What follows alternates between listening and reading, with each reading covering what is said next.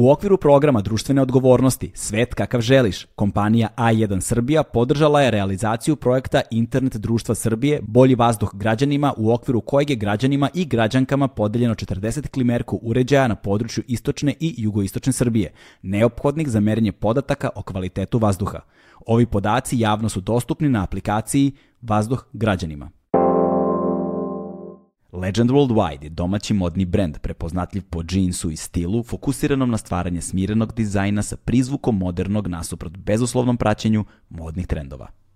E, sada je vreme da predstavim svog sledećeg gosta, ali pre što to uradim, volao bih da napomenem da sam do njega došao tako što sam a, pročitao tekst i to je nešto što mi se veoma redko dešava. Mislim da je veoma važan tekst koji negde uzima okolnosti sa Novakom Đokovićem, turnirom u Australiji i onime što se njemu dešavalo kada je viza u pitanju. I taj primer zbog toga što je tako jasno zoomirao sve političke a, i zakonske i ustavne probleme koji su se desili u vezi sa tim slučajem. Imali smo ogoljene prilike da ih vidimo uživo u javnosti iz minuta u minuti, sata u sat, je bio dobar šlagvor zapravo da govorimo o toj vrsti problema sa ljudima koji se suočavaju sa njime, ali nisu svetski poznate face, a dešava se svakog dana na svim graničnim prelazima u svetu, pa tako i kod nas. Tekst je izazvao ogromnu lavinu, salvu reakcija i svako ko je pročitao ne može da kaže da je ostao ravnodušan kada je takav tekst u pitanju. Kontaktirao sam ga, našli smo se, porazgovarali smo i shvatio sam ono što smo negde kolokvijalno svi znali, da je problem sa migracijom, sa izbeglištvom, sa granicama, sa sudbinama koje ljudi doživljavaju u tom kontekstu mnogo gora nego što smo uopšte mogli da zamislimo, kao što obično biva kada zoomiramo neki problem o kojem kolokvijalno saznajemo iz novinskih naslova kakvi god da su. Njegovo ime je Nikola Kovačević, njegov saj, ne, taj tekst se pojavio na sajtu Peščanika, a inače on je pravnik u oblasti a, ljudskih prava, jel te, i a, radi sa izbeglicama i bori se protiv takozvanih pushbackova a, kada su u pitanju veliki broj ljudi koji se nezakonski a, a, vraćaju nazad iz zemlje porekla ili u najbliže zemlje iz kojih proteruju na najbrutalnije načine koje krše sve moguće konvencije o ljudskim pravima, ali to je ono što će biti fokus zapravo našeg razgovora. Moj sledeći gost, Nikola Kovačević, uživajte.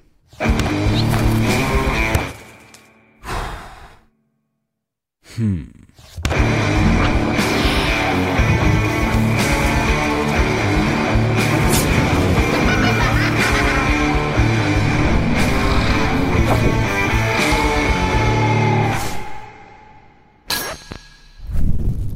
Kućo, dobrodošao. Bolje te našao, hvala na pozivu. Znaš šta, zaista mi je veliko zadovoljstvo da si tu, da samo da odmah počnemo ono, direktno, da prošle nedelje otprilike, tako nešto, imeno 5-6 dana kako je objavljen tvoj tekst.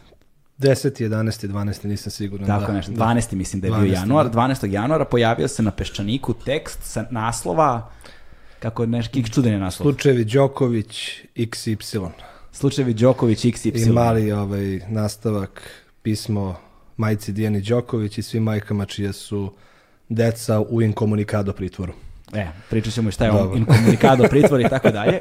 Uh, ono što je zanimljivo jeste da ti si zapravo iskoristio jedan trenutak da temu koja je hronična na ovim prostorima i ne samo na ovim prostorima, globalno posmatrano, sad već su krize globalno ogromne sa različitih aspekata, što ratne izbeglice, što klimatske izbeglice, ekonomske izbeglice i tako dalje. Ovaj, ali kod nas isto je jedna vrlo specifična situacija i ti poslednjih deseta godina si u toj temi a, aktivno i iskoristio si trenutak sa Novakom Đokovićem i ovo što se dešavalo, evo, mi smo se danas našli, dan, koji je danas dan? Ponedeljak?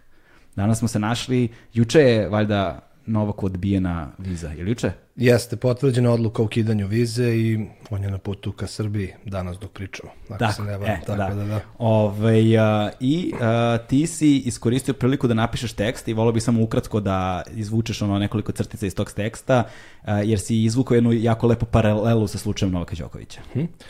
Pa da, cela ideja iza tog teksta je zapravo neka moja ljutnja, očaj, tuga, ne znam ni kako više to da nazovem, a, a koje se odnosi na taj neki opšti stav koji postoji i u našoj populaciji, mislim i ovde u Srbiji, ali nažalost i u regionu, i Evropi i globalno, a to je da se na određene stvari obrati pažnja tek kada se u nekoj nezavidnoj situaciji nađe neko koga onako svi znaju, tako ko je popularan, Đoković je svetski broj jedan, tako svako zna Đokovića koji ima TV u svetu, zar ne? Uh, I taj slučaj ceo koji se njemu desio, sad neću kažem ni tad ni u tekstu, ni sada ne želim da ulazim u to jesam ja vakcinisan, on je vakcinisan, pozicija, opozicija, svašta se tu pokrenulo ovaj, u našem javnom prostoru i sve to što se pokrenulo po meni je bilo sekundarno u odnosu na te neke sitne detalje na koje niko nije obratio mnogo pažnje, a to je zapravo kako izgleda kada se kao migrant, Đoković u toj situaciji bio migrant, ovaj, nađete pred nekim graničnim policajcem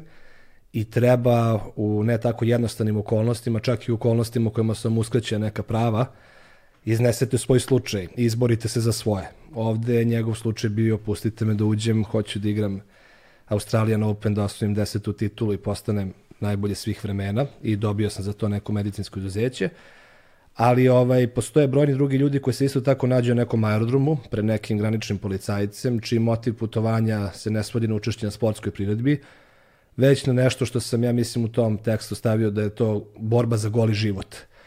A, I tu govorimo o izbjeglicama, o tražiocima azila, o ljudima koji čija tako osnov migracije je ipak nešto ozbiljniji dramatičniji. Ne kažem ja da tenis nije bitan sport, svaki sport je bitan i Đoković i rezultati su stvarno fascinantni, ali već tada taj granični policajac koji je 7 sati tokom noći cedio Đoković i navlačio ga da potpiše nešto što se zove odluka o odbijanju ulaska kako bi mogao da ga vrati nazad u Dubaji a, takve prakse koje su primjene njemu su daleko rizičnije na neke obične ljude koji se tako pojave na raznim nekim aerodromima, da li Stansted, da li Luton ili u Americi, Australiji ili ovde u Beogradu što je bila paralela koju sam ja napravio. I to me podsjetilo na te neke slučajeve kojima se ja bavim.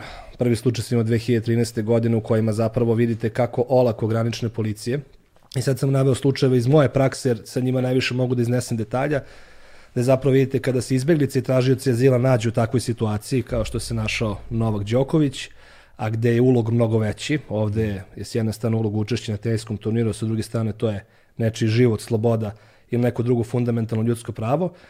A, iznervirao sam se zato što je sedam dana pre nego što je Đoković doleteo u Melbourne bio upravo jedan slučaj u kome sam ja pokušao da pomognem jednom čoveku koga sam nazvao gospodin X, koji je doleteo na aerodrom Nikola Tesla, koji je izrazio nameru da traži azil i ta namera je ignorisana. On je odveden, kao i Đoković, tamo neku pritvorsku ćeliju na aerodromu i tu je držao nekoliko dana dok nije vraćen nazad. I njemu je uručena ta odluka o odbijanju ulaska, gde ga zapravo policija naša nije ni pitala, kao što ni mnogi granične policije danas širom sveta nikoga više ništa ne pitaju kad se pojavite na granici izbjeglice ste, šta će tebi da se desi ukoliko mi tebe vratimo nazad u Burundi, u Bujumburu, taj glavni grad Burundija, i taj čovek je vraćen, danas nije dobri, kažem, skoro sam pričao javno nešto o tome i sad uh, pričam isto, ali neću pričati o detaljima šta se sa njim zaista desilo, situacija je krajnje nezahvalna, to jest u nezavidnom je položaju taj mučeni čovek. I onda kada sam zapravo video da ipak Đoković uspeo da se izbori sa tim jednim a, uh, agresivnim graničnim policajcem i dođe do nečega što svako od ljudi koji se zatvori narodom ima pravo, to je pravo na advokata to je pravo na pravnog zastupnika.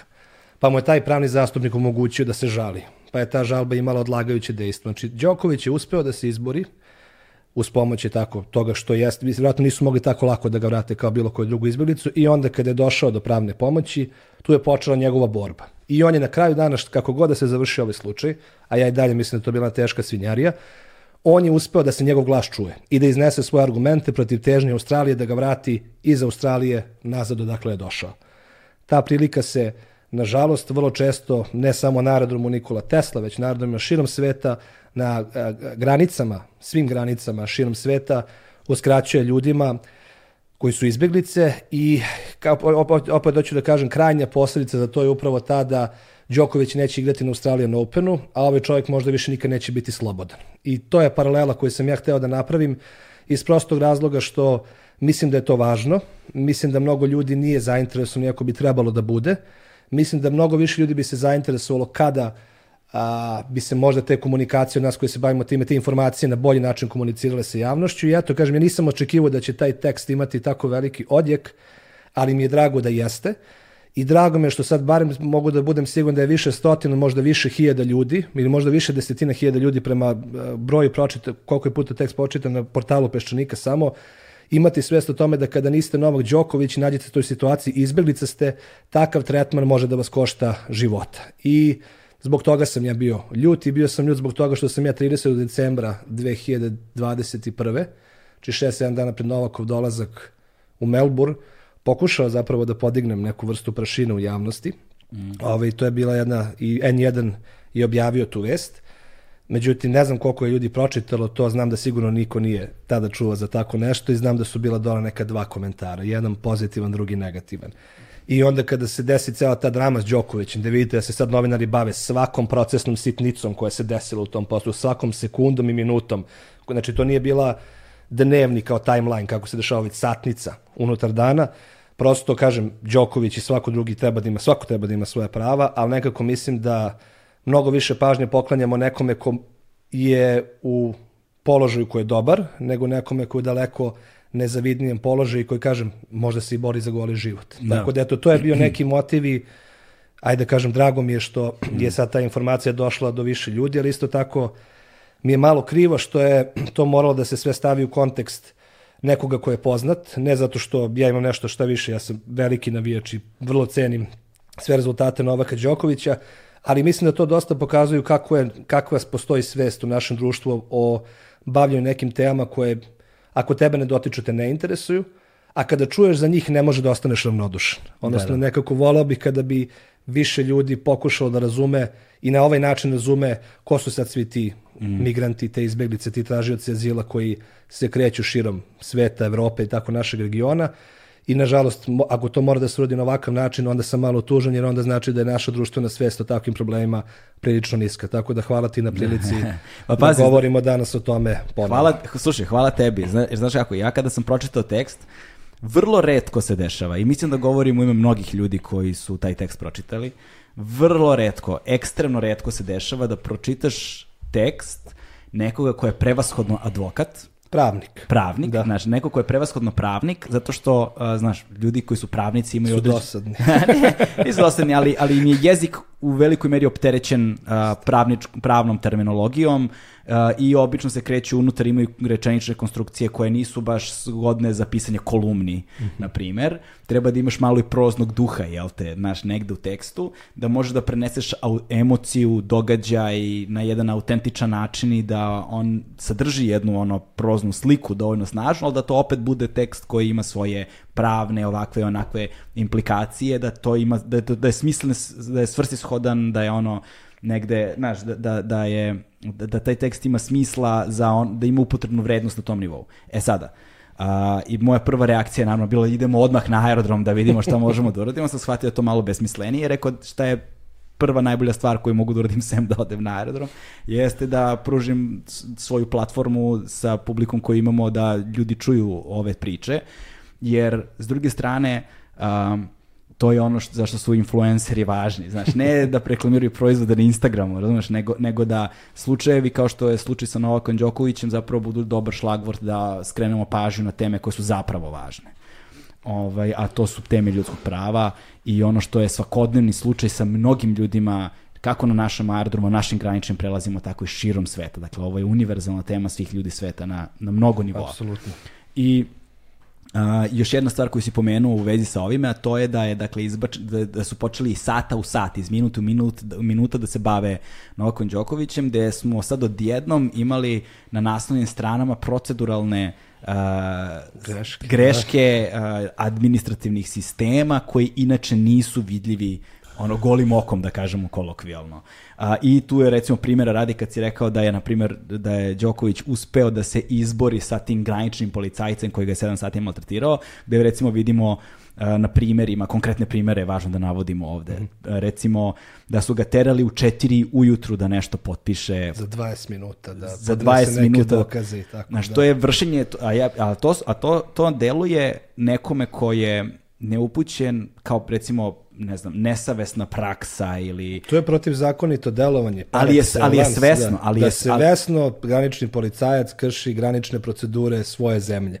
Tako I to je. vreme u kome mi živimo. Mi živimo u vremenu u kome države mm. a, pod okriljem zaštite svoje granice od ilegalne migracije, ne znam nije čega sve, svesno krše zakone i ustave svojih zemalja koji su skrojeni na osnovu tih nekih međunarodnih konvencija kojima ćemo danas takođe mm. pričati i oni sami zapravo kršeći svoje zakone stvaraju jedno pogodno tle za dalje bezakonje, za dramu i naravno ono što se desilo u Đokoviću u slučaju tešku politizaciju koja je nastupila, koja je prethodila, ali koja je u mnogo jačem intenzitetu nastupila i kasnije. Mm.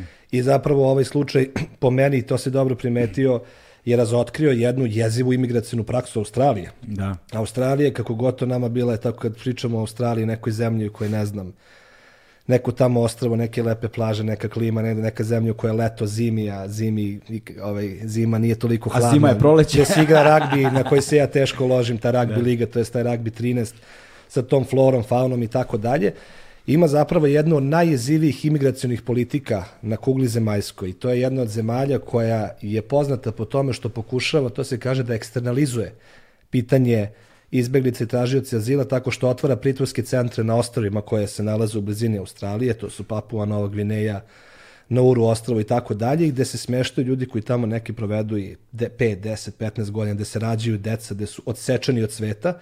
I zapravo kažem, ovaj slučaj Đokovića je pokazao kako to izgleda nekom mikroplanu, nekom aerodromu, a njihova imigracijona praksa je daleko jezivija i oni uopšte nisu, kako to da kažem, zemlja koja se smatra a, primerom dobre prakse kada mm -hmm. reč o postupanju prema migrantima generalno, a pogotovo prema izbjelicama da. i tražiocima azila i to smo mogli da čujemo od aktivista za ljudska prava iz Australije. Da koji su rekli da je Đoković dobio suspenzivno dejstvo, odnosno Đoković se žali na tu odluku da ga vrate odmah sa aerodroma i sudija je rekao nemojte da ga vratite, dokle god ovaj, mi ne razmotrimo taj slučaj. To se ne dešava u slučajima drugih ljudi izbeglica, već samo ubace na avion, ti možda se žališ, ja ću tebe da vratim tamo negde, ne. ali ako ti usvojimo žalbu, daćemo ti da se vratiš. Što ako si ga vratio kao što su gospodine X tamo negde u Burundi i sad nije dobro. Kako će on da se vrati, da se žalio i kako je mogao da se žali kad ste ga ocekli od sveta. Tako da to je još jedna od stvari koja, eto, ovaj slučaj koji iz minuta u minut praćeni, ne može da me interesuje toliko koliko slučajevi ovih drugih ljudi, ali može da posluži kao nešto da će razotkriti flagrantne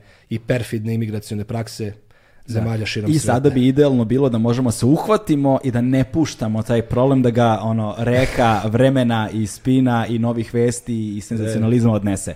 E sada, tu otprilike bih volio da završimo sa Novakom Đokovićem i da se prebacimo na ono što bi, što bi zaista trebalo da bude fokus našeg razgovora, kada smo već imali dobar povod, pa hajde na tom talasu da se bavimo ovim važnim stvarima. Pre nego što počnemo, a, za sve ljude koji nas slušaju ili gledaju, a, malo da saznamo o tebi više. Jel te, mm. onaj, ko si ti, zašto si ti baš pozvan da govoriš na ove teme? Ovako, reci nam malo više o sebi, o svojoj specijalizaciji. Dakle, ti si završio prava, je li tako? Tako je, da. I ti si advokat u oblasti ljudskih pravnik, prava. Pravnik, pravnik da, u oblasti... Nisam položio pravo, Nisi položio. nisam položio pravosudni, okay. da, ali da. Znači, Mogu, da. može, može, počni, počni, počni, da. slobodno. Pa da, moja, po zanimanju sam pravnik, u ovom trenutku u svom životu bavim se sa nekoliko različitih stvari, a to je jedna od njih je, je tako svakako to kad se prevede na naš jezik zvuči nakaradno, pravnik za ljudska prava, to mnogo bolje zvuči na engleskom human rights lawyer. Da, I to da, da. kad se tako neko predstavi u engleskoj ostali zvuči fancy, onako da. super, ovde to zvuči, ne znam, meni još uvek ne mogu da se naviknem, ali kao ajde, to je nešto što me najbliže određuje. Či po zanimanju sam diplomirani pravnik, završio sam master na univerzitetu Essexu a, u Velikoj Britaniji i od 2011. godine mogu da kažem da se bavim ostvarivanjem i zaštitom ljudskih prava dve uske kategorije.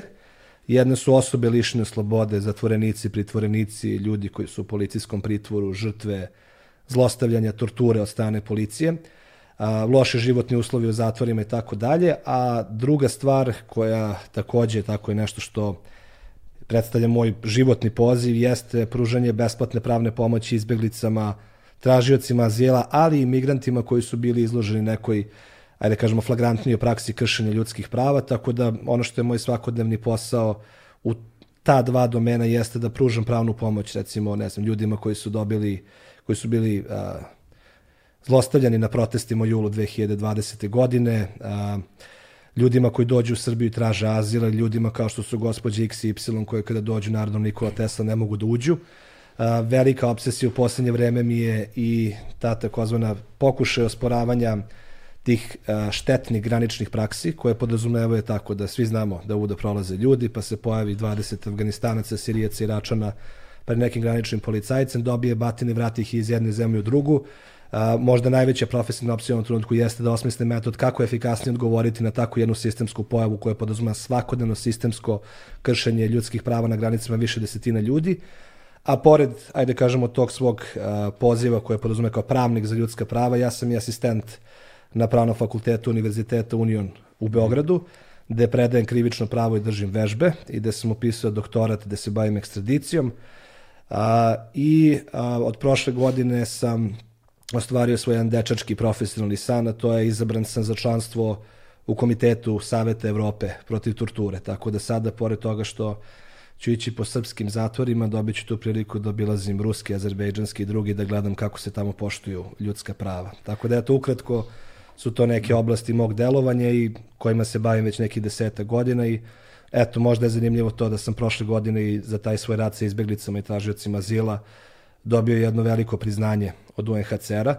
To je ta regionalna Nansen nagrada za Evropu i to je možda na nivou priznanja možda čak i bio neki dosadašnji highlight da. moje karijere. Eto, to je ukratko o meni. Nadam se da je to okej, okay, da nije pravički dosadno. Nije, nije, nije, nije, nije, nije, super je. A1 je prvi prijatelj audio izdanja Agelast podcasta. A s obzirom na to čime se baviš i na način na koji ćeš nastaviti da se baviš ne samo na lokalu, nego dakle i, i u drugim, na drugim zemljama, a, i s obzirom na to da je tvoj talent da pišeš a, evidentan s obzirom na, na tekst, bilo bi lepo ovaj, da zapisuješ stvari koje srećeš i da, da, da češće možemo da uživamo u onome što pišeš, a mislim da je pre svega važno.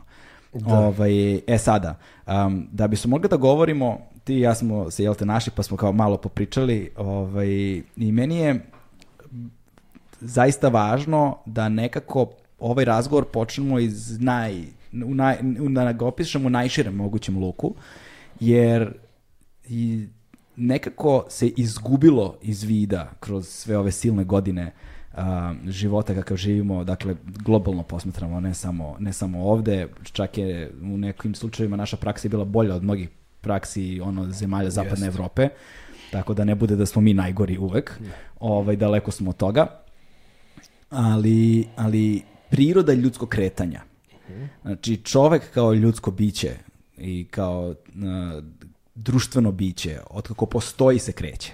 Znači, i uh, ono što, su, što nazivamo migracijama, kretanjima ljudi, društvo ne bismo imali kako imamo danas, mi ne bismo postojali ovakvi kakvi jesmo da tog kretanja nije bilo. Bilo ono ovakvo ili onako, od prirode tih kretanja ćemo da uđemo i tu si ti stručnjak, ali prosto čovek od kako postoji se kreće i verovatno dokle god bude postojao kretaće se. Tako je. I kretanje je jedno od osnovnih, ne samo ljudskih potreba, nego i ljudskih prava, da ti možeš zapravo da se odeš od tačke A do tačke B, gde god da je to, šta god da je to. Ovaj, ali mi smo to nekako uspeli da demonizujemo i da stavimo u okvire, određene okvire gde od, neki mogu, neki ne mogu, ovako ili onako, taj kozveni drugi i drugačiji.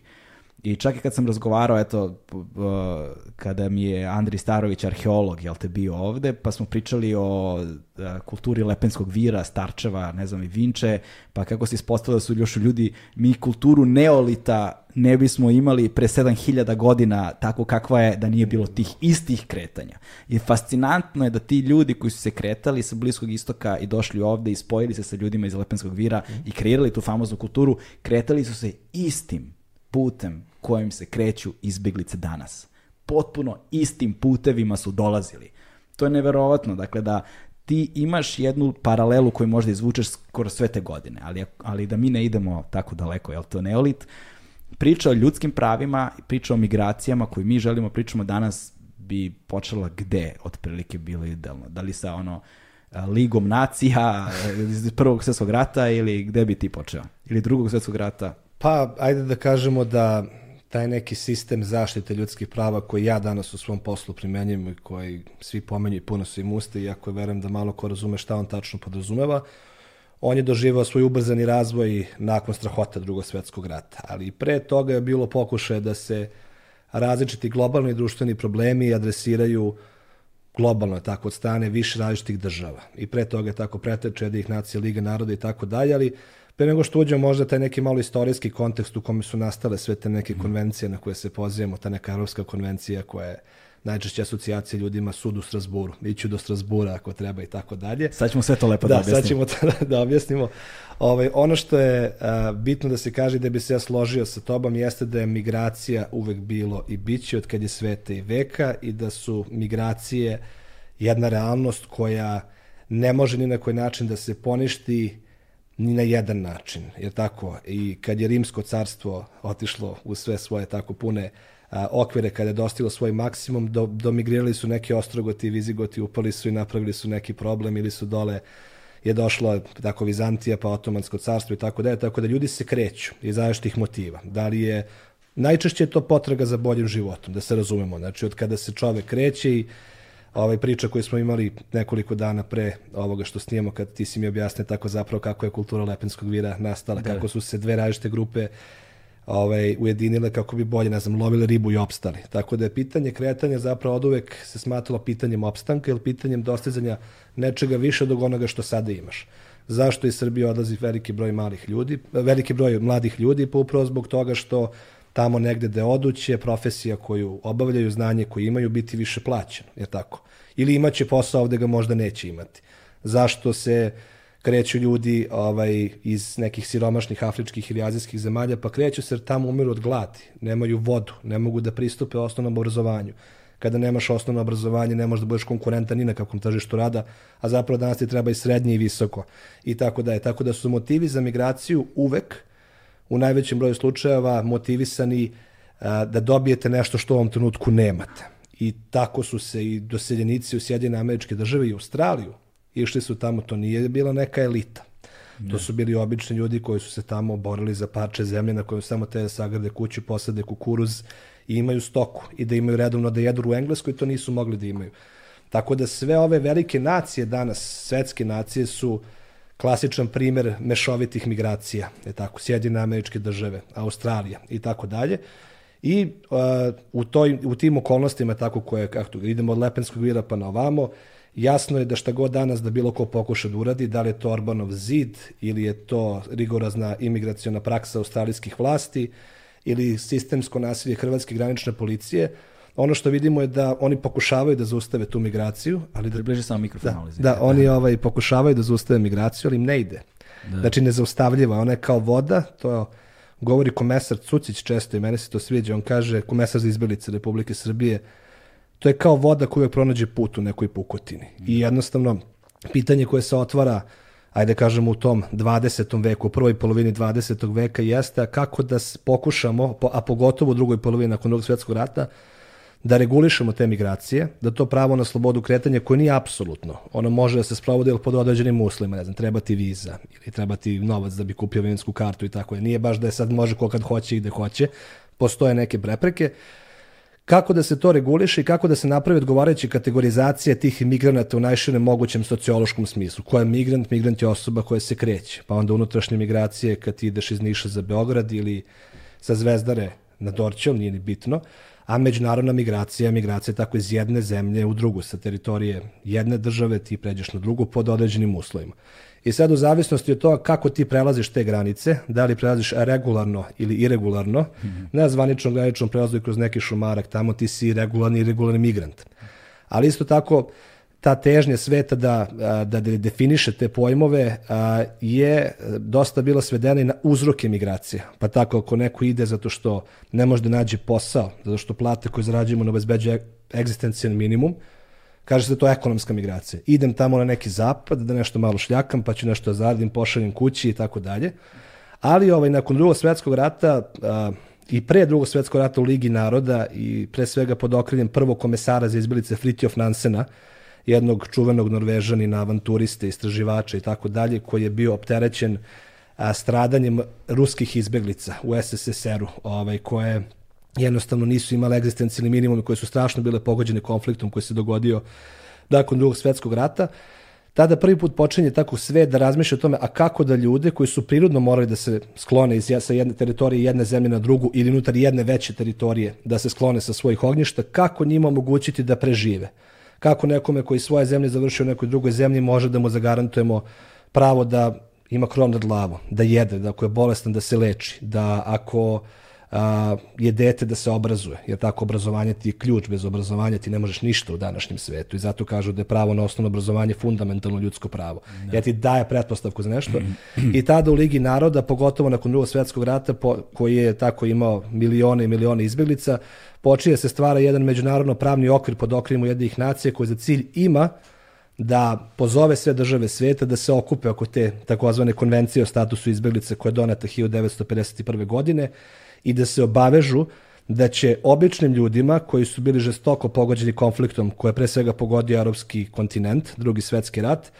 omogući upravo taj egzistencijalni minimum. I ta konvencija o statusu izbjeglica upravo priča o tome. Priča o tome kako čovek koji ne može da se vrati u svoju zemlju porekla da će nešto loše da mu se desi, treba da mu se pomogne. I sama srž te konvencije jeste zapravo da kad se desi tako nešto strašno i užasno kao što drugi svetski rat, kada se desi da više stotina miliona ljudi izgubi živote, manje više svi su se složili, a pogotovo evropske zemlje, da sad ti ljudi koji su uspeli da prežive, ali ne mogu da se vrate kući, treba da dobiju neki egzistenciji minimum. Iste neke osnovne ljudske potrebe pomoći nekome komu u nevolji, izrodio se taj sistem međunarodnog izbjegličkog prava koji orbitira oko konvencije o statusu izbjeglica, a upravo sa idejom ne da se njima da azil ne da, nego daj mu krov nad glavom, ako je bolestan neka se leči, nek mu se deca školuju i daj mu mogućnost da započne svoj život iz početka.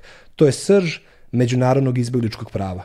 Da omogućite nekome ko nije bio dovoljno srećen u svom životu jer ga je pogodio neki konflikt u zemlji porekla, da sad u toj novoj zemlji u kojoj mora da se skloni da bi preživeo, mm -hmm. započne svoj život iz početka i evropske zemlje su bile nosioci takve jedne ideje da svojim sa evropljanima, tako ljudima sa kojima su živeli i koji su završili u nekoj Kanadi, u Americi, svuda su ljudi bežali kad je bio drugi svetski rat. I tamo su bili negde, nisu imali dokumenta, nisu ih priznavale te zemlje. I onda su pozvane sve te zemlje, ajmo da pomognemo da god da se ljudi nalaze, da im pomognemo da započnu svoj život iz početka.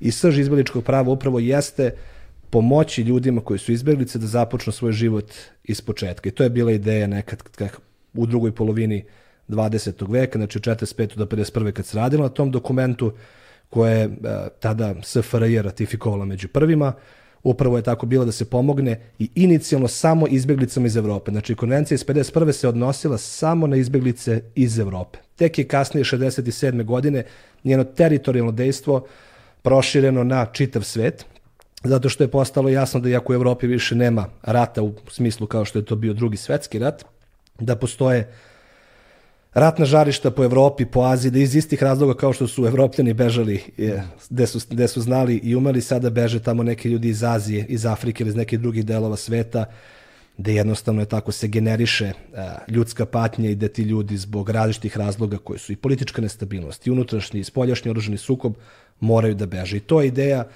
međunarodnog izbjegličkog prava. Sad ne znam da li da nastavim odmah, da ne držim slovo konstantno. Ne, ne, ne, ne, ne, super mi, super mi je ovo, sve ok. Okay, znaš, jer, jer da. meni to sad na, dve stvari koje mi padaju na pamet jeste pushback, Aha. Jel te zapravo međunarodno se uh, kolektivno proterivanje. Da, kolektivno da. proterivanje, da, ali to uh, uh, taj sa evropskog na globalni nivo se zapravo raširio zahvaljujući zahvaljujući pushbacku koji se desio verovatno da li sa jevrijskim izbeglicama ili sa kime su beže jevrijski da, brod pa, jevrijskim izbeglicama je u Americi doživao prvi pushback, je li tako? Pa da li je to bio prvi ili nije, da. ali je bio poznati pushback, da, svakako. To jest je tako da je kada je tak Hitlerova nacionalno socijalistička Nemačka ona inicijalno počela da proganja svoje državljane, tako, jevreje koji su živeli a, u Nemačkoj, koji su bili nemački državljani i a, taj, ta priča o tom brodu da. punog jevrijskih izbjeglica koji je uspeo da doplovi do Amerike, koja do tada još uvijek nije donala odluku da se uključi u drugi svetski rat, je klasičan primer a, kako zapravo su evropljani opet bili prvi ti koji su bili podvrnuti nekim praksama koje danas gledamo, a sprovode se na Siricima, Afganistancima i mhm. Račanima. Mm -hmm. I tada je prvi put, ajde kažemo, to je jedan od slučajeva u kojima je a, više hiljada ljudi koje je bilo na tom brodu vraćeno nazad na obale Evrope i ti ljudi nisu dobro prošli. Znači oni su kolektivno proterani. Jedna od, i sad kada govorimo o pushbacku, možda možemo da ga bliže pravno, opet jezikom koji se razume, odredimo, zbog upravo takvih situacija. Ili zamislite sad situaciju u, na nekoliko ovaj, a, dešava se oruženi sukob u pograničnom pojasu, ne znam, među Belgije i Holandije, nebitno. I sada dešava se oruženi sukob, pa šta se dešava? Muškarci, žene, dece, tako, ovaj, kupe se i kreću da beže da mogu. I sad zamislite da im je najbliže mesto na koje mogu da se slone da je sigurno, recimo da je to u Holandiji, Belgija. I oni sad se pojavljaju i kažu pustite nas, molim vas, pred belgijskim graničnim policajcima, iza nas je rat i tako dalje. Oni samo uzmu đuture i ih vrate, ne možeš nazad. Znači pushback ili ti praksa kojom se krši nešto se zove u međunarodnom pravu ljudskih prava zabrana kolektivnog proterivanja, podrazumeva da ti dve ili više osobe, tako u grupi, vraćaš se iz jedne države unazad, najčešće vam pravne procedure, Da. bez da razmatraš u odnosu na svakoga od njih šta će tebi tamo da se desi. Znači, pre, i, i upravo, ja se izvinjam, Samo povuci ovako malo još ka, na, ka tamo ka sebi. Ka ne, sebi? ne, tu stranu ovamo. Ovamo, E, e, a? tako, E, okej. Ovako, ovako, mislim to. E, to pošto... e, Ok, da budeš, izvini, ispred, da budeš ispred da- mikrofona baš, da ne brini, ne da se- brini ništa. da se prilagodim. Samo lagano. i upravo taj Beži ga sebi, samo si ga odmaknu sebe. E, to. E, i upravo taj pushback a, predstavlja kršenje nečega što se desilo upravo tim nekim belim evropljanima jevrejima koji su u potrazi za, u, u borbi za goli život, kao što sam malo pre pomenuo, otešli tamo u neku slobodnu Ameriku koja tada iz političkih razloga nije bila spremna da ih primi kako se verovatno ne bi zamerila Nemačkoj koja je u tom momentu vjerojatno bila daleko jača nego momente kad, je, kad su SAD odlučio da se uključe tako na strani saveznika u sukobu u drugom svetskom ratu. Tako da taj drugi svetski rat, pored toga što nam je dao međunarodno izbjegličko pravo koje orbitira oko te konvencije o statusu izbjeglica, šta je konvencija o statusu izbjeglica? Pa to je dokument koji propisuje kriterijume koje određena osoba treba da ispuni da bi se smatrao izbjeglicom, što znači da je on pobegao iz sve zemlje poreklo u strahu od progona, zbog svoje vere, zbog svoje rase, zbog svoje nacionalnosti, zbog svog političkog mišljenja ili zbog pripadnosti posebno društvenoj grupi i da je taj problem toliko veliki da on u to svoju zemlju ne može da se vradi jer ona sama ne može da ga zaštiti. Tako da izbjeglica postajete onog momenta kad se ispune ti kriterijumi. Na primjer, a, vi ste politički aktivista u Iranu i se borite protiv postojećeg režima tako što pričate da taj režim korumpiran, da manipuliše masama i tako dalje. I u Iranu kad tako nešto pričate, pojavi se Sepah, to je jedna revolucionarna garda, čuvari revolucije u Iranu, koja te odvede ovaj, u jedan zatvor koji se zove Evin, to ga zove još pogotovo univerzitet Evin, zato što tamo odvode obrazovanije politički aktivisti iz Irana, tamo te muče, zatvore na ko zna koliko, možda te i ubiju, a niko ne zna šta se sa tobom desilo. Znači, taj čovjek je zbog svog političkog delovanja došao u situaciju da ne može više da ostane u svojoj zemlji porekla i mora da je napusti u protivnom doviđenja. Da. I onog momenta kad on iz Irana recimo prekorači u Pakistan ili u Tursku, on postaje izbeglica. Znači ne postaješ ti izbeglica kada dobiješ azil negde, o tome ćemo takođe pričati, nego kad se ispune ti faktički uslovi, da ti više ne može da budeš bezbedan tamo u toj svojoj zemlji porekla I to je jedna stvar koju uređuje konvencija. Druga je da ta zemlja ne može te vrati nazad, je tako, to je taj princip non refoulement, a sva ostala prava iz te konvencije o statusu izbjeglica su da, kao što sam rekao, imaš krov nad glavom, da se lečiš, da imaš pristup obrazovanju, da imaš pristup tržištu rada, znači da uživaš ta takozvana socioekonomska prava koja su preduslov za ostvarivanje cilja te konvencije, to je omogućiti ljudima da započnu život iz početka, koji nikad neće biti isti, jer biti izbeglica znači da u tom životu više nikada ništa neće biti isto, ali da će biti ipak on do, eh, uslovi za tebe dovoljno dobri da može da izgradiš nešto pa da naredne generacije je tako imaju daleko bolju šansu nego, nego što nažalost si je ti imao zbog toga što te zadesio konflikt ili neka politička situacija koja te naterala da odeš da bi spasio svoj život, slobodu i tako dalje. I to je suština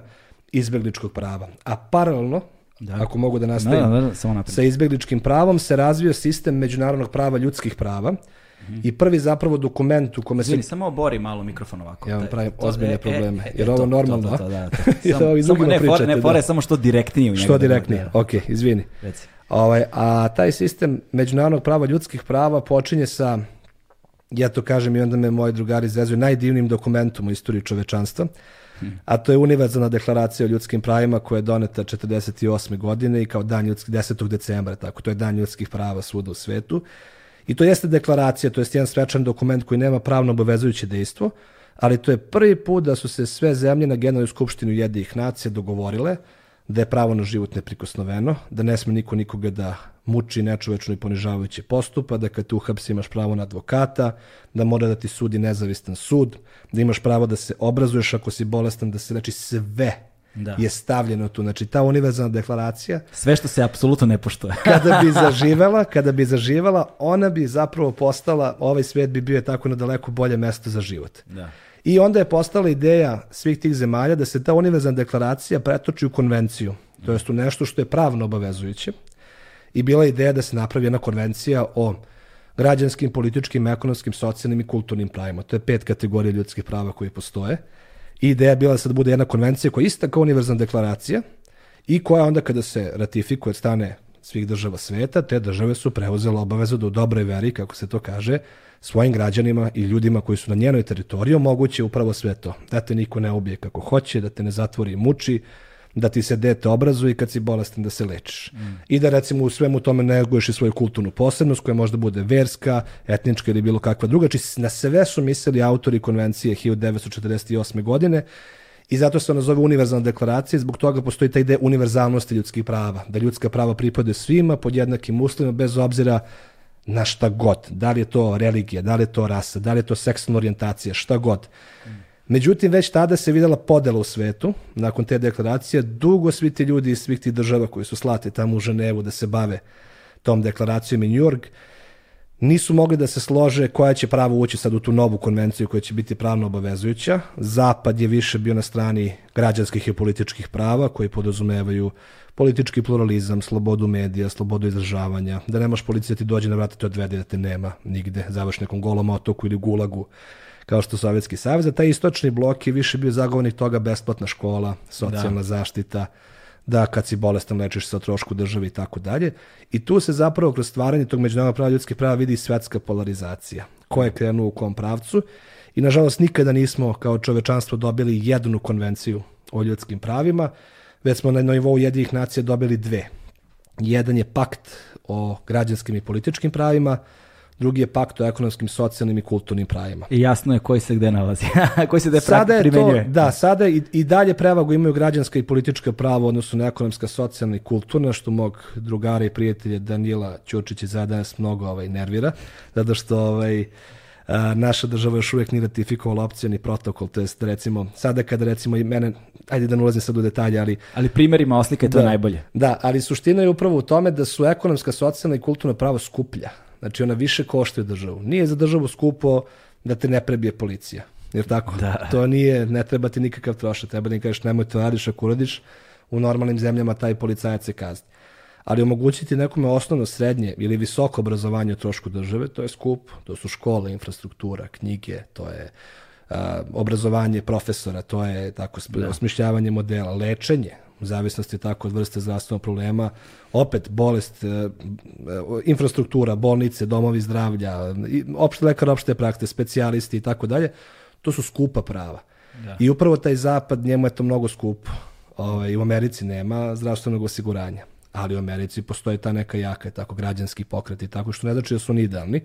Pa da, izvini, da. to, je, to, je, to, je, to je važno, mislim da si dodirnuo veoma važnu tačku na kojoj se nismo zaustavili, ali eto da je pomenemo da tom podelom nakon dakle, univerzalne deklaracije i praksama koje su se u zavisnosti od zapadnih, istočnih blokova i tako dalje zemalja mm -hmm. razvijale, sad to opet povlačeno drugu stvar koju ću pomenem, jeste da uh, u toj dublji polarizaciji sistema mi imamo sklonost da posmatramo kolokvijalno, mm -hmm. barem da posmatramo ovaj ili onaj kao dobar ili loš, a u suštini ni jedan i drugi nisu uh, ovaj u ne, nisu nema raja nigde zapravo znaš u suštini. Nem, dakle treba. u zavisnosti od problema koje imaš zavisi gde ćeš moći možda bolju pravnu pomoć da dobiješ ili verovatnoću za tu pravnu Tako pomoć ali u suštini oba sistema imaju svoje jake strane ali imaju svoje užasne strane.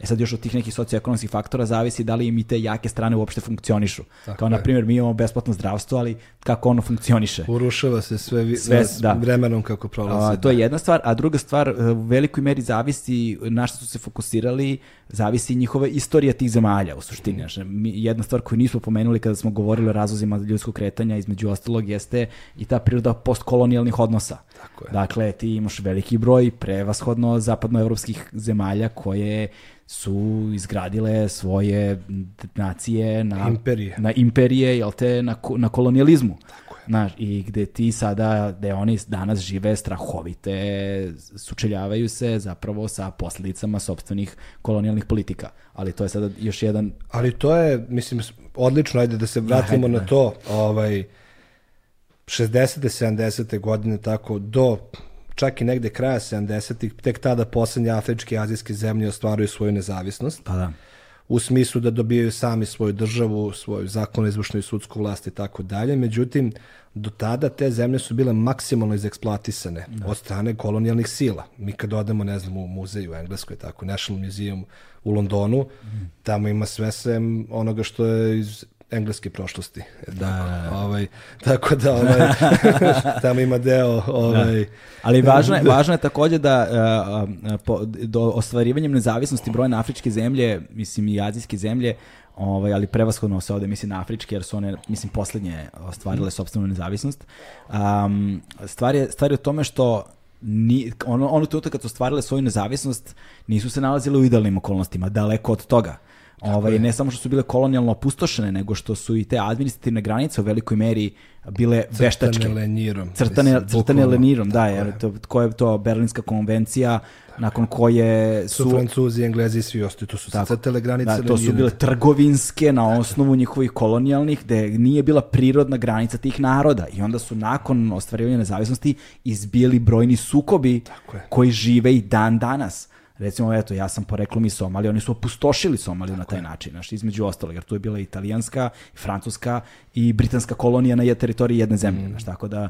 To je Apsolutno, sad... I, i kad su čak i otešli u političkom smislu, da sada više nije kraljica glavna u nekoj afričkoj zemlji ili holandski, koji god kralj, španski i tako dalje, oni su ostavili i dalje su vrlo, ostali su i dalje su vrlo jako uticani kroz svoje kompanije, kroz multinacionalne kompanije koji dalje masovno izluče resurse iz svih tih zemalja, tako da sada nemate kolonializam u pravom smislu te reči da tamo postoje tako a, zvanična vlast Britanije, Francuske, Holandije ili bilo koje druge zemlje, ali postoje multinacionalne kompanije koje su u današnjem svetu i to možemo da vidimo ovde i kod nas. Ima se sjajnu emisiju Rio Tinto koja je, ne. mislim, ono, potpuno, smo svi ostali deprimirani koji smo gledali nakon svega toga, ali pokazuju zapravo a, te multinacionalne kompanije koji dalje eksploatišu resurse tih zemalja u kojima vlada ekstremno siromaštvo i to kad kažem ekstremno znači životno ugrožavajuće siromaštvo, da i dalje nema vode, da i dalje ljudi gladuju. Znači prosto je nevjerovatno da postoji takva svetska polarizacija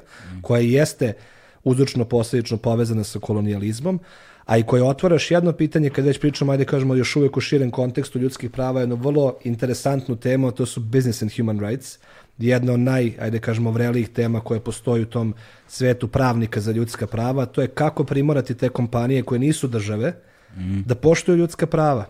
Odnosno, kako primorati entitete koji, ni, ja, ako sam Srbija ili Nemačka i potpisao sam Evropsku konvenciju, ako ja sad povredim Galebova prava, Gale možda me tuži Evropskom sudu u nekom telu jedih nacija ali Rio Tinto, ali e, Linglong e, ili Boga pitaj koje sve kompanije širom sveta nisu potpisani jednu od tih konvencija i jedini način na koji možete, ako vam oni prekrše neka vaša prava, da se borite protiv njih jeste da pokrenete postupke pred domaćim organima zemalja u kojima ti je ta kompanija povredila prava.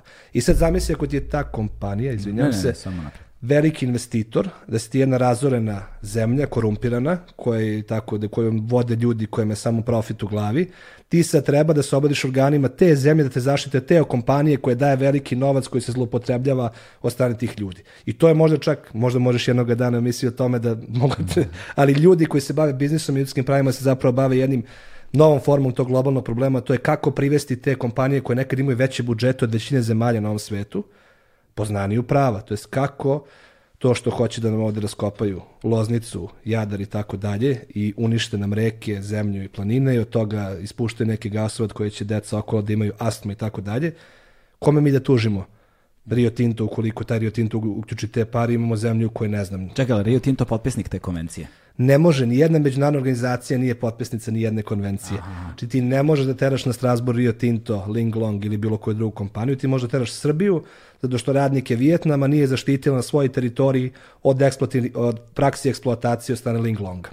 Aha. I ti u tom kontekstu, ali tu će odgovarati Srbija, neće Linglong. To je postupak koji će trajati dugo da. i tako dalje, tako dalje. Ling Long će vjerojatno uložiti dovoljno novca da se isplati Srbiji čak i da plati odštetu tim ljudima i to je problem. I to je recimo još jedna od grana ekonomskih i socijalnih ljudskih prava koja je vrlo važna i koja mora sve više i više da se eksploatiše upravo zbog toga što su ekonomske i socijalna prava mnogo više svakodnevni problemi običnog čoveka nego što su njegovo pravo glasa ili da izađe i kaže nešto slobodno ili da, eto, barem u našoj zemlji kad iđe na ulicu ne prebije ga policija ili ga neko ne likvidira. To su da. građanska je tako prava, tako da ti život, sloboda, telesni, psihički integritet budu nepovredivi ili da možeš slobodno da kažeš šta misliš, okupiš se da se protiv nečeg usprotiš, što nije toliko sporno. A mnogo je spornije kada nemaš šta da jedeš, ne možeš da se lečiš ako si teško bolestan i nemaš novca da očkulaš svoje decu pod jednakim uslovima kao neki drugi ljudi. I to je ono što, da. opet kažem, je posljedica te neke polarizacije i da se na kraju vratim, izvini, ja sam Samo slobodno sam. meseci. Ovaj, ne brini, ne brini. Sve, sve super. Ta ekonomska devastacija Azije, Afrike i tako dalje sada došla je to isto i Evropi i tom nekom zapadu, kolokvijalno rečeno, na naplatu. Jeste sve uzeli odatle i sve ste odneli u Narodni muzej u Londonu ili ne znam nije gde. I šta je ostalo tim ljudima? Pa ništa. On nema tamo da jede. Pa je, svako od nas kada bi se našao u situaciji da je gladan ili da umere od gladi. Da. Ili da ima desetočanu, petnestočanu porodicu i ti si najstariji brat, idem ja da preozmem za svoje braće i sestre odgovornost, da stignem tamo negde na neki zapad i da šaljem pare nazad zato što 100 dolara, 200 koje ja pošaljem odande, tamo nije mnogo, tamo je možda bude sve. Tamo na osnovu toga ljudi prežive. Znači, devastirane ekonomski izeksploatisane zemlje su zemlje iz kojih dolaze ljudi. Da, ali je zanimljivo, da. recimo, eto... I to su uzroci migracije takođe. Uzroci su migracije istorija, je tako, kolonializma mm. je veliki uzrok migracije danas. Da, eto, ali eto, igrom i, i spletom okolnosti, ovaj, dosta sam lično povezan sa, sa, sa tim stvarima i, na primjer, ti novac ne možeš da šalješ zvanično. Da. Nego oni tamo zarađuju i onda se okupljaju i onda ima kome se daje lovo kovertama fizički i onda se leti avionom i onda se prelazi granica i onda se ide od domaćinstva do domaćinstva i fizički se uručuje, uručuje novac. Da. Sa Somalijom je barem to, to slučaj recimo. Na, što znam lično, pa, viđao sam svojim očima. Znaš. Jasno, pa nema ni Western Union sad, verovatno, no, s talibanima u Afganistanu. A nije ni do Western Union, mislim da, da oni imaju, da. mislim, nisam je to baš dobro razumeo, niti sam nešto proučavao, ali pravnim procedure imaju. Naprimjer, ti imaš sad neke ono, uh, postkolonijalno uspostavljene humanitarne kao odnose, znaš da ne znam, Britanija ili ovi, ili oni imaju kao nekakve uh, zvanične kanale pomoći, ali koji su zapravo potpuno bez, nisu funkcionalni uopšte. To je ono, ma, ono parada najobičnija, ono smoke screen, što bi rekli, jel te, englezi, ovaj, nego da se onda ljudi u svojim zajednicama, pošto su oni opet na neki čudan način i u tim zapadnim zemljama su opet getoizirani mm -hmm. sistemski. Da. Dakle, sve je na papiru crno-belo kada posmatraš idealno, ali onda kada pogledaš život u praksi, Tako zapravo je. nije. I onda se oni drže po svojim komunama, svojim šopovima, svojim restoranima, svojim ćoškovima, svojim ulicama, svojim zgradama, žive u tim komunama i onda da li su, recimo, u slučaju Somalije, to islam vrlo često, ovaj, onda su u džamijama onda okupljaju i tu se ono doni, doniraju ili po šopovima ide kad kupuješ sve i onda ostavljaš bakšiš, da ti ja znam, imaš ono za zajednicu kroz džamiju uglavnom mm -hmm. na kasi, iz drugi je ono prodavcu lično, e, ovo ti je spisak, ono papirić, ime, prezime, kome, šta, evo ti, evo ti lova koji smo skupili ovog meseca, I ne znam, jednom nedeljno, jednom metar dana, avion, bam, Somaliland, pa se onda prelazi dole i vozi se od domaćinstva do domaćinstva i porodice žive isključivo, naj, u velikom broju slučajeva, ogroman broj porodica živi isključivo od love koje im stigne od njihove rodbine koja im šalje iz tih zemalja, ali opet je strašno teško i doći u te zemlje, da početi život, moraš da prođeš se, naučiti jezik, integrisati se u društvo dovoljno da ti možeš uopšte da zaradiš za sebe i svoju porodicu tamo, a onda da ono što ide preko šalješ nazad, to su strašno teški životi. I ko može da ih krivi što to pokušavaju da urade? Zbog čega to radi? Mislim, hoću da kažem, je boš što ja kažem, ja se pretežno da bavim izbjeglicama. Da, da. Ali ne volim da zaboravim, e, mrzim kada se samo prebaci sve na izbjeglice, treba pričati i o ljudima koji kao nisu pobegli od rata nego od nemaštine, mm. pa nije on krenuo iz te zemlje da što mu je dobro. Jer tako, da. evo šta neko mora da uradi da bi poslao svoj porodici, vjerojatno iznos novca kojim je potreban da preživi na nedeljnom ili na mesečnom da. nivou, a u okolnostima koje se isto pomenuo, izvini što se da, sad da, nadovezujem, ti si objasnio kako funkcioniše tako po zapadu, te zapadnoj Evropi, te komune. Ovde su da. Somalici, ovde su države Magreba, ovde su sve. Da. I te vrste... Pa imaš Alžirce, Egipćane, Marokance. Kako su oni svi završili posle drugog svetskog rata i svih tih svojih kolonijalnih teritorija, svi ti mladi Alžirci, Marokanci ili Senegalci iz Mali u pa Francuskoj, da, tako da oni su Nigerici. dovođeni, oni su dovođeni u Evropu da je grade, mm. pošto je bila razrušena posle drugog svetskog rata. Pre nekoliko godina je bio jedan veliki skandal u a, u Velikoj Britaniji gde su se organizacije za ljudske prava pobudile zato što treće generacije doseljenika, to jest ljudi koje su britanske vlasti dovele da grade razorenu od, ne, od Nemaca bombardovanu Britaniju, da grade ponovo te porušene zgrade i dalje nemaju zdravstveno osiguranje. I dalje nemaju full residency u smislu da pristupa svim tim nekim pravima. To je već treća generacija dece koji išlo u engleske škole, koja apsolutno ne zna ne znam, tamo na Jamajci, odakle god da su dovedeni, kako izgleda život. Znači, koji su ono Britanci u pravom smislu te reči, još uvek nemaju pristup svim ekonomskim i socijalnim pravima. I to je još jedna od stvari koja mislim da je velika tema, to je kako, ajde kažemo, ta Evropa, iako mi nismo ta Evropa o kojoj ja sada pričam, mi smo bili braće nesvrstani u tim, u tim periodima, ovaj, ta Evropa kako je zapravo sama dovela do toga da se napravi jedna velika segregacija te migrantske populacije, to je mm. populacije koja nije domicilno staništvo inicijalno. Tako danas jeste, jer tako vidimo ko igra i za Francusku i za bilo koju drugu reprezentaciju, ali to je sve posle drugog svetskog rata se desilo. Oni su svi stavljani u svoje mala naselja, u svoje mala geta i tako dalje. I nisu Mislim, Francusko tako, je to toliko evidentno, Pariz, pogledaj sam po Marselj sebi. ili ne znam nija koji gradovi. Znači to su, to su gradovi u kojem, i to su ljudi koji takođe nisu imali ravnopravan ravnopravan položaj u tom društvu. Nije isto ako si dete iz alžirske ili marokanske porodice u Francuskoj ili je tako francuske, bele, katoličke, hrišćanske porodice i tako da. dalje. Znači i te državne politike su tada bile dizajnirane tako da veću šansu i priliku imaju je tako da. ljudi koji su ajde kažemo to neko prethodno tradicionalno stanovništvo, iako to danas više nije slučaj, danas je tradicionalno stanovništvo su svih rasa, vera i tako dalje, ali već tada se vidi kako zapravo se migranti tretirali, to jest novo, ljudi koji su novo pridošli. Šta im se delegiralo? Ti ćeš biti taksista, ti ćeš čistiš, da se baviš, u, radiš u gradskoj čistoći, u komunalnim uslugama i tako dalje, a ovo dete će studira političke nauke, pravo, medicinu i slično. Znači, mnogo je teže iz te, tih migrantskih populacija koji su danas državljani isplivati na neku sredinu društvene lestvice u tim zemljama i onda ako se vratimo u današnje vreme, koje su posljedice te segregacije? Pa posljedice su i nemaštine i siromaštvo i tako dalje, svi ljudi koji su izveli terorističke napade, Batakalan, Bataklan, da. Bataklan, uh, Charlie Hebdo. Charlie Hebdo i tako dalje, to su sve treće generacije tih doselnika posle drugog svjetskog rata. To nisu ovi Posle Sirici. se pitaš kako se radikalizuju. Znaš, kako nastaje nasilni ekstremizam? Upravo tako što sistemski obespravljujete jednu društvenu kategoriju, ne pružate im obrazovanje, adekvatne socijalne ekonomske uslove, onda se još pojave neki psihopata, harizmatični, koji malo izmanipuliše tim mladim ljudima i eto šali je bdo. Da. Ovaj, I to je, ili eto dobrovoljnih odlazaka u Siriju da se bore za ISIS i tako da, dalje. Da. A onda znači, recimo pogledaš analizu napada na Pataklan i ono, ne znam, 7 od 10 pušaka koje su korišćene, proizvedene ovde A pa dobro, pred, je... pred, počet, pred početak rata 90-ih, jel te, izao sam, znaš. Da, da, da, tako jasno. da, znaš, ono... I vrlo... Možda su i relativno skoro proizvedene. Ne, sve, sve, je, sve je vrlo dobro povezano, znaš, yes. mislim, ništa ne nastaje ni iz čega, to je point. A onda pogledaš, recimo, da su da možda Amerikanci najdaž, najdalje otišli u toj radikalnoj politici i odnosu prema tim trećoj generaciji migranata, gde sa dolaskom Trumpa su počeli da ih deportuju.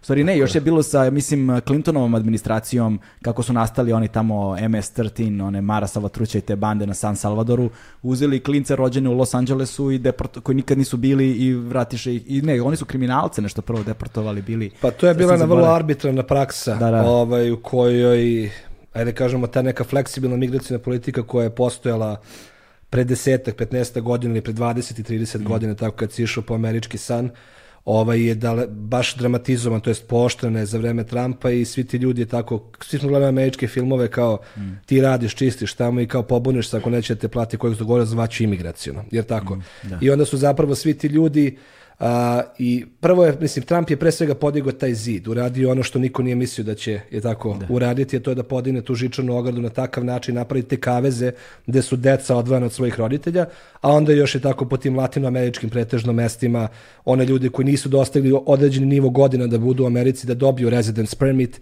da deportuje nazad i, i zapravo Trump je sa Orbanom a, i sa još nekoliko a, tih političkih figura kao što je Salvini bio u Italiji, hvala Bogu više nije i tako dalje, zapravo simbol a, populista koji su kapitalizovali svoju, koji su kapitalizovali politički na migracionim pitanjima, na restriktivnim migracionim a, politikama i širenjima tih nekih teorija zavere i zabluda oko toga kako ti migranti dolaze, ne znam šta će da nam urade i tako dalje. Tako da Populizam je tu ključna reč. Populizam je ključna, Ključna reč. reč, posebno i- kad se koristi reč migrant.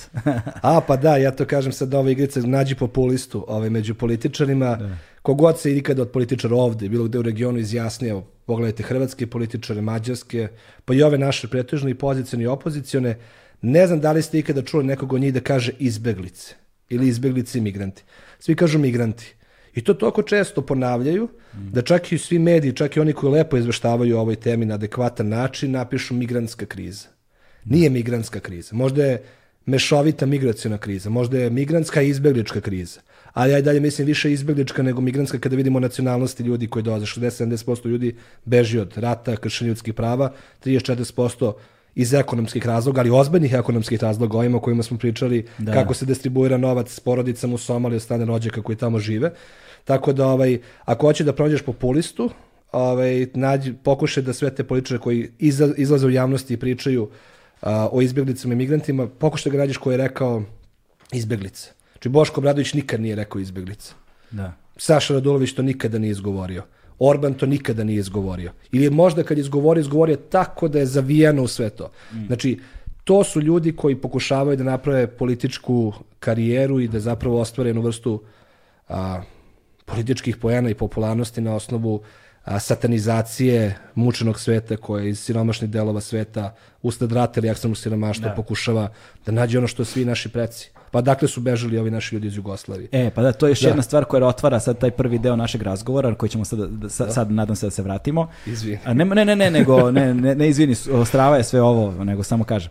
Ovaj, dakle, mi smo imali, ono, na primjer, ja sam negde detektovao i zato što me te teme zanimaju uh, generalno, dakle, četiri velika talasa migracije sa prostora bivše Jugoslavije. Dakle, imali smo posleratnu, govorimo o drugom svetskom ratu, pa smo onda imali gastarbajt, jel te, migraciju 60-ih, 70-ih, pa smo imali opet ratnu, odnosno ratnu, ona ona je bila posleratna, ova je ratna, dakle ratnu 90-ih i tu čuvenu ekonomsku posle 2000-te. Posebno je to specifično za Srbiju i, i, i bogom i BiH, ma za sve zemlje. Sem za Sloveniju, njima je super. Da, oni su se snašli. Oni su se snašli strava. ovaj, I evo, Hrvatska je sad imala popis pop, stanovništva, mislim da je objavljeno da Da, je tri- 3,8 miliona, spali su ispod 4 miliona, dakle njihov, njima je ulazak u Europsku uniju pokazao tako vrlo jasnu sliku gde se nalaze. Bilo bi zanimljivo vidjeti demografski, demografski koliko mladih je zapravo među tima koji su otišli, mislim da je to ogroman procenat njih. I kod nas je egzodus ono apsolutni. Da ne treba nam EU da bi Ne treba nam EU, a zamisli da uđemo sutra u EU, znači da bi to bi pravi egzodus bio. Ne bi više bilo gužve u Beogradu saobraćaj. Ma ne bi bilo gužve uopšte nigde. Ono.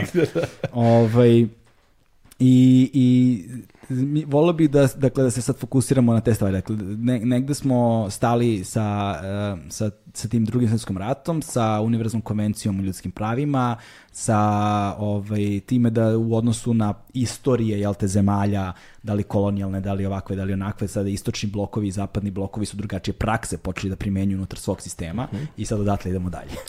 Da, a, i onda eto, za Evropu najvažniji možda dokument koji je donet, to je ta Europska konvencija o ljudskim pravima i koja je napravila taj Europski sud za ljudska prava ili kako se tako u narodu poznati kao sud u Strasburu. Da. Ovaj, I da kad neko ima neki problem i kad hoće baš da kaže da je uporan u tome da će da ga reši, onda on kaže ako treba idem i do Strasbura. Teraću te Eto, do Strasbura. te. S time da Rio Tinto ne može da teraš do Strasbura. Možeš Srbiju zato što Rio Tinto Da. nešto zvoja, ali to je dosta složen pravni problem. Verujem da ima divnih ljudi koji se bave time ovdje i u Srbiji.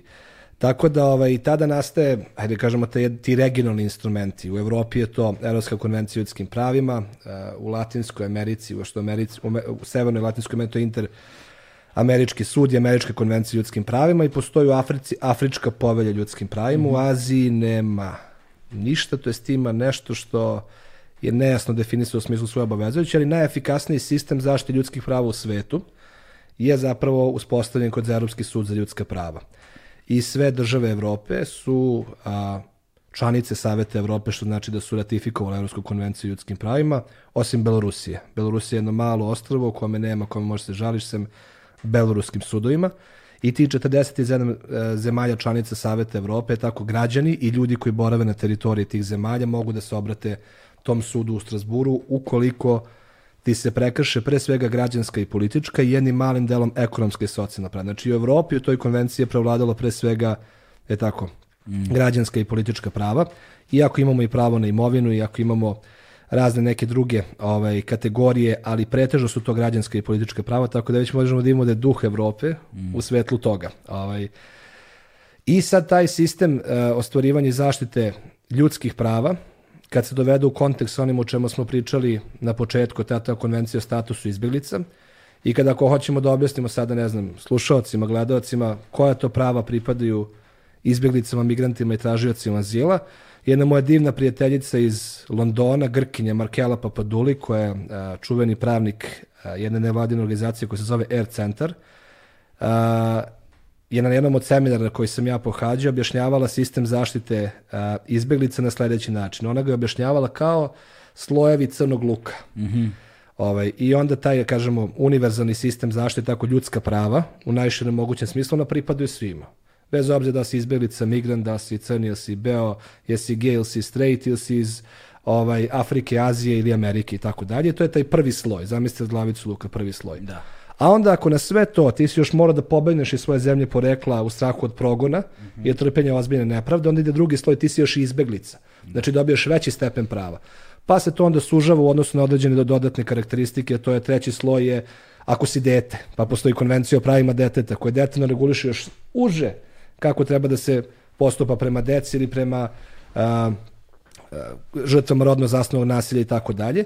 I taj sistem međunarodnog prava kome imate izbjegličko i pravo ljudskih prava zapravo a, nam pomaže da razumemo šta su to naše obaveze u odnosu na ljude koji prolaze sad ovom našom teritorijom i to je nešto što se razvijalo, kažem, eto, posle tog drugog svetskog rata i što imamo i dan danas.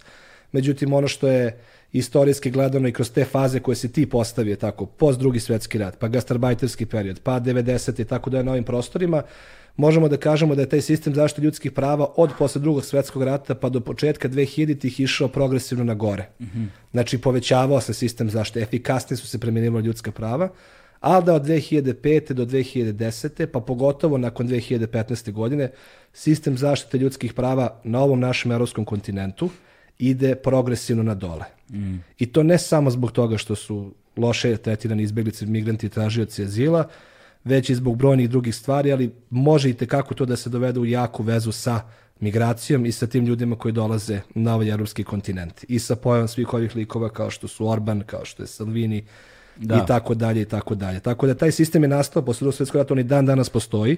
Svi smo mi, je tako, imamo pravo da idemo u tu Ženevu pred ugovor na telu jedinih nacija ili u taj Strasbur, ali se postaje pitanje da li moramo danas da idemo češće nego što je to bre bio slučaj, odnosno da li živimo u državama u kojima a, nadležni organi rade dovoljno dobro da mi ne bi morali njima da se obraćamo. Jer sva ta tela kada su napravljena, kaže se ona su subsidijnog karaktera.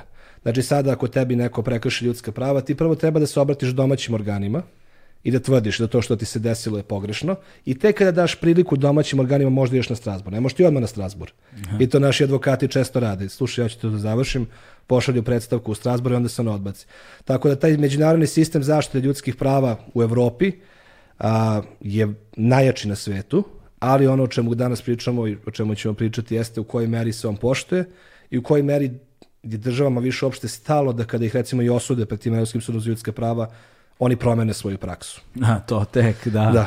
E sada, ovaj, posle 2000-te se puno toga dešavalo. U Sjednjim američkim državama je apsolutno jasno, dakle, teroristički napad uh, 2000-te, 2001. je li tako? Hmm. Ovaj, je radikalno promenio njihovu politiku prema svemu, koja je imala i globalni uticaj, jer odjednom gde god da si se kretao, a to sam ja ono lično osetio, na aerodromima je priča radikalno zaoštrena.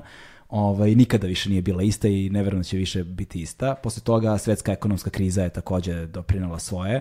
Onda klimatske promene, resursi su takođe doprineli svemu. Mi živimo u radikalno drugačijem svetu danas, znači posle 2010. godine nego pre 2000. U toj dekadi se mnogo toga desilo i između ostalog i instrumenti za kontrolu a, nacionalnih politika, stranaka, naroda, mišljenja, kulture i tako dalje kroz digitalne tehnologije. Mm -hmm. Mi sad imamo ono proksi ratove u digitalnom svetu na jednom sasvim naš mislim vrlo je otvoreno pitanje da li mi zaista već živimo u veliku drugom u trećem svetskom ratu kada su brojne da. kada su brojne teme u pitanju, ali ok, nećemo se time ovde baviti, nego nekako vrlo je specifična dekada po sredi kada, kada, kada govorimo o tome. Ajde sad da se vrati, sad da počnemo najzad da se bavimo tom praksom. Dakle, mi smo, utvrdili smo koje su konvencije, koji su no, sudovi, mogućnosti, zakonske prakse i tako dalje. Zakoni, a ono zakonske prakse su nešto drugo. Ovaj, i, I gde se mi nalazimo tu i kako izgleda zapravo sad taj rad na terenu a, i sa, sa, sa u direktnom kontaktu i kakve su sudbine tih ljudi i kako se, se to politički instrumentalizuje i koje su predstave koje mi imamo, a kako izgleda stvarnost tamo ovaj, gde se to dešava. Da. Odakle zapravo početi? Pa da, eto, da, zastavili smo tim konvencijama. Danas u Srbiji i u svim ovim zemljama sve te konvencije su ušle u naše ustave mm -hmm. i u naše zakone. Znači sve je to sad jedan zajednički pravni sistem, tako da više ne moraš da se pozoveš ni na konvenciju, možeš se pozoveš na neki zakon i tako da je.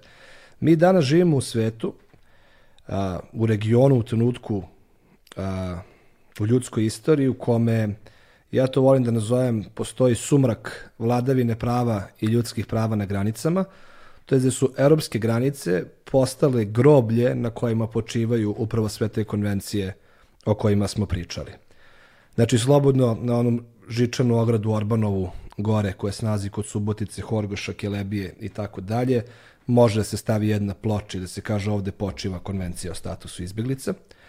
A, I vreme u kome danas živimo je vreme u kome su te granične prakse otešle toliko daleko da sva ta prava o kojima smo pričali, tako tog broda sa jevrijskim izbjeglicama koje bežu u Ameriku, od miliona i miliona mrtvih, od devastacije koje su svedočili naše babe, dede, prababe i pradede i tako dalje, svih evropljana, mi smo došli od toga da su ti isti evropljani zbog koji su dizajnirani ti instrumenti, kao što je konvencija kao europska o statusu izbjelice i tako dalje, ispostavio se da ima i vrlo kratku memoriju, koliko ona seže u nas, 75 godina.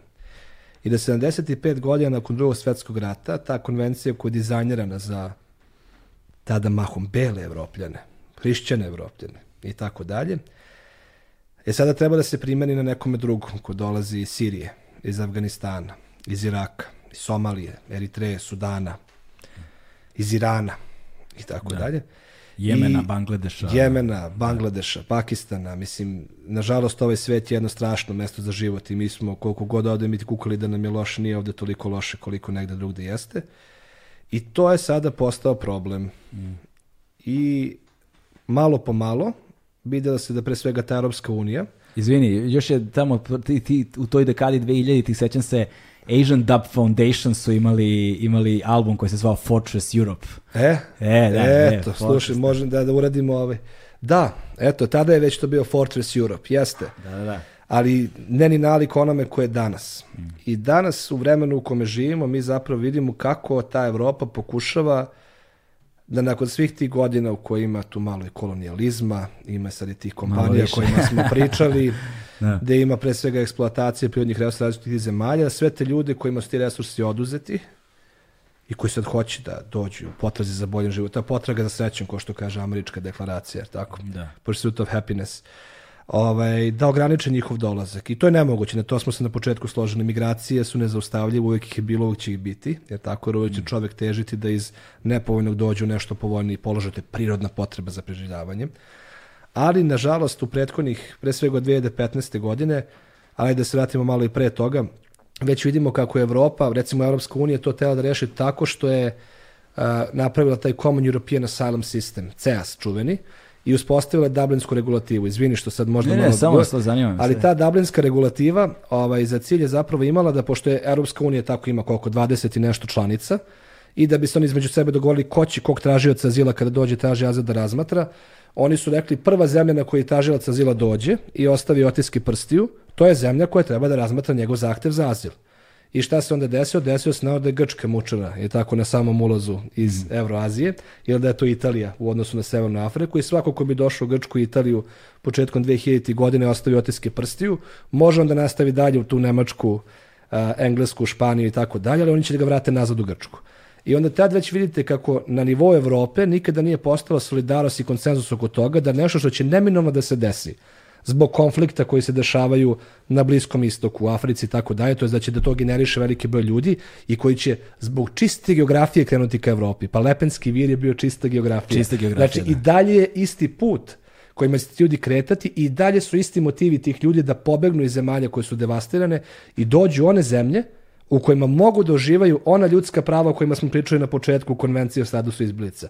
Je tako da se lečiš da. ako si bolestan, da ideš u školu i tako dalje. I potpuno je prirodno bilo očekivati da će taj svet iz tih razornih zemalja, bez njihove krivice, kao običnih Sirijaca, Afganistanci i Račana, krenuti u one zemlje Evrope koje su potpisale sve te konvencije, koje imaju sisteme koji to mogu da im pruže.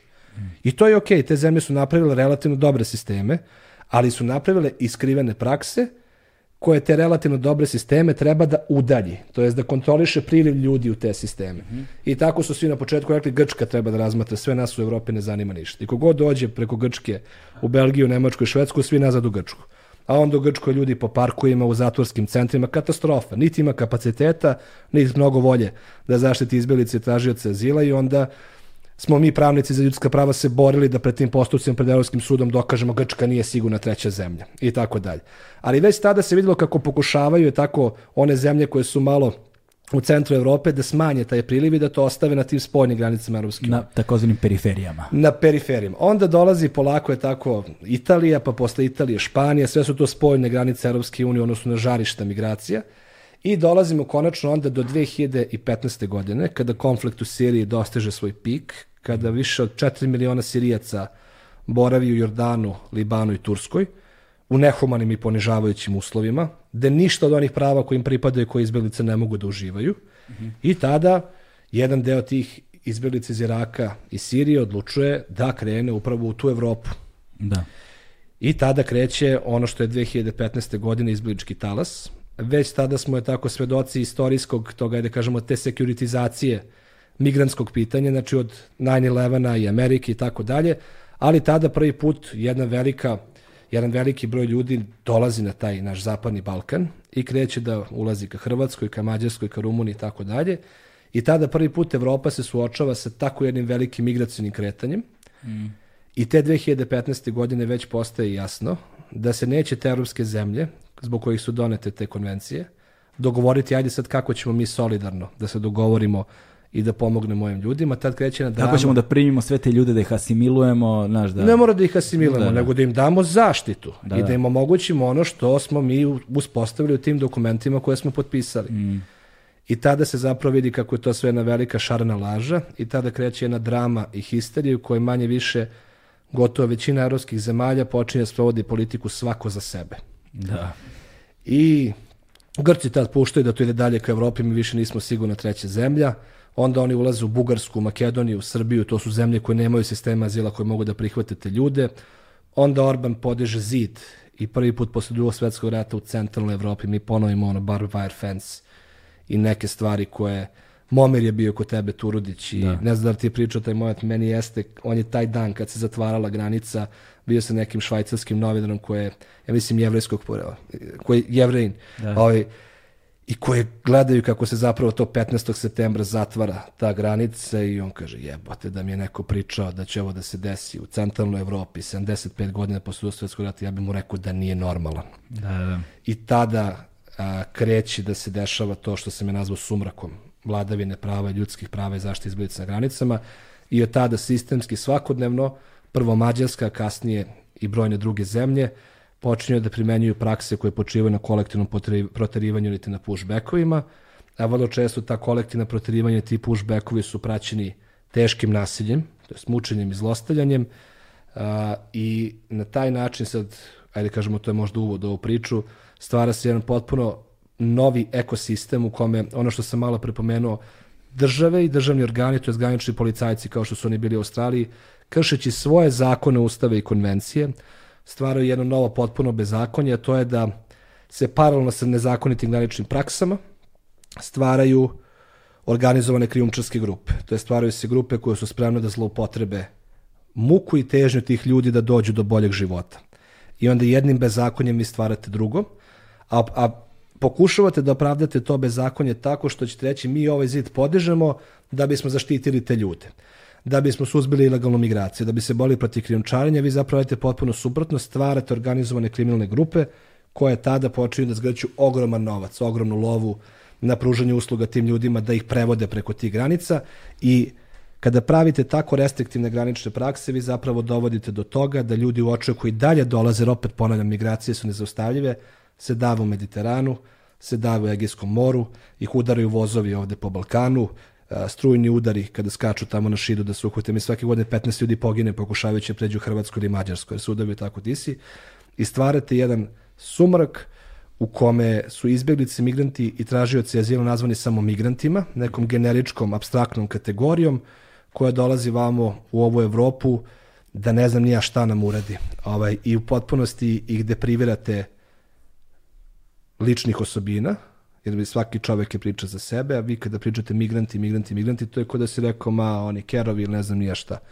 Mislim, da. to je, i danas živimo u vremenu u kome te granične prakse, tu možemo pričati o detaljima i primerima. A to, ove, to sve vreme da. razmišljamo o tome, treba sad sve ovo čemu smo govorili da ilustrujemo primerima, da približimo ljudima tu da, praksu. Da, da, da. Ovaj, a jer, jer taj princip uh, dehumanizacije i, i, i, i kroz tu dehumanizaciju opet se vraćamo na ono drugi sa velikim D, drugi i drugačiji, ovaj, tog trenutka mi zapravo a, brišemo tu, ono, to, i tome smo govorili, brišemo tu tačku identifikovanja sa nekime, a kad izbrišemo identifikaciju, briše se svaka empatija.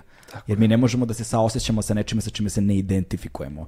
A mi smo došli do te tačke da gledamo druge ljude i ne identifikujemo se sa njima na nivou ljudskog mm. uopšte, ni na, koj, ni, na, ni na kom nivou, a onda a, zahvaljujući jel te, mehanizmima koji su pustili korenje kroz medijski ekosistem prevashodno, ovaj, imamo građenje tog ksenofobnog, antiimigracionog, ono e, e, e, narativa, u narativa da. u društvu koji onda dovodi kasnije i do onih narodnih patrola, do, ono, do, do katastrofalnih stvari, jer mi smo s druge strane, ako posmatramo baš taj 2014-15 period, taj prvi najveći talas izbeglica kada je došao, ja sam primetio, na primer, ogroman stepen solidarnosti a, među ljudima u tim, na ti, na, na, u tim zonama, račva, tim, tim centralnim zonama gde su okupili kao što je bivša autobuska stanica, mm. jel te dole Štajga čuvena, ovaj, dakle u Beogradu, ljudi su dolazili sa odećom, sa namirnicama, Tako. sa toplim obrocima, komšiluk se organizovao, znam i neke ljude koji su pojedine uh, izbeglice primali u svoje, u svoje kuće na yes. dan, dva, tri, nedelju dana, ono, da, da stavlja, davali im krov na glavom da se istuširaju, da ovo, da ono. I zapravo, i tada smo mi, kao Srbija ovaj, imali strahovito, mislim, odličnu reputaciju i bili smo primer dobre prakse na nivou Evrope. Prvi put se o nama govorilo o jednom pozitivnom svetlu u, u trenutku kada Orban radi šta radi, u trenutku kada Nemci rade šta rade, kada se dešavao totalni haos, fijasko, šta se dešavalo na granici s Makedonijom, Tako šta je. se dešavalo u Grčkoj, meni, šta se dešavalo tamo na obalama Velike Britanije, on, pa, on, pa fotografije one dece utopljene na obalama i tako dalje, što je Jest. bilo Dakle, imali smo jednu apokaliptičnu sliku, katastrofalnu, i s druge strane, paralelno tome smo imali te humane centre koji su dešavali u jednoj zemlji od koje to niko nije očekivao i izvalačili smo veliku paralelu sa time da smo se zapravo identifikovali i empatizovali sa njima zahvaljujući činjenici da smo i mi do juče bili iste te izbeglice Tako zbog je. ratova na ovim prostorima. Ali ti se takođe pomenuo još jednu vrlo zanimljivu stavku koju ja iskreno nisam puno razmišljao, a to je da je postojala ideja da od ovuda samo prolaze. Tako je. Da zapravo Srbija nije krajnja destinacija, što je značajno olakšavalo tu vrstu pristupa, ali to je sad otvoreno da debatujemo na tu temu, jer ja sam ipak vidio neku humanu stranu ovaj, i nisam razmišljao na taj način, ali se ta slika vrlo brzo promenila. Domaći brend garderobe Legend Worldwide je prijatelj Agelast podcasta na audio platformama. Tako je, ja i dalje vidim tu humanu stranu i ja se sećam kako je to izgledalo, ja nikad neću zaboraviti. Ta ulazna tačka je bila iz Makedonije u Srbiju dole kod jednog sela koje se zove Miratovac, Miratovačko polje. I tuda su ljudi prolazili. Ovaj, i ulazili u hiljadama dnevno. Nikada neću zapravo zaboraviti kako su te scene izgledali. Ja sam stajao na nekom brdu iznad i onda vidiš kako iz tog jednog sela koje se zove Tabanovci u Makedoniji prolazi, ja sam jedan dan bio kad je ušlo 6000 ljudi. Znači, to je reka ljudi koji prolaze. To je kao oni protest kada snimaš koliko ljudi prolazi, tako? koji guraju invalidska kolica kroz blato, deca na ramenima, žene nose malu decu, muškarci ih jure oko. Mislim, to je potpuno na politička... Ne, ja mislim to scena koja se nikada neće ponoviti i koja se prelila i na ulice Beograda i na ulice brojnih drugih gradova, gde su bile te tačke okupljanja i slažem se u potpunosti sa tobom. Tada je i retorika najviših političara bila to su ljudi, mi imamo izbeličku tradiciju, mi razumemo to, tu smo da im pomognemo. Tada je niklo preko 15 prihvatnih centara na, na čijim tablama i dan danas piše one stop center. Znači tu dođu ljudi, istuširaju se, popiju malo vode, ko je bolestan malo se, ne znam, istretira, dobije ćebe, dobije lunch paket i pravac Da. Subotica. Čak je, čak je i među pošto, jel te, zahvaljujući digitalnim tehnologijama, mobilnim telefonima. Znaš kad je počela priča kako su oni siromašni imaju savremene mobilne, mislim, ta priča Ma, Možemo aj, da dođemo i do toga, znaš, ali izbeglica ne mora da bude siromašna, izbeglica može da bude milion, može Bruce Wayne da bude izbeglica, da. pa je poneo ovaj svoj telefon. Ali hoću, ali hoću, ali hoću da kažem, pošto oni su, zahvaljujući, jel te, bili su silni članci, fotoreportaže i priče o tim, a, o tim mapiranjima, jer onda izbeglice, jel te, komuniciraju uzajamno, znaš, i onda oni govore, e, ovde je sigurna trasa za prolazak, Tako ovde nije sigurna trasa Tako za prolazak, je. i Srbija je u tom početnoj fazi dobila ono kao zelenu zastavicu, kao ovo je dobro mesto da... da tu da i moraš, bolje to nego preko bugarskih planina ili da ideš pa preko da. uh, Grčke, iz Grčke kod Kakavije uh, u albanske planine, pa kroz Albaniju, pa tamo kod Tuzija, negdje, znači to je brdsko-planinski predeo koji nije, da. ovde je autoput, koridor 10 put je tako, da, da, da, da. i tako dalje, daleko je lakše, pogod... i Tada je čak i se država organizovala i napravila organizovani transport sa juga na mm. sever, pa kasnije s juga na zapad. Sećam se toga, da. I dobro, tu je neko i dobru kintu zaradio ovaj, od tih autoprevoznika. To isto bilo nenormalno potpuno da ti kada prilaziš dole ovaj, Prešavu, Bujanovcu i tim gradovima gde su ti centri nikli, zapravo vidiš kako su svi autoprevoznici iz Srbije i svakog dela došli da za malo veću cenu prevezu ljude od tačke A do tačke B ali složio bih se tada da je narativ pre svega bio i tekako pozitivan i on je dan danas pozitivan u svetu u smislu načina na koje Srbija tako ipak napravila taj organizovani prihvat i to jeste istina.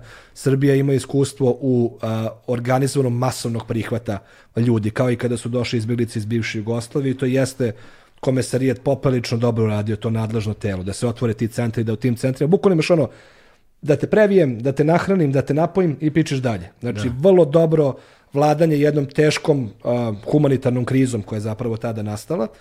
Međutim, i dalje je tada bio narativ oni idu dalje. Međutim, kada je već Orban podigao zid i kada se shvatio da ne može tek tako lako da se napusti mm -hmm. Republika Srbija, onda već sad prvi put čujemo izjave i političara koji kažu nećemo mi da budemo parking za izbjeglice ili nećemo mi da budemo mesto na kome se oni skupljuju. Tada već je tako kada ti ljudi koji su pre zadržavali se dan, dva i tri, počinju da se zadržavaju po nekoliko nedelja. Pa su se onda shiftovali ka Hrvatskoj koja je od kraja 2016. i početka 2017. do današnjeg dana daleko najsurovija zemlja prema ljudima koje zatiču na svoje granice, o tome postoje brojni izvešti. Nedavno je bila i presuda Evropskog suda za ljudska prava u kojoj je Hrvatska bila oglašena odgovornom zato što je pushbackovala jednu afganistansku porodicu jedna mala petogodišnja devojčica Madina, Madina Hosini nju udario voz. Izgubila je život zbog pushbacka. I onda je i Hrvatska napravila rigoroznije prakse ovaj, koje podrazumevaju sistemsko prebijanje. I sad, molim te me vraće, ja stalno odlazim, ovaj, ja ti kažem praksu Hrvatske, pa se onda sedmi slučaja, ali onda je recimo u Hrvatskoj, ajde da to možda približimo malo ljudima kako izgleda biti izbjeglica, tražilac azila ili migrant, na granici između Srbije i Hrvatske. A, postoji to malo selo Šid, Principovci, nekoliko prihvatnih centara, Adaševci i tu su uglavnom ljudi koji hoće iz Srbije da pređu dalje kao u Hrvatskoj gomilaju, tu spavaju. To mogu da budu i napuštena ovaj, fabrike i tako dalje. I ti ljudi onda u grupama prelaze u Hrvatsku, mm -hmm. koja ima vrlo modernu tehnologiju, Frontex, termovizijske kamere, dronovi, senzori za kretanje i tako dalje. I praksa koja je napravljena 2017. godine, o tome postoji izveštaj, je podrazumevala sledeće. Ti ljudi se pohvataju kao divlje zveri okolo, stave se u maricu i voze se okolo po tim selskim putima u graničnom pojasu ka Srbiji, skupljaju se dok se ne napune dve, tri ili četiri marice. Onda se odvode na tačno određenu lokaciju, ta marica se otvara, desetak hrvatskih policajaca sa čarapama na glavu ili bez, potpuno transparentno, naprave špalir i onda sa gumenim palicama, sa drvenim motkama i tako dalje, govore ljudima da izađu jedne po jedne. I onda ljudi izlaze i oni ih umlate dok dođu do kraja špalira i teraju ih da bosi goli, pošto ih skinu i uzmu i mobilne telefone, novac i tako dalje, trče ka Srbiji. I to je recimo jedna spojna granica Evropske unije. Uh, u Mađarskoj to podrazumeva takođe da te skupe, onda vas postroje kao onim naci filmovima, nađi jedno koji priča engleski, daju ti jedan papir na engleskom da pročitaš, snimaju te kamerom, sve ih snime kamerom i teraju te da naglas pročitaš ja sam nezakonito ušao u Mađarsku, ja sam svestan da nemam prava da budem u Mađarskoj, ja sam svestan da mi je uh, izrečena zabrana ulaska i tako dalje i da se neću vraćati ovde tri godine i onda na toj žičanoj ogradi koja ima puno velikih kapija otvore tu kapiju, ugase tu kameru, nekad bude nasilja, nekad ne. Nekad bude? I, nekad bude nasilja, nekad ne. I vrate ih nazad. I onda kada slušate svedočenja ili kada pričate sa tim ljudima, jer ja sam dosta vremena proveo na tom samom terenu, ovaj, u tom graničnom pojasu, sretnete čoveka koji spava u nekoj napuštenom salašu, koji ima svež ujede od nemačkog ovčara, na primjer, ili koji ima zagnjenu nogu ili ranu, ili koji je 30 puta probao da pređe da se vrati i tako dalje. 30 puta. 50 puta. Ima ljudi koji su od um, zemlje porekla do konačne destinacije bili žrtva tog pushbacka, tako različitih graničnih policija, a, više desetina puta. Da je njima normalno ima sjajan dokumentarac sada jedan o deci bez pratnje koje je snimio Insider uh, Ivana Stojanović, mlada novinarka Insidera, da zapravo vidite kako deca, deca, znači da nemaju 18 godina, imaju 12, 13, 14, 15, 16 godina, pričaju o tome kako su i bili u zatvorima, kako ih je tukla policija, kako su bili oteti od strane krijumčara. Znači vidite tužne ljudske sudbine u najjezivijim mogućim situacijama koje ja mislim da kada bi bilo kod nas doživao, ja ne znam da li bi ja mogao da se nosim sa tako tim nečim. I mi, kažem, danas živimo u vremenu u kome se takve stvari konstantno ponavljaju, gde ljudi gube živote i gde smo se navikli na to. Hmm. Znači, ja kad sam prvi put čuo za pushback 2014. 15. godine sam, wow, ovo se redko dešava i ovo su najteže dokazivi slučajevi. Što su najteže dokazuje? Pa zato što se oni dešavaju a, u istoriji evropskog prava, ajde kažemo, i domaćeg i međunarodnog, postoji maksimum između, možda između 15 i 20 slučaja pushbackova koji su dokazani pravno. A oni se najteže dokazuju upravo zbog toga što se dešavaju daleko od očiju javnosti, što su sve, jedini svedoci žrtve i počinioci a, i što počinioci zločina, to su granične policije evropskih zemalja, se trude da sakriju svaki dokaz da se tako nešto desilo. Pa tako kada, ne znam, hrvatska policija, ili recimo kad bugarska, ba ne pričamo samo o Hrvatskoj da neko ne pomisli da imamo pik na njih, to svi rade, kada bugarska a, policija vraća ljude u Tursku, ona im uzme sve paklice cigara na kojima piše, ne znam, bugarska ćirilica je tako. Uzme im uh, sve prođe, uzme sve, u, pokuša da uništi sve dokaze, uzme im telefone, u, u, uništi ih zbog GPS lokacije i tako dalje. Pokušao da uništi sve dokaze da je taj neko ikada boravio na teritoriji te zemlje i onda ih gurne nazad. A onda ovaj, ti ljudi koji su ovde u Evropi ne znam ni kako da se žale na to. I onda recimo kada ja hoću da radim case pushbacka, kada hoću da radim taj slučaj, ja moram da odem gore na teren, i moram da objasnim tom nekom čoveku koji samo teži da dođe ka Evropi da, da bi ti uspeo u ovom postupku i da bi mi dokazali da ovo što se desilo je loše, moramo da budemo u kontaktu pet godina koliko traje postupak pred Evropskim sudom. Jer ako ne izgubimo kontakt, postupak se obustavlja. Moraš da mi kažeš sve detalje i da bi slučaj bio dobar, najverovatnije moraš da budeš prebijen. Da, I da, postoje, I da postoje gumene palice koje kasnije mogu da izveštačine su gumene palice koje koristi granična policija. I to je jedan pakao u kome na vrlo jednostavan i flagrantan način vi svakodnevno desetine, stotine hiljada ljudi gurate iz jedne zemlje u drugu, Da. a da se na osnovu toga proizvede samo mali broj pravnih postupaka i da ti pravni postupci imaju veliki odjek i mogu da duše jak pritisak, ali da je mnogo teško za recimo nas koji se bavimo ovim poslom, kojih ne znam da li ima više desetina na nivou cele Evrope koji se kao bave pushbackovima kao takvom pojam kolektivnim proterivanjem, protiv multimilijonskih mašinerija, graničnih policija, žičanih ograda, karaula, kamera, dronova, senzora pokreta, Frontexa i ne znam nija koga sve mešovitih patrola, vojske i policije i tako dalje, da se ti ove protiv toga boriš i onda dolazimo na to tvrđava Evropa, jer tako? Da. Znači Evropa postaje tvrđava i gde god se pojavi više od hiljadu izbjeglica, migranata ili tražilaca azila, pojavi se Čičana ograda. Poslednji primer je Poljska, Letonija, Litvanija.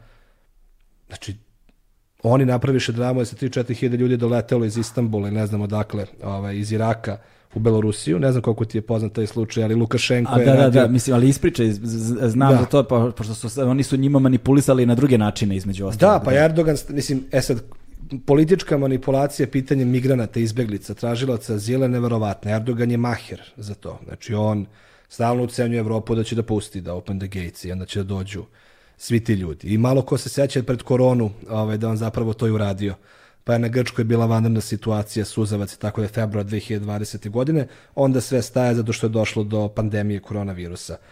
Ali gde god se pojavio veći broj izbeglica, odgovor Evrope nije bio ajde da se organizujemo da im pomognemo i da raspodelimo odgovornost u odnosu na ove mučene ljude, na ovu decu, na ove žene, na ove ljude koji su pobegli, jednostavno bi izgubili život, već je prvi odgovor bio taj podižemo žičanu ogradu, šaljemo vojsku i policiju, uvodimo vanredno stanje, ubacujemo najmoderniju tehnologiju, termovizijske kamere i tako dalje, kako bismo to sprečili. E to je Evropa danas. I to se prvo desilo u Mađarskoj, pa se desilo tamo u Grčkoj, Bugari su još odavno digli, između Slovenije i Hrvatske postoji žičana ograda, pa onda kako istočna Evropa je bila mirna, niko nije dolazio tamo iz Rusije, osim ukrajinskih izbjeglica, ali oko njih nije bila mnogo velika frka. I onda se dešava da Jer Lukašenko... oni, jer oni su već naši, kao Kao znaš. oni su naši. Pa dobri, jesu, ba, mislim, mahom hrišćani, je tako, Da. beli i tako dalje. Evropljani Ima i tako toga dalje. dosta, evropljani. I, ovaj, I onda Erdogan koji je dosta ucenjivao Evropsku uniju i koji sa njom balansira na pitanje, pošto on ima, ipak ima 4 miliona Sirijaca na svojoj teritoriji i Evropa je prestravljena. ovaj, da svi ti Sirijice ne krenu vamo, iako je to potpuno pogrešna percepcija, većina tih ljudi čeka da se vrati kući da ponovo bude u svom kraju. To je ta pogrešna percepcija, svi hoće da dođu u Evropu. Pa da, ali tako da, ali to je ono kao, kad, znaš, vidim, viđem po Beogradu, šetam, ne znam, ovaj, skoro sam šetao sa nekime e, dole blizu e, Beton hale, ne znam, i ono kao piše e, Migrants go home. Pa rekao, brate, da imaju home ne bi bili migrants, ono, Ne bi, znaš, da. kao, znaš, kao, sa- sama, sama izjava je ovaj, oksimoron, ono, pogrešna je, u, Pa da. po- pogrešna je u svojoj srži, ali ljudi to ne razumeju jer se kolokvijalno upotrebljavaju ti izrazi zbog upravo tih populističkih prin- ovaj, manira kojima se skupljaju jel te ono jeftini politički poeni pre svega. para. I, i ovaj, zapravo možemo da vidimo da od te 2015. žičane oga do Orbana i Hrvatske granične policije i tako dalje, prvi sledeći znak da sve odlazi dođevola jeste đavolji sporazum između Europske unije i Turske. Znači da Europska unija odlučuje da plati Orbanu 4 milijarde evra, da zadržava te ljude da ne idu iz Turske. Tako se zapravo smanjuje broj dolazak u A, Evropu. tako se završava. To tako se pojma. završava kriza 15. i 16. ta izbjeglička kriza. Tako što je plaćeno. Tako što je plaćeno, Turskoj da mnogo bolje čuva svoje izlazne granice. Tako je Dubrovačka republika otplatila Turcima da ne uđu zlatnicima i Et, ostali nezavisni. I ostali nezavisni i tako je zapravo od te 2016. godine ljudi nastavljaju da idu, ali od tada na svim granicama Evrope, pogotovo na zapadnoj balkanskoj ruti, počinje da se igra game ili ti igra. I to sam zaboravio možda i da pomenem, ali game je termin koji su osmislili izbjeglici migranti i game je zapravo pokušaj prelaska granice. I šta to znači? To znači Da, živo, da stvar bude još gora, a? da stvar bude kao idemo, oni kad kažu idemo da pređemo u Hrvatsku, oni kažu idemo na game večeras. Ja kad pričam sa svojim nekim klijentima koji možda hoće da ostanu, možda neće, kažem pa kao možda ne bi bio loše da ste 20 puta vratili da razmotriš da tražiš azil u Srbiji. Nije ovo Nemačka, nije ni toliko strašno, a već si doživao svašta na toj granici. Ne, ne idem još večeras na game, pa ako ne bude mogao, dolazim kod tebe pa ćemo da tražimo azil. I to je obično ljudi koji traže azil u Srbiji su ljudi koji imaju muka od gejma. Ovaj, tako da ovaj, i tako nastaje termin game a game ili ti igra podrazumeva jednu surovu igru, vrlo realnu, čisti jedan reality, koji podrazumeva da u toj igri cilj je da bi prešao nivo, pređeš iz jedne zemlje u drugu, to je da preskočiš jednu granicu. To možda kao pravu igricu, kao po nivoima, ali ajde da možda još dodatno dočaram šta taj game podrazumeva. A, on zapravo je tako podrazumeva da da bi prešao igricu, ajde tako to da stavimo metaforički, ti treba da stigneš do te neke svoje zemlje destinacije. A svaki prelazak granice je jedan game i u toj igri ti moraš da uz pomoć krijumčara, najčešće, ili sam, koji mogu da ti isto eksploatišu na različite načine, da ti otmu novac, da te ostave negde gde zapravo, ne znam šta su radili krijumčari u Srbiji, prevedu ih preko bubanj potoka, a, onog naplatne rampe i kažu Vijena, Vijena. E tako, na tamo stigli smo do Austrije, šta će ovaj mučenik iz Afganistana, ne zna gde i ide ka mm. Vijeni, on zapravo stigne u Beograd. Da prođeš seoske straže, u mnogim pograničnim mestima su se u Mađarskoj, u Bugarskoj i tako dalje organizovali ljudi, kao poput ovih naših narodnih patrola, koji presreću te ljude, isto im otimaju novac, tuku ih, a, hapse ih, ima čuveni lovac na migrante u Bug, na bugarsko-turskoj granici, to je neki lokalni ludak koji sve to kači na svoj YouTube kanal. Ujebote. I koji presreće te ljude, vezuje ih onim plastičnim lisicama, Vezicama. postrojavi ih i onda zove policiju i snima dok oni ležu onako glavom okrenuti na dole, ponižava ih, ko zna šta radi kada je ta kamera ugašena i hvali se time i on ima jednu pristojnu popularnost, onako do, doživljavaju ga kao heroja, recimo u bugarskoj javnosti. Pa onda još tek treba da prođete te granične policije, koje su spremne da kada vi prođete iz jednog mesta na drugo, pa sad zamislite to je neka reka ili je to neki planinski predeo i taman misliš da si prešao granicu kada je to snimila te neka termovizijska kamera, pojavljuje se policija, pojavljuje se vojska, zamislite da je zima i u grupi imate 20-30 ljudi, među njima deca, bebe, trudne žene i tako dalje. I onda vas oni tako svi skupe stave vas u neki kombi i ostave vas na nekoj tački na zelenoj granici. Šta je zelena granica? Pa zelena granica je zelena, on granica koja nije zvanično, to nije zvanično obeležen granični prelaz, nego zelena granica je šumarak neki, tako gde mm -hmm. postoji, svaka granica ima takozvane, na svakoj granici, između svake zemlje postoje granično kamenje, mm -hmm. na osnovu kojih ti znaš da si blizu granice ili nisi i ovaj, u blizini kog mesta na drugoj strani se nalaziš. I to ih tako ostavi, sad zamislite slučaje na kojima sam ja radio da ih ostavite na minus 11 u nekoj šumi. Približi se samo malo mikrofon, to, Da. to, to.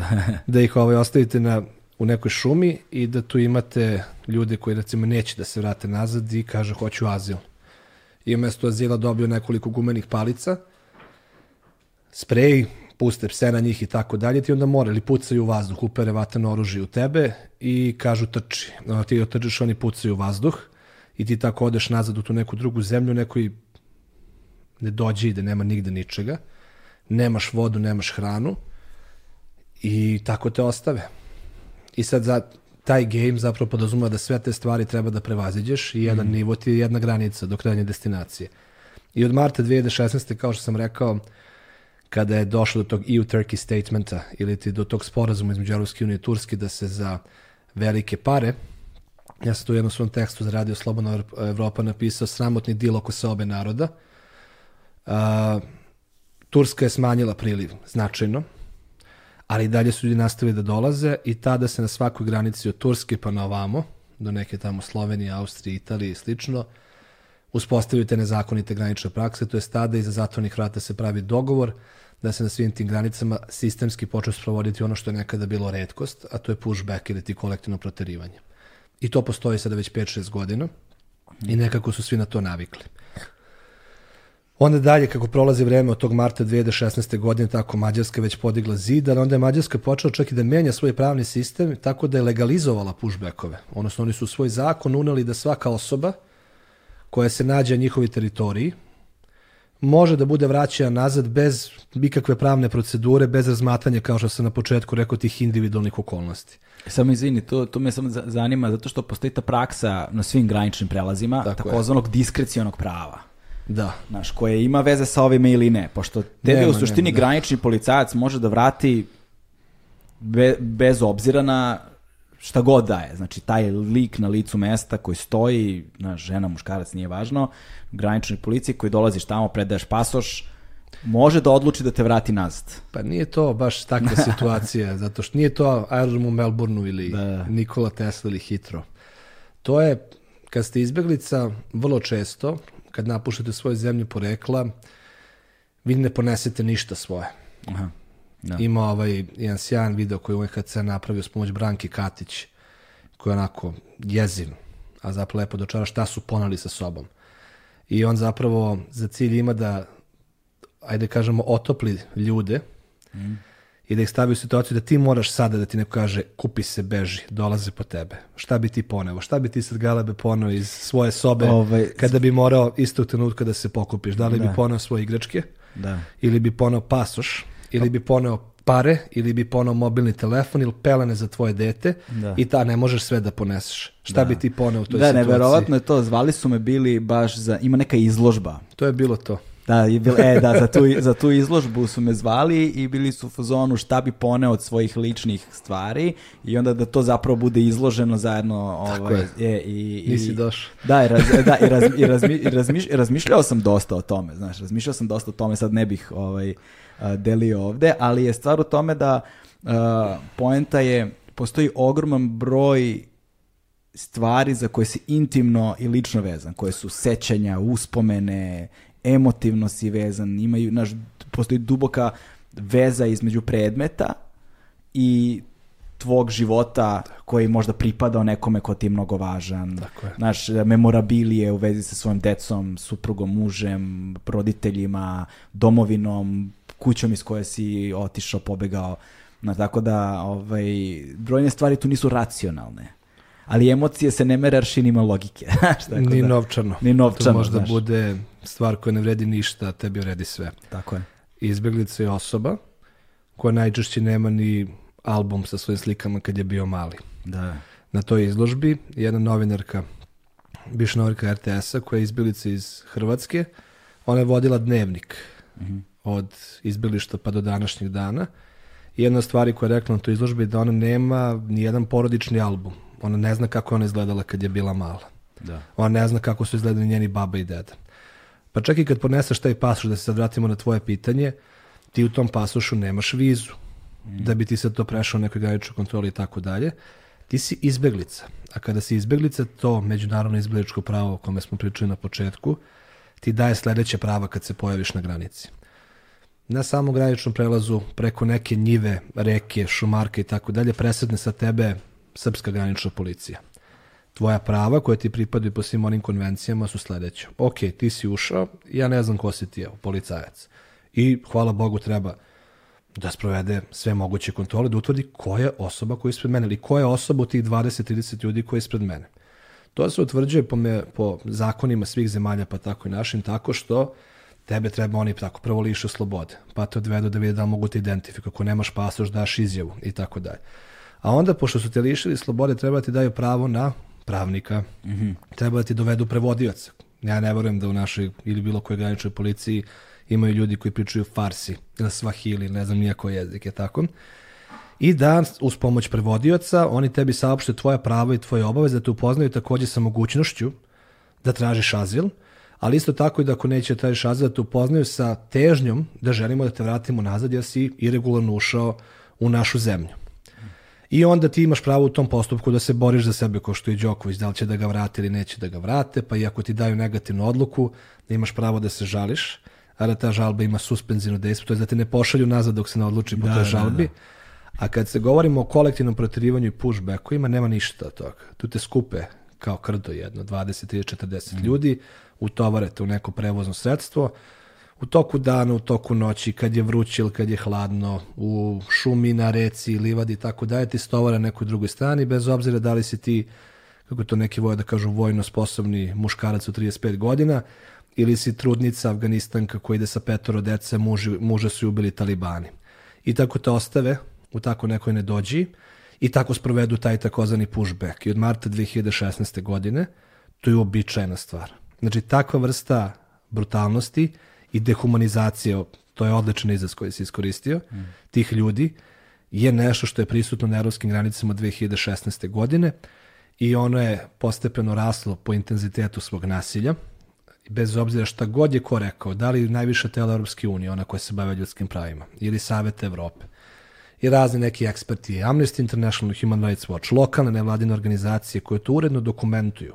Znači ja imam izveštaj jedan sa 30 ljudi da sam poveo veštaka specijalistu sudske medicine, ja sam teo da dokazujem da je činjenica da neko dobio batin Hrvatske granične policije se može dokazati time da su sve povrede koje postoje karakteristične za gumenu palicu. jer ono ostaje duguljasti oblik, je tako, svi smo videli kako su, mislim kada od pendreka kakva ostane, to su Ne, ne, neki smo i doživjeli. neki smo ih doživali, ali to su karakteristične povrede Da. koje su dokumentovane a, u samom pograničnom pojasu sa Hrvatskom, sa izjavama ljudi koji su vrlo lako identifikovali uniforme koje Hrvatska granična policija koristi, a, automobile koje vozi i tako dalje. Sve smo mi to pogledali kao neki izvešti kao dokaz da se to dešava i ništa se nije promenilo. I već pet godina taj game se igra, ne postoji naznaka da će da se promeni, a da se vrati normalno, neki su tako daleko otišli da nešto što je po međunarodnom pravu zabranjeno, zabranjeno je kolektivno proterivati ljude, on je odlučio da to legalizuje. Pa bez obzira što je Mađarska potpisala sve te konvencije, on je rekao da svaka osoba koja se nađe na teritoriji Mađarske bit će po automatizmu izbačena u Srbiju. I onda se dešava često da u ovoj našoj Srbiji ja naiđem na ljude koji su preko Bugarske, Rumunije ušli u Mađarsku, nikad nisu bili u Srbiji. I koje uzmu i stovare nazad zato što je zakonom predvideo da je tako nešto moguće. Nama taj zakon je pao na svim instancama svih evropskih unija i međunarodnih organizacija, ali on to i dalje primenjuje. I taj njegov odnos prema migracijama očigledno nešto što mu je donalo popularnost. I nažalost, mi zapravo kroz sve te neke male primere vidimo zapravo kako 75 godina kasnije vi dehumanizujete izbjegličku populaciju koja sada ne dolaze iz Evrope već iz nekog drugog sveta, bukvalno im kršite svako moguće ljudsko pravo, to se više ni ne krije. To neki rade vrlo transparentno i mi živimo danas u tom vremenu. I da se vratimo to tvrđava Evropa, posljednji primjer kako Evropa postaje jedna velika tvrđava ili možda pretposlednji, pa ću možda stati da pričam o tom gejmu, jeste da a, poput a, Erdogana i Lukašenko je zbog protesta u Belorusiji, zbog, ajde kažemo, cele te jedne krize u kojoj je sad Belorusija na udaru različitih sankcija od strane Europske unije, te sankcije recimo uključuju sada i zabranu a, preleta beloruskih aviokompanija preko evropskog tla. Znači oni su počeli da sprovode ne vrlo restriktivne ekonomske mere prema Belorusiji i došlo je ovaj, Lukašenko na ideju kako mu se ne bi ugasila aviokompanija koja sad ne može da preleti preko Poljske, Francuske da bi ne znam od, odvezla nekoga negde, da otvori, da uvede bezvizni režim sa Irakom i sa Turskom i da malte ne otvori jednu novu rutu ljudi koji kada slete u Minsk, on ih sve stavi u autobus i otvori ih na poljsku granicu. Znači imate situaciju u kojoj nakon marta 2016. godine izbjeglice i migranti se koriste za jednu vrstu geopolitičkih obračuna i da se mučene ljudske sudbine, a kažem među njima su ljudi kojima su talibani ubili sve, deca bez pratnje, trudne žene, osobe sa invaliditetom, žrtve teških trauma, znači ljudi koji nose tešku traumu zbog prve, oni njih koriste kao neke pijune u toj geopolitičkoj borbi, šalju ih na poljsku granicu i sad šta se dešava na poljskoj granici? Pa isto što i na mađarskoj. Pojavio se veći broj ljudi, ovolike oči u strahu i šta se dešava? Vanredno stanje, vojska, policija, nasilje na granicama, suzavac, topovi vodeni i tako dalje. i Tako. Znači na svakoj granici Evrope na kojoj se pojavi više od 1000 i po 2000 izbjeglica, migranata i tražioca azila, se podiže barbed wire fence. Da, mi to kad govorimo o To je granici tvrđava Evrope... Evrope. Mislim, Da, ja mi- volim šire da govorim, ne samo Da, da. Europske unije, Da, ali i je, šire. Da. I da. mi imamo zid prema Mađarskoj, to je žičan ograd, prema Makedoniji. A ovaj smo podigli jedan mali deo. E da sad tu se, da se, tu se vraćamo na ovaj... Um, uh, na, na, na, na, taj, na, taj, na, na, na tu tešku dokazivost. ovaj, ali mi smo videli tonu snimaka sa mobilnih telefona, čak i u nekim slučajima reportaža ovaj, sa novinarskih kamera, dakle zabeleženo nasilju koje se dešava na granicama. Videli smo u Makedoniji, smo videli svašta. Videli smo na granici sa Mađarskom i Hrvatskom svašta. Dakle, imamo snimke koji su zabeležili to. I dalje ne može se dokaže. Dokaže se u, u tom smislu tako da je javnost obaveštena, ali sa, iz ugla nekoga ko kao treba pravno to da dokazuje, to je pakao živ.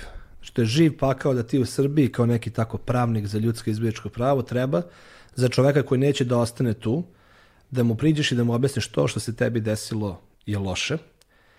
A, mi želimo da to prestane. Ja znam da mi to možemo da uradimo, trebaju nam ljudi koji su tako nešto doživeli. I nebitno je što ti neće da ostaneš u Srbiji, idi ti tamo u tvoj Nemačku, ali ostani sa nama u kontaktu. I onda moraš da sprovedeš jedan upitnik koji ima preko 150 pitanja, koje su neophodno da se štikliraju, kako bi se je tako napravio dovoljno dobar slučaj koji bi Evropski sud za ljudska prava prihvatio u razmatranje.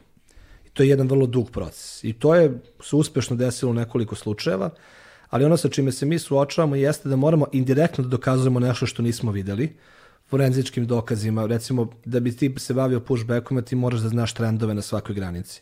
Ja znam gde ljudi iz idu u Hrvatsku, a znam da ih Hrvatska granična policija vraća. Znam determinante, zelena kuća, betonski troglovi, tako da. Znači, čitavi upitnici su razvijeni za poslednje granice i onda sledeća stvar koja treba da postoji jeste da postoji motivisani pravnik, znači ne neki koji se bavi, ja to zovem border turizam, švećka se po granici, slika telefonom povredu, ujet pasa, okači na Twitter i kaže jao strašno. Toga imamo sedam godina. Da bi ti izguro pravni slučaj pred Evropskim sudom za ljudska prava, ti možda imaš vrlo kredibilne poklapajuće izjave, barem dve osobe iz te grupe ljudi, moraš da imaš po mogućstvu te forenzičke dokaze i moraš da dovedeš je tako tu državu pred tim postupkom pred Evropskim sudom za ljudska prava u situaciju da mora da objasni kako se ovo desilo. I tu onda države padaju. A za to ti treba više dana i nedelja da nađeš jednu osobu koja to hoće da uradi, pa pored toga da onda pokreneš jedan postupak, pa onda da sa tim čovekom ostaneš u kontaktu. Moj prvi pushback slučaj koji sam dokazao i jedini do sada je bio pred Ustavim sudom Srbije i to je bio februar 2017. godine kada je grupa od 17 Afganistanaca, devetoro male dece, svi ispod 9 godina, najstarije dete imalo 9 godina, je presretnuto negde kod Dimitrovgrada, a, odvedeno u jednu užasnu stanicu granične policije koja se zove Gradina, gde su ih stavili u podrum. To čak nije bila policijska prostorija za držanje. To je podrum, zemljani podrum. To je bio februar, bilo je hladno. Tu su ih sve strpali, doneli su rešenje o zadržavanju i odveli su ih u prekršeni sud da ih kao kazne jer su ilegalno prošli. A jedna od stvari koja e, sam zaboravio da pomenem, a to je, možemo o tome da pričamo kao posebnoj temi, a to je da izbjeglice ne mogu da budu ilegalne. Njih je konvencija o statusu izbjeglica oslobodila odgovornosti za neregularan prelazak granice i boravka na teritoriji, jer oni ne idu tamo da bi išli ne znam nija šta, da otvore kebab shop negde, nego njih sila prilike natara da idu iz jedne zemlje u drugu, dok ne dođu u onu zemlju koju mogu da živaju prava iz one konvencije. I oni su njih odali na prekršeni sud i na sreću ta divna sudija u Pirotu uh -huh. je prošla neke malo obuke, upravo o tom principu nekažnjavanja izbjeglice. On ih je sve oslobodila, rekla to su izbjeglici, mi nećemo da ih kaznimo. Da. I rekla je policiji ili vojsci, tada tad su bile združene snage vojske i policije, dajte im potvrde za azil i vodite ih u centar za azil, te im je i mesto. Nemojte da ih vraćate u Bugarskoj, tamo je katastrofa šta radi izbjeglicama, loši uslovi u kampovima, krijumčari, trgovina ljudima i tako dalje. I ti neki ljudi čiji identitet, do dana danas ne znamo su rekli važi, važi, važi, ajde uđite u kombi ili kamion, ne za šta je tačno bilo i rekli su vozimo vas u kamp. I sad zamislite situaciju ljudi koji su prešli u sred noći, februar, minus 11, mala deca, starija jedna gospođa koja se slošila i tako da konačno sede u kombi i kažu nismo kažnjeni, voda nas u kamp. I sede nabijeni iza u tom nekom kombiju i raduju se ipak što će, što će ovaj, stići do nekog kampa da će moći da se ogreju, da nešto popiju, pojedu, da se konačno ispavaju. Možda su danima provali u šumi sa krijumčarom čekajući pravi trenutak pređu. I u momentu taj kamion, ajde da kažemo, staje, otvara se ona cirada iza i tamo neki ljudi im kažu ajde izlazite napolje i oni izlaze napolje i vidi se da su usred neke šume, nigde nikoga. I kažu Bulgarija this way. Neko od njih pokušava da komunicira tada sa policijom i kaže, ali kao, de nas ostavljate ovde, vidi malu decu, vidi ovu stariju gospođu, nije dobro, već je kolabirala, molim vas, nemojte to da radite, nekoliko udaraca palicom, idi tamo, idi tamo i šta će, otešli su u toj šumi, zaostali su to veče, zapali vatru i to je bila tadašnja taktika tih združenih snaga da ih ostave na samoj granici između Srbije i Bugarske, ali na lokaciji de, da bi se spasili, ne bi smrzli. Bliže im je da odu do granične policije Bugarske nego do neke srpske institucije. Onda se ljudi tamo sami vrate. I taj slučaj na svu sreću je dokazan zato što a, su ti ljudi uvedeni u sistem kad su bili lišni slobode. Znači, postoje papir u evidencijama Republike Srbije da nije ono nikad nisu bili na teritoriji, što je standardna da, da, priča. Da, da. da su im ono uzimali paklice pljuga i to. Da, Tako da, nešto, paklice pljuga, rosu ili šta god da je moglo da bude dokaz da su bili na teritoriji Srbije i taj slučaj je, zahvaljujući jednom divnom prevodiocu, Petru Janačkoviću, to je uvek što ti treba kada ovo radiš. Ne samo prevodilac koji zna jezik, već je jedan sjajan, dobar čovjek koji kulturološki može ljudski da im priđe da uspostavi taj prvi odnos poverenja. Zašto ti hoćeš da radiš neki pushback? je uspeo da stupi u kontakt sa njima i uz pomoć divnih kolega iz Bugarskog helsinškog odbora, znači ljudi koji se sa druge strane granice radi isto što i mi, je uspeo da nađe te ljude Da. i uspeli smo da nađemo izveštaj o hapšenju od strane bugarske granične policije. Aha. I onda smo videli da su oni recimo u 11.50 2. februara bili ili 3. februara bili u prekršenom sudu u Pirotu, a da su u 2 ujutru ili 3 ujutru uhapšeni u Bugarskoj. Znači da su Flash ili Superman nisu mogli da prođu tu destinaciju tim putem i tamo da se nađu. Da. I tako smo recimo uspeli da pred Ustavnim sudom, što je isto velika stvar je svaka čast eto za Ustavni sud za ovo, da dokažemo da je srpska granična policija ili vojska tada koja radila tako nešto uradila. Ali da bi se to uradilo, ja sam morao vozim u taj Dimitrovgrad, pa su jedna, to su bile tri porodice, pa se jedna razbila i vratila se isto veče, druga je otišla u jedan kamp u Bugarskoj, treća je zatvorena u Bosmancima, čuvenom pritvorskom centru. Um, Trebao sam da pošaljem punomoće tom poštom da bi oni potpisali, da bi ja mogao da se legitimišem pred nadležnim organima, da to prikupim i tako dalje. Onda su došli u Srbiju i tih 17 ljudi, ja sam pokrenuo postupak i pred Ustavnim pred Evropskim sudom i postupak pred Evropskim sudom još uvek traje. Jedna porodica u Berlinu, druga je u Velikoj Kladuši u Bosni. Treća porodica mi se nikad više nije javila, oni su ostali u Bugarskoj, izgubio sam kontakt i jedna žena se nalazi u Francuskoj. I sad ja da bi držao taj postupak živim, moram da komuniciram sa 13 različitih ljudi na pet različitih strana sveta i da dokazujem stalno Europskom sudu da je taj postupak u toku, kako bi jednog dana on doneo presudu kojom bi rekli tačno to se sada desilo. Da. I to je potpuni pakao i to je nešto što se nažalost od strane nas koji se ovime bavimo još uvijek nije organizovano na dovoljno velikom nivou kako bismo se suprotstavili takvoj jednoj magnitudi i flagrantnosti kršenja prava na granicama i da bismo mi mogli ne da izbacimo jedan slučaj godišnje, nego 50 slučajeva godišnje. Ja mislim da je pravo divan instrument koji može da prebija tako nešto, a za to ti treba velika infrastruktura, za to ne postoji radno vreme, za to ne postoji ništa, to postoji samo neka vrsta težnje da se što više ljudi mobiliše, da se sa njima ostane u kontaktu, da se pokrenu te procedure i to je mnogo teško. Malo nas se bavi time, ali eto, to je bio slučaj u kome smo uspeli. Drugi slučaj takve vrste je bio, to je prva pukotina u Orbanovoj praksi, to je čuveni slučaj Ilijas i Ahmed protiv Mađarske. To su dva dečaka iz Bangladeša, to su prvi ljudi koji su ušli u Mađarsku posle onog zatvaranja Aha. u, fe, u septembru 2015. godine. I u, je, u Mađarskoj postoji jedna fenomenalna organizacija, ona se zove Mađarski Helsinški odbor i to su diskretni heroji i borci za evropske vrednosti, ne u ovom delu Evrope, nego globalno, koji se sami tamo protiv Orbana koje kriminalizuje i sve, bukvalno pravno ga uništavaju, vrlo su ugroženi, ali se tako dobro drže da takva organizacija treba nam ovde jedna da bismo se u ovakvom sistemu onako pošteno borili protiv svog urošavanja koje se dešava. I tada me oni zovu i kažu, slušaj, prvo dvoje ljudi koji ušlo, Bangladežani su, nisu baš Sirici, ono, ne znamo da su izbjeglice nisu, ali izbacili su i gore negde kod Kanježa. I tada moj kolega Darko i ja sedam u kola, bilo je, ne znam, 8. oktobar 2015. sećam se, i vozimo gore ka Kanježi da ih nađemo u nekom šipražu iz koga će oni da izađu i tako dalje. Prvi put tada dokumentujemo dve izjave, dvoje ljudi koji su bili izloženi tada tek započetom tom naci sistemu Mađarske i taj slučaj Ilijas i Ahmed je doveo do toga da je Orban morao da menja zakon i da nije više smeo da ovaj, Srbiju smatra sigurnom, a da taj slučaj se tek završio 2019, znači četiri godine. Jedan je na Tenerifama, drugi je u Nemačkoj, pa su ga možda da sad ti nađi Bangladežani na gde. Pa smo onda, ova devojka što je prevodila za Urdu ih je dodala na Facebooku. Pa molim vas, javite se. Ne znaju ni oni tačno, oni znaju da to što treba mi radimo nešto što je dobro i što će da im pomogne. Ali nema on sad neku jaku predstavu tamo u nekom Strasburu, postoji neki sud koji tamo odlučuje da li je to što su ih iz Mađarske u Srbiju vratili toliko strašno, jer su njih 50 puta sa svake granice vraćali tamo i nazad. Ali zato ja volim da kažem da su ti ljudi koji su nam dali poverenje zapravo pravi heroji ovog vremena, odnosno da se evropske vrednosti čuvaju, ne ostaje nas koji kao sad smo školovani, imamo relativno dobar život, ode pa zastupamo te ljude, već od tog nekog dečka iz Bangladeša koji je pobegao nekih masovnih poplava koje su tamo dešavale i koji nam je dao njegov slučaj da se pred Evropskim sudom kaže e ta evropska zemlja Mađarska skrnavi vrednosti na kojima počeva ova Evropa. Znači mi smo došli u situaciju, ja tako volim da posmatram te ljude, da ti neki klijenti koje ti imaš su zapravo ljudi koji svima nama evropljanima pomažu da ne odemo ubrzano i do kraja Dođe ovo. u tri lepe. Da. I to je ono što, što, je, što te u ovom poslu daje privilegiju da personalno rasteš, jer se diviš tim ljudima, njih uzimaš svašta. I tu je sad zanimljivo, da, izvini, tu je sad zanimljivo i to da, što dodatno, verujem, otežava. Sad ja zamišljam, ne znam, sebe ili bilo koga od nas u, u, u tim okolnostima, dakle, sama činjenica da je to uopšte tvoj dom ugrožen, znači da ti mhm. svoj dom više nemaš, znači da se ti uopšte nalaziš u startu u, u izbegličkoj situaciji.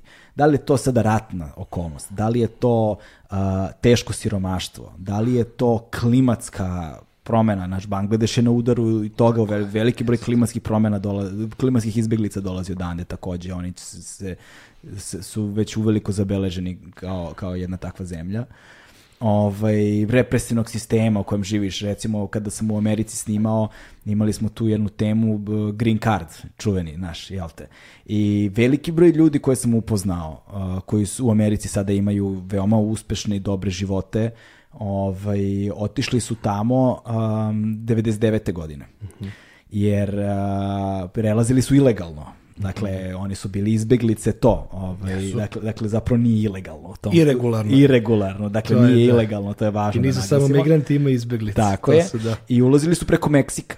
Mm. Znaš, i to je taj čovjek, i onda su mi prepričavali, su mi priče kako ulaze preko Meksika, to je kao na filmu, to, je, to, su, to su film, kao što gledaš na filmu, ono, i obično recimo ti mladi, mladi, mlađi tipovi koji su išli, išli su to ovaj, a, petak i subota noć, pošto granica prema Meksiku nema samo pičiš, mm -hmm. ali kad se vraćaš, to je ono prava ona sa filma, znaš, ono sa da. mnogo traka, ceo fazon, i onda oni tu moraju da rade trijažu, jer petkom i subotom, pošto je Tijuana i to i San Diego kad se ide, mnogo jeftinija mm -hmm. a, i nemaju age limit, onaj 21, znaš, kao 21 godinu da piješ. Dobro. I onda imaš ceo to na Ameri vikendima piče za Tijuanu ono, da bi cirkali, to je ono, znaš, kao tu, da. turizam, razumiješ, zezanje, i onda se, u, i uvek imaju ono designated driver, imaju jednog, znaš, koji mora da vozi, bude trezan i ovi svi, ono, polupani, ukomirani pozadi. I onda veliki broj naših ljudi sam upoznao koji su dolazili tamo tako što su se pravili da su pijani,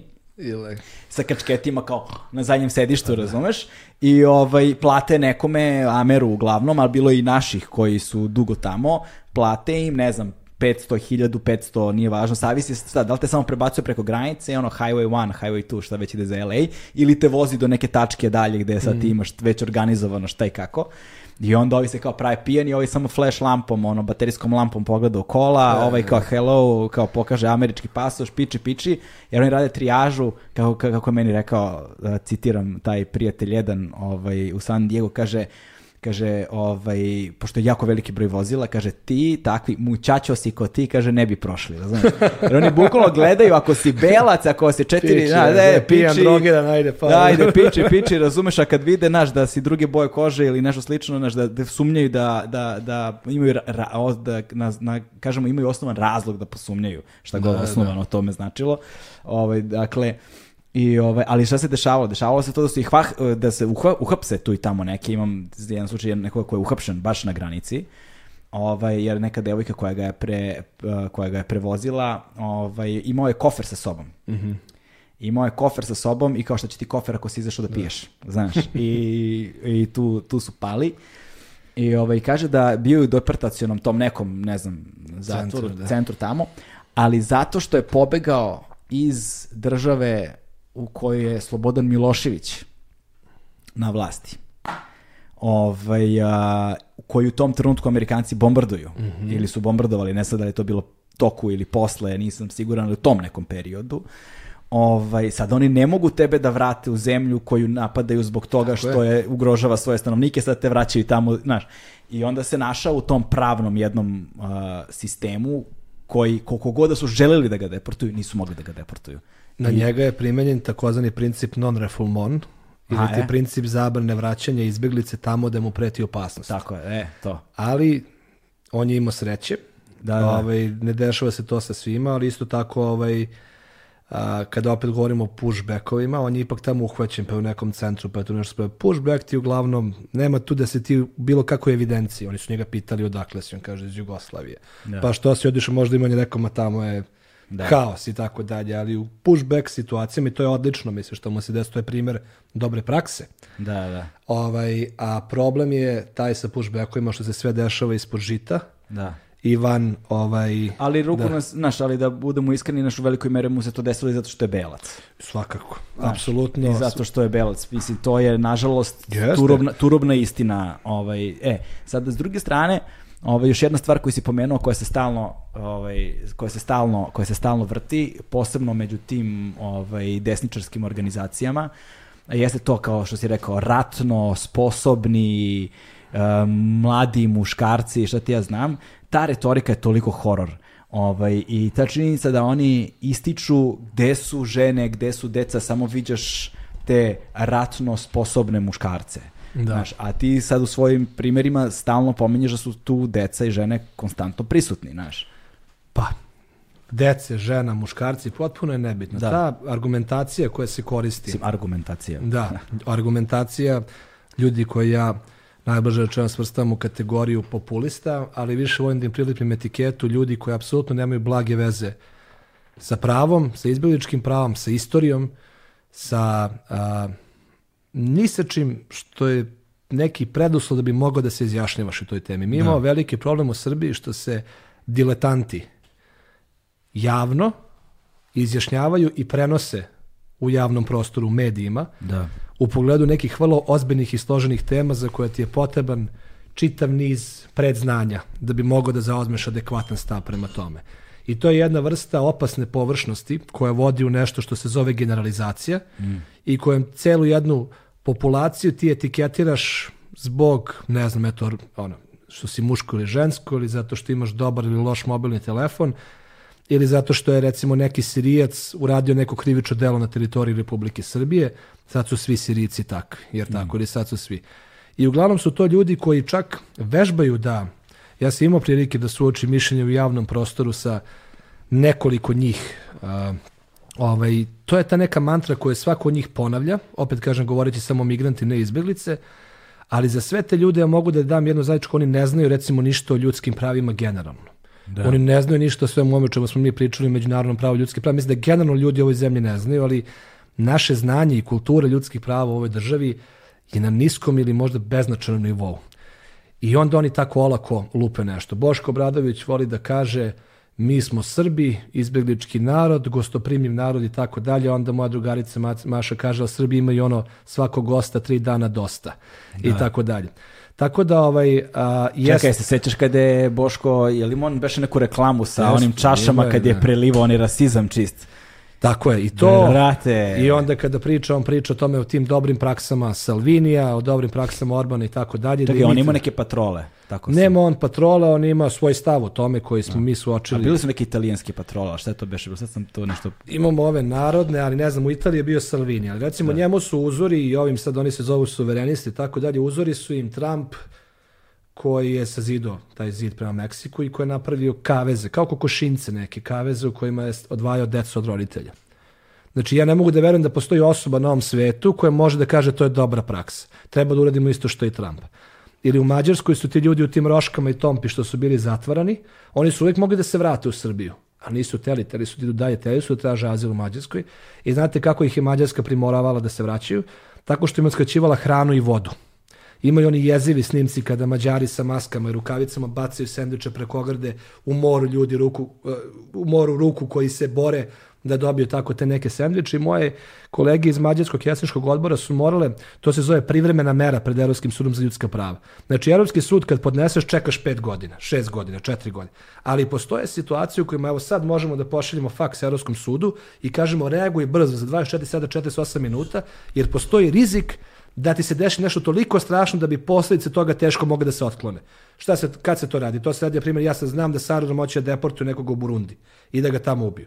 Ja šaljam faks i kažem, ne daj mi da pristupim čoveku, tvrdi da će nešto loše da mu se desi, molim vas, naredite Srbiji da to ne uradi. I Strasbourg za 24 sata do 48 sati naredi Srbiji da se to ne uradi. To su, Približi samo mikrofon. da, to su privremene mere. Da. E, ali, a ali, u- Mađari su, ako mogu samo da završim, Mađarski helsinški odbor je pisao privremene mere Europskom sudu za ljudska prava da bi ljudima u Roškama i Tompi davali hranu u kalorijskoj vrednosti koja je neophodna da biološki opstaneš. Da. Znači u sred Evrope. I onda čujem bilo koga, znači neću pričati ni o Bošku, ni o ome, ni o onome, bilo koga, ko kaže da bi Srbija trebala da uvede granične prakse kao Mađarska. Kako te nije sramota? Znači, tebe ideš, znači za to To treba da, to treba da bude, to je, ja ne, mislim, neću da, Jasno. ne znam kako da ti objasnim, ali da li si ti normalan? Ja mislim da oni ne znaju šta pričaju, zato ih zovem neznalicama. Da. I oni misle vide tamo zid i nekog ponosnog mađarskog vojnika. Ne vide šta se dešava noću kad ti ljudi pređu. Ja odgovor na to da pola tih ljudi koji tako nešto zagovara. Apsolutno nije svestan kako brutalno izgleda ta praksa i šta ona znači za nekog običnog čoveka. I to je jedna stvar koju ću joj kažem, zamisli da se ovde ponovo zarati. I ti si, budi ti vojna sposobna škola, ostani da braniš svoju zemlju. A sigurno ćeš ženu i decu da pošalješ tamo. Zamisli tvoju ženu, tvoje dete, tvoju trudnu ženu sa malom bebom. Kako se pojavljuju sred noći pred tom žičanom ogradom Mađarske. Da iza neki kontejner da će te pritvore. Da nema jedno drvo koje su posadili kad te pritvore. Da su besni nemački ovčari, suzavac, jezik koji ne pričaš Da.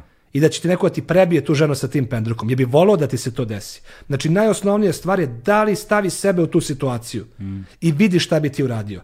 Ili bi ostavio ženu ovde da pogine jer će naiđu, ne znam, nija kakvi neprijatelji. Nebitno je, znači, zamislimo hipotetički tako neku situaciju. I zato ja mislim da su oni neznalice, zato što su sva ta međunarodna pravila o kojima smo mi pričali, kada smo započeli ovaj razgovor, napravljena zbog strahota koje su se desile pre 75 godina i niko nije bio dovoljno pametan u ovoj Evropi da nas uči o tome u osnovnoj školi, u srednjoj školi, na fakultetu ako upišeš FPN ili prava. A to mora da uči svako i da zna svako. Ne zato što je to bitno da se da, nego što je to uvek podsjetnik kako čovečanstvo može da ode daleko i da dehumanizuje nekoga. I onda kada čujem tako te neke ljude, te populiste, kako ih ja zovem. Ja prosto ne znam odakle da počnem. Jer on, on baci jednu zapaljivu izjavu, treba podići zid, dolaze da nas nasele, uzmu ženu, decu i tako dalje, da nam uzmu zemlju, da obrađuju šta god. On baci jednu zapaljivu, ovi to prenesu mediji na jedan vrlo površan način, to se zapali međunarodno. Meni treba pola sata ovde tebi da pričam da bi objasnio zašto to nije tako. Da. I zašto je važno pomoći tim ljudima. I oko čega se to svet okupio kad je donosio te konvencije. Da se takve strahote ne bi ponovile. A to, če- to što Salvini radi i što Orban radi, to su počeci nacionalsocijalizma u Nemačkoj. Je tako, oni su, šta su oni njih zvali parazitima, je tako, ovde ih neki zovu beli medvedima, ne znam, Rome imigrante kao ne smije im niko ništa. Da, zovu I beli tako. medvedi ovi Beli da. medvedi i tako dalje, tako dalje. Znači, to je analogija čista koja kada bi se napravila, vidi se čega su to tragovi. I onda kada ih slušam ili kada čujem jednog poslanika sada van parlamentarne opozicijne partije koji izađe u skupštinu na RTS-u i pročita statistički podatak kao da je on otkrio ne znam nije šta, da je kroz Srbiju 2015. i 16. godine prošlo 650.000 ljudi i da su svi dobili potvrdu za azil. I on u parlamentu, koga gleda vjerojatno milion ljudi na RTS-u, ljudi gledaju ili reality ili Narodnu skupštinu, pročita neki 600.000 ljudi će se vratiti, jer je tako rekao austrijski ministar spoljnih poslova, neki Kicl, Kicl, ne znam kako se zove, koji je rekao mi ćemo sve te ljude da vraćamo u Srbiju. Da. I sad ja da čujem 600.000 ljudi. Bliže da, mikrofon da. samo. Ne, približi ga sebi slobodno. Da. I ja sad razmišljam 600.000 ljudi, pa naravno da nije normalno da se vrati. Ali to je pravno nemoguće. Ali on je to izgovorio. To je ostalo u etru. To se urezalo u 90% populacije ovde. Da. A ja sam samo da nije mi bilo teško matematički račun u odnosu na te ljude koji su dobili koliko može da ih se vrati. Nekoliko hiljada pod uslovom da je samo Srbija. Ali gde ja to mogu da kažem? Da. Tako da ti populisti i onda oni pričaju o tim teorijama vojno sposobni muškarci. Pa naravno da će pre na put da krene muškarac koji ima 35 godina nego trudna žena ili dete bez pratnje kojih mnogo prolazi. Zašto? Pa zato što mora prođe 50 batina preko 50 granica. Da uđe u čamac sa lažnim prslucima da se izbori sa krijumčarima koji hoće da mu uzmu novac, mobilne telefone i tako dalje i da stigne negde tamo i da radi spajanje porodice. A onda šta sledeći kažu populisti? Zašto oni nisu ostali u prvoj sledećoj zemlji iz koje su pobegli? To je još jedna od mantri koja se stalno ponavlja. Pa evo ja ću da vam kažem zašto. Da li su ljudi iz bivše Jugoslavije ostali u Mađarskoj, Slovačkoj ili Rumuniji? Ili su bežali u Nemačku, Švedsku, Kanadu i Ameriku? Australiju. Australiju i tako da. Gde su išli? Išli su u sisteme koji su dovoljno dobro razvijeni da mogu, i to ne u potpunosti, da uživaju ona prava iz konvencije o statusu izbjeglice, su oni bili izbjeglice. I ja sam ubeđen da ni bilo ko od tih ljudi koje sam sada pominjao, ne bi rekao idi sreće moja pređi ostani u Rumuniji i ja ću doći. Nego piči sestru za Švedsku da nam deca imaju adekvatno obrazovanje i da jednog dana imaju budućnost. Da. I onda kažu, ali ne mogu izbjeglice da biraju. Ne mogu načalno, ali mogu da odluče da ne ostanu u sistemu u kome ne mogu da uživaju svoja prava. A to je tako i škola i radna dozvola i tako dalje i tako dalje. I to su sve neke stvari evo, kojima sad ja ti pričamo 25 minuta, pola sata. Ovaj to izađe kaže jednom, ostane živ, nema nikog da mu kontira, niko na našoj političkoj sceni, ni pozicija, ni opozicija. Apsolutno ga ne interesuje ova tema.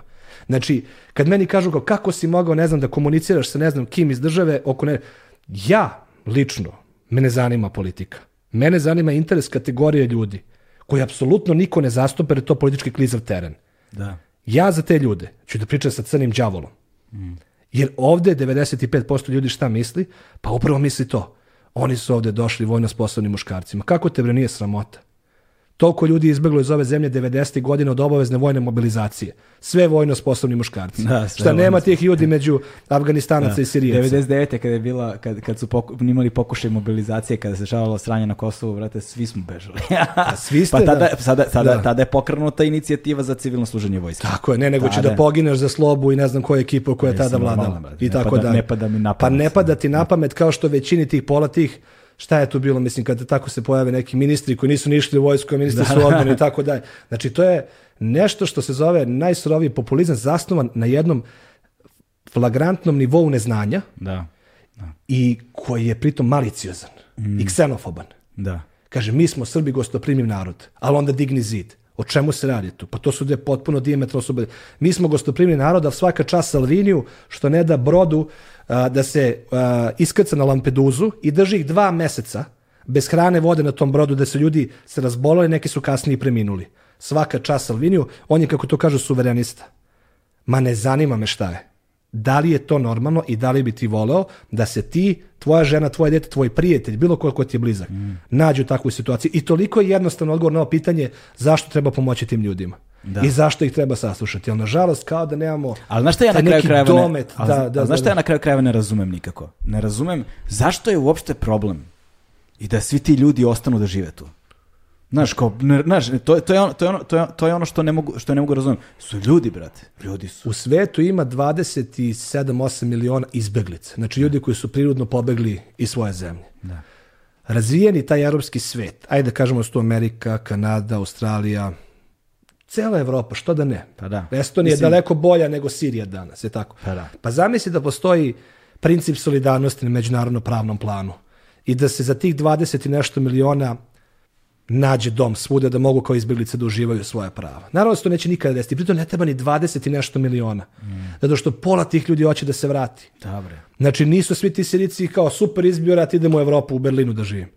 Ma i dalje 3,5 miliona tih Sirijaca čeka da se vrati i vraća se polako. I grade taj razlupani Alepo i taj razlupani Jedlib i Damask i tako dalje i tako dalje. Znači neće ni svako, pa šta, i to mišljenje nas evropljanja o tome kao oni hoće dođu kod nas, kao da mi ne znam ni ja šta ovde imamo. To to mišljenje visoko o sebi. Znači nemo... Ali neverovatna mi je ta disocijacija uh, stvarnosti. Dakle, s druge strane, ajde što smo mi do juče bili izbeglice. Ono, uh, dakle, nego što mi imamo problem sa ekonomskim izbeglištvom, odnosno ekonomskim migracijama A to je, to je moj glavni argument. Znaš, kao, sad ga imamo, sad ga imamo. Evo, evo pakuju se, znaš, kao klinci, u, kad, kad, kad upišu medicinski fakultet, paralelno upisuju kurs za nemački jezik. ćao, da. To, se, to se masovno radi. Kao, znači, to, znaš, kao, ti sad vidiš, a onda ti pričaju, znaš, nije ni ovde tako sjajno, znaš, ilu, razumeš, iluzija života kako je u Nemačkoj, kako je u Americi, pa ti pričaju i kao sad ti imaš taj paralelni univerzum gde sad mi doživljavamo ono da smo kategorija građana drugog reda, da ovo, da, ono, da, da znaš, kao imaš to, to u, u, izbeglištvu, dakle u migraciji, Mhm. imaš a, ono, a, mi- prva generacija migranata. Tako je. Tvoj život je ćao. Najteže. Tvoj život je ćao. Tvoj život je tvoje Ti, ti tamo da tvoj deci obezbediš, tvoj život je ćao. Tako je. Znaš, kao i sad ti se doživljavaš, sukobljavaš sa time, a onda kada dolaze izbeglice iz ono ratnih područja, iz kriza razno raznih širom sveta, njih ono, znaš, kao tu pushback, kao tu sad kao njih odjebi. Tako je. Znaš, I sad, i kao kako ne vidiš duple aršine, ne vidiš duple standarde, ne vidiš kao licemerje, elementarno Teško licemerje licemerje. i kako ne uspevaš da projektuješ uopšte. Ako jedno te situacije treba da projektuješ sopstvenu sudbinu na neku drugu situaciju, to je ova.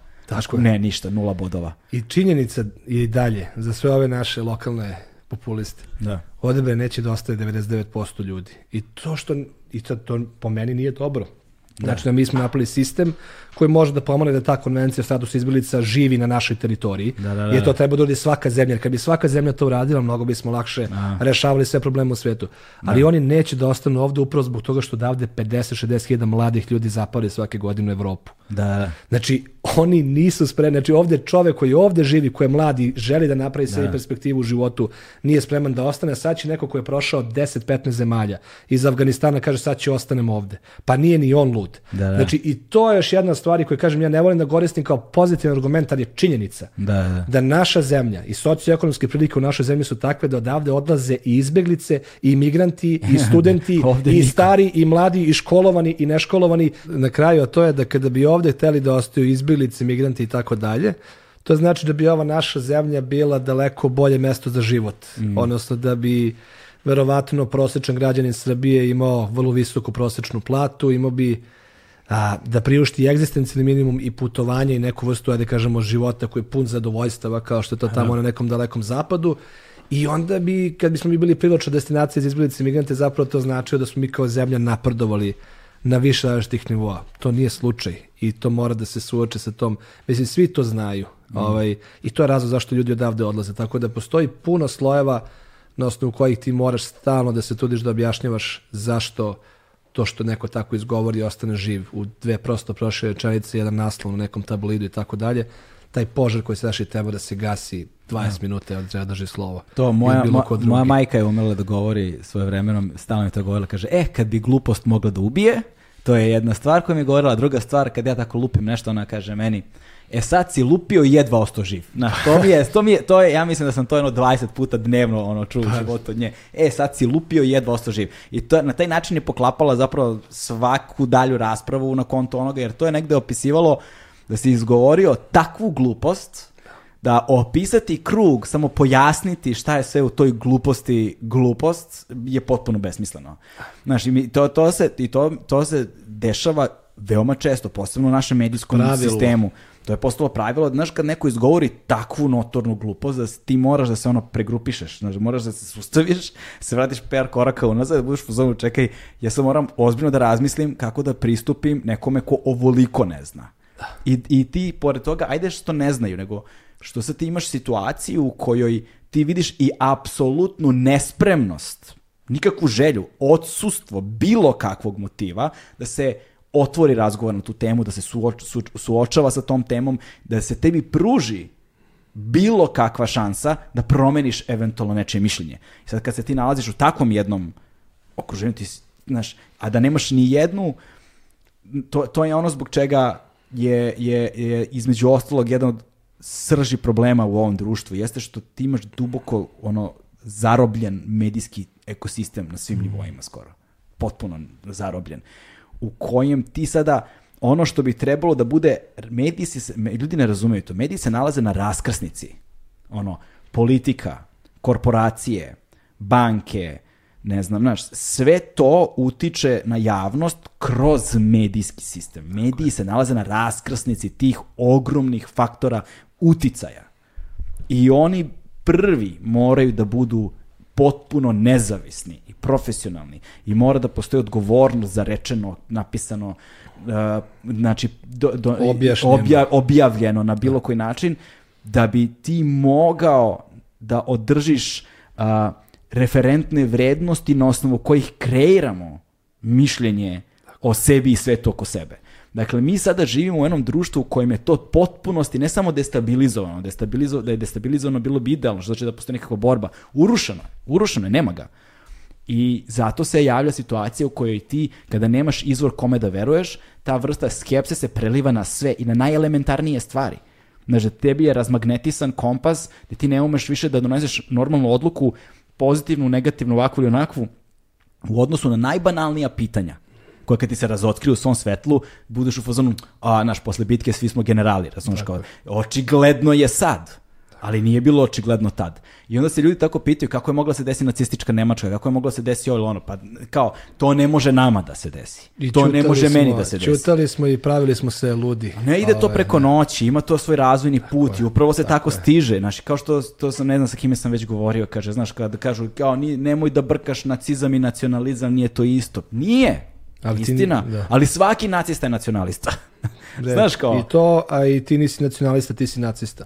znaš Tako kao. da, ovaj, eto, Ja, mislim, to- nisi, nisi, to jest, taj nacionalista, ti nisi rodoljub ili patriota. Ma To je, god, znaš. ako tako nešto radi, zato što je za mene rodoljub i patriotizam čuvanje jednog društvenog sistema u kome ti živiš koji piše u tvom ustavu, zalaganje za slabijeg i tako dalje. Za mene su to te neke stvari, a ovde, kako Znaš, sve je mislim, poremećeno, ali Jer je s druge, jer s druge strane, ja sam, ja sam recimo, ja sam proizvod zemalja nesvrstanih.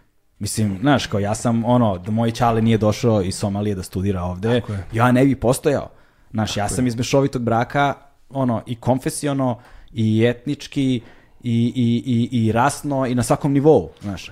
I vrlo dobro znam kako izgleda ono ta borba sa identitetom, znaš, sa pripadanjem, sa, sa, sa, sa sistemom u kojem ono, znaš, svašta se tu dešavalo, znaš, sad da ne, ulaz, da ne ulazim u to, ali je, ali činjenica da mi nemamo sposobnost da razmišljamo, a pritom se ne znam kako ljudi busaju u nekakve kosmopolitske grudi, znaš, a, a ono, gde nam je taj kosmopolitizam, razumiješ, kada su ovakve stvari, koji su to stra, iracionalni strahovi koji nas ophrvavaju na taj način. Ono, potpuno je nenormalno i sad kao ti se nalaziš pred lavinom tih gluposti, s jedne strane, a s druge strane pred užasnom stvarnošću koju žive ti i ljudi, vrlo složenom stvarnošću. pravno složenom pre i svega. pravno i na bilo kom nivou vrlo složene stvari koje na takav jedan način koji si ti predivno opisao oni tako prosto kvalifikuju. Bez ulaganja To- e, to je nekog- banalizacija. Znači banalizacija. I ti i mi jesmo postali društvo koje je vrlo složene i vrlo a, komplikovane stvari sa svih aspekata, pravno, politički, sociološki, kulturološki, kako god, rešavamo na proste i instant načine. Mi smo postali jedno instant društvo, društvo koje instant zauzima mišljenje, bira strane i tako dalje, a neće i postoje lenje, lenjo da malo dublje uključi mozak i pokuša da prodre u neku temu. I naravno krivica za to i jeste ono čemu si ti pričao, to je više nemamo ni medije koji će to na pitak način da približe nekome ko ne znam se bavi nečim drugim, pa nije sad da mora da zna da postoji konvencija o statusu izbjelicama da ja mislim da bi morao to da zna, ali isto tako i novinare koji, kažem, ja ne znam, ono pre je bila, ne znam, politika je tako, pa si imao spojna politika, pa si imao društvo, pa svaki novinar ima svoje. Ti danas i novine imaš koji jurcaju iz teme u temu i ne mogu da prenesu, ne mogu da usvoje izbeglicu umjesto migranti i tako dalje. I u takvom jednom društvu ti zapravo vidiš koliko tih strašnih stvari prođe ispod žita, niko ih ne primeti, onda kad evoluiraju i pretvore se u neke a, narodne patrole ili neke a, kanale na društvenim mrežama koje vodi Leviatan. Jo, Bože, ili, kad vidim one snimke sa YouTube-a i to da je te Leviatan i to. i oni uskaču tamo i tako dalje i tako dalje, onda je već kasno, onda su oni već dovoljno prodali tako da je ne znam koliko mladih ljudi indoktrinirano time na nekom tom istom YouTube kanalu i tako dalje, onda kada vidiš da ih policija ne uhapsi, tužilaštvo ne goni, a sud ne osudi, onda počneš da neguješ a, vidi to je okej, on je to uradio, ništa mu se nije desilo, to je cool, to ću ja da uradim. I tako se korak po korak dolazi od toga da oni prvo pr- lupaju gluposti i prosto interpretiraju vrlo složene stvari, onda uzmu zanos u svemu tome pa dobiju i neku vrstu veće vidljivosti, a onda dobiju i brojčano veću podršku, a onda prvo prete i presreću ljude na ulicama, šta je sledeće, počeće da ih biju,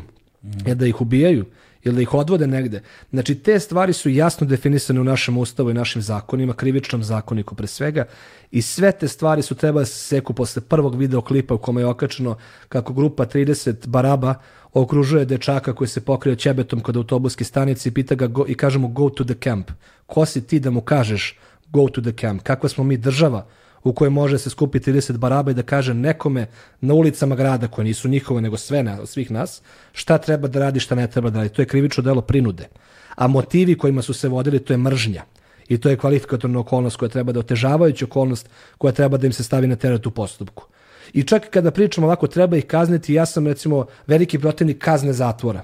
Ja generalno mislim da izbacivanje nekoga iz društvene sredine ne može, Ispravi samo mikrofon. ne se može da bu, E, to slobodno, još slobodno. Tako da je. ne može da bude a, delotvorno koliko može recimo je tako i ti ljudi koji to rade su složene ličnosti isto. Tako je. I nije ni poenta sad samo zatvoriti ih i reći oni su ksenofobi, nacisti i tako da. Ja nisam pobornik čak ni toga. Ali tim ljudima treba jedna ozbiljna re, reintegracija, rehabilitacija u normalan sistem vrednosti. Recimo, uvek kažem, njih nikada ne bi kaznio, kada kažu pa šta treba se desiti, evo krivično, ja kažem treba. Znači zatvor. Ja kažem ne zatvor. Imamo mi recimo uslovnu osudu sa zaštitnim nadzorom.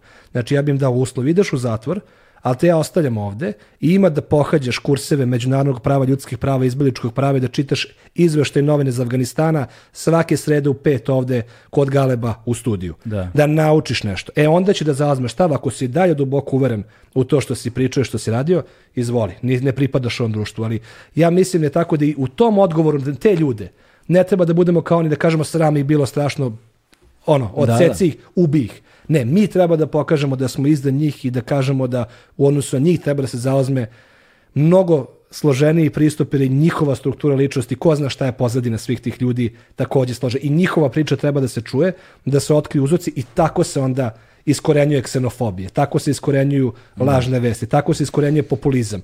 Jer ti dođeš do uzroka. A ako će sad da ih zatvoriš, izaći će i bit će svaćeni kao mučenici.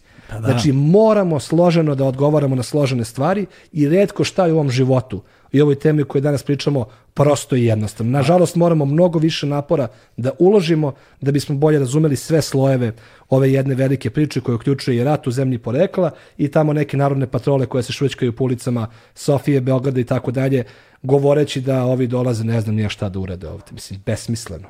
Potpuno besmisleno, znaš. A i sad ne samo stvar u tome da ti se pretvaraš njih u mučenike, nego ti zapravo umnožavaš problem. Tako je. Umnožavaš problem, jer fundamentalno uh, mi se tu suočavamo sa jednim problemom u obrazovanju, sa jednim problemom uh, socijalnom, uh, emocionalnom, ekonomskom, ono na nivou cele države, Tako gde je. ti imaš hronično stanje gde ono, hajde sada izbeglice na stranu, ti isti, ti ljudi, mahom, mla, mahom i mladi, ali ne samo oni, žive duboko u nesrećene živote na mnogo nivoa. Tako A je. što je najgore od svega, toliko dugo živimo u takvom jednom društvu da smo izgubili sposobnost da vidimo koliko je loše. Znaš, kao mi možda prepoznamo neke hronične stvari ovakve ili onakve, ali ko zna koliko stvari ima koje su nam užasne koje ni ne prepoznajemo. Tako je. I to ne žive samo, je tako, što ti kažeš, i to je jedna stvar od koje ja polazim, recimo, kad u svom radu komuniciram i sa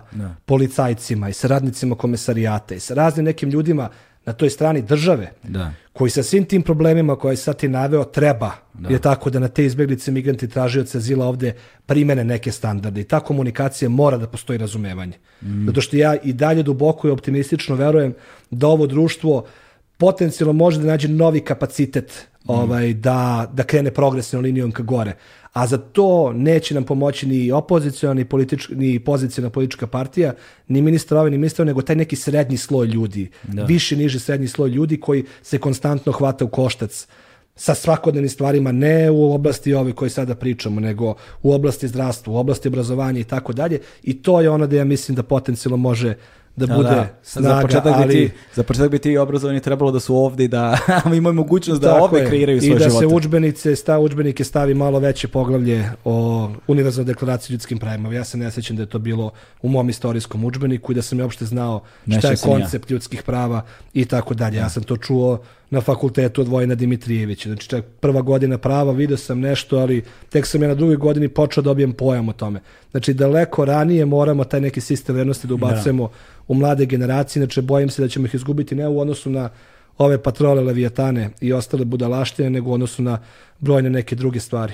Pa to, znaš, jer to, ta, ta, i s druge strane, ta tobože, taj tobože, tobožni kosmopolitizam, integracija i ne znam ti nija šta, opet se posrednički nekako dešava, znaš, kao, mi smo svi načelno, znaš, nemam ništa protiv, znaš, o- ovoga ili onoga. Da. A, ne smetaju mi ovi ili oni. Ja sam za ove ili one, sve dok mene lično ne po znacima navoda ugrožava. Znaš, kao super mi je da mi kolega bude iz te i te zemlje ili da bude ovakav ili onakav, ali ne daj Bože da je moje dete. Znaš, ne daj Bože da mi uđe u porodicu. Tako je. Ne daj Bože da mi, znaš, ali onda šta to znači? Jezivo. Znaš, šta to znači? Znaš, kao kakvi su to standardi? Znaš, i kao na, na osnovu čega ti onda za sebe možda kažeš da si bilo To šta? znači nismo doživjeli promenu na unutrašnjem planu, Ne, da smo možda kakvi. prihvatili neke mantre, to je ono kao... Ali nismo ih prihvatili, tolerišemo ih. Znaš, kao Toleriše, to da. ono, moram, kao, takvo je vreme, ne smem ja sad, znaš, kao moram, razumeš, ako se, ali ako bi se intimno pitali, mislim da bi slika bila radikalno drugačija. Jeste, to je društvo u kome svako za sebe i u principu odnosi se i bilo kakav oblik saradnje uspostaje šta imamo toga, a nešto mi možemo zajedno da uradimo na opštem interesu i to je ono što nažalost razara brojne društva pa tako i ovo naše i to je ono zbog čega je daleko teže u takvim okolnostima da je mindset manje više Da. ovakav kako smo pričali, da ti sad se pojaviš i objašnjavaš E, sad- zašto ne treba, ne znam, da biješ da ti- ljude na granicama ili da ih vraćaš sa aerodroma ovako ili onako. Mislim, ali, ti- mnogo da. ali s druge strane, ti si u svom tekstu Novak Đoković, gospodin X, imao i gospođu Y. Tako je. Na, I sada e, kada govorimo o ženama, mi sada tu imamo taj cel, celokupna problematika se diže na, za još jedan stepen. Da. Ono koji je brutalan i monstruozan i teško je o njemu govoriti uopšte. Ti si oslikao nekoliko primjera u tom tekstu, ovaj, koji ću da linkujem ovde, pa ljudi mogu da, da ga pročitaju, da ne jure daleko. Ovaj, i, i, I cela ta, znaš, sada, uh, ajde ovako, uh, još jedna, još, jed, još jedna stvar koja je tu problematična, mi smo ovde balkanske rute, čuvene rute, znaš, je. ovde je ono, od trgovine drogom pa oružja i ne znam čime, te rute su i veoma dobro razrađene, postoji tradicija saradnje, ono, kriminalnih organizacija, d- ono, zvaničnih, uh, uh, um, ovaj, kako bismo to rekli, zvaničnih institucija, nazovemo to onako eufemizam jedan da upotrebimo. Ovaj, a, I kada je došlo do krijumčarenja ljudi, ovaj, verujem da se tu, tu si ovlaš pomenuo neke stvari, ali kako se, sa, čime si se sve suočavao u svojoj praksi? I Da. kakva je situacija sa izbjeglicama danas?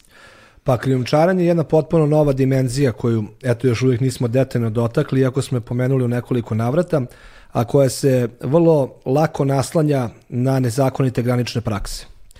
Šta to znači? To znači da a, kao što smo rekli, ljudi nastavljaju da idu i da dolaze, je tako, i ako već ne može da se javi regularno po zakonima te zemlje nekom policajcu na zelenoj ili nekoj drugoj graničnoj liniji i da kaže hoću azil, pusti me unutra, on će da plati nekome, da ga provede kroz neki šumarak, preko neke reke, nekog mora i tako dalje, da ga ubaci u zemlju. To su krijumčari, znači ljudi koji te i tako omogućavaju da van regularnih puteva ti uđeš iz jedne zemlje u drugu. I ti krijumčari vrlo često se u populaciji izbjeglica i migranata doživljavaju čak kao i neki heroji, iz prostog razloga što je on taj koji će mu pomoći da dođe do tog nekog boljeg života.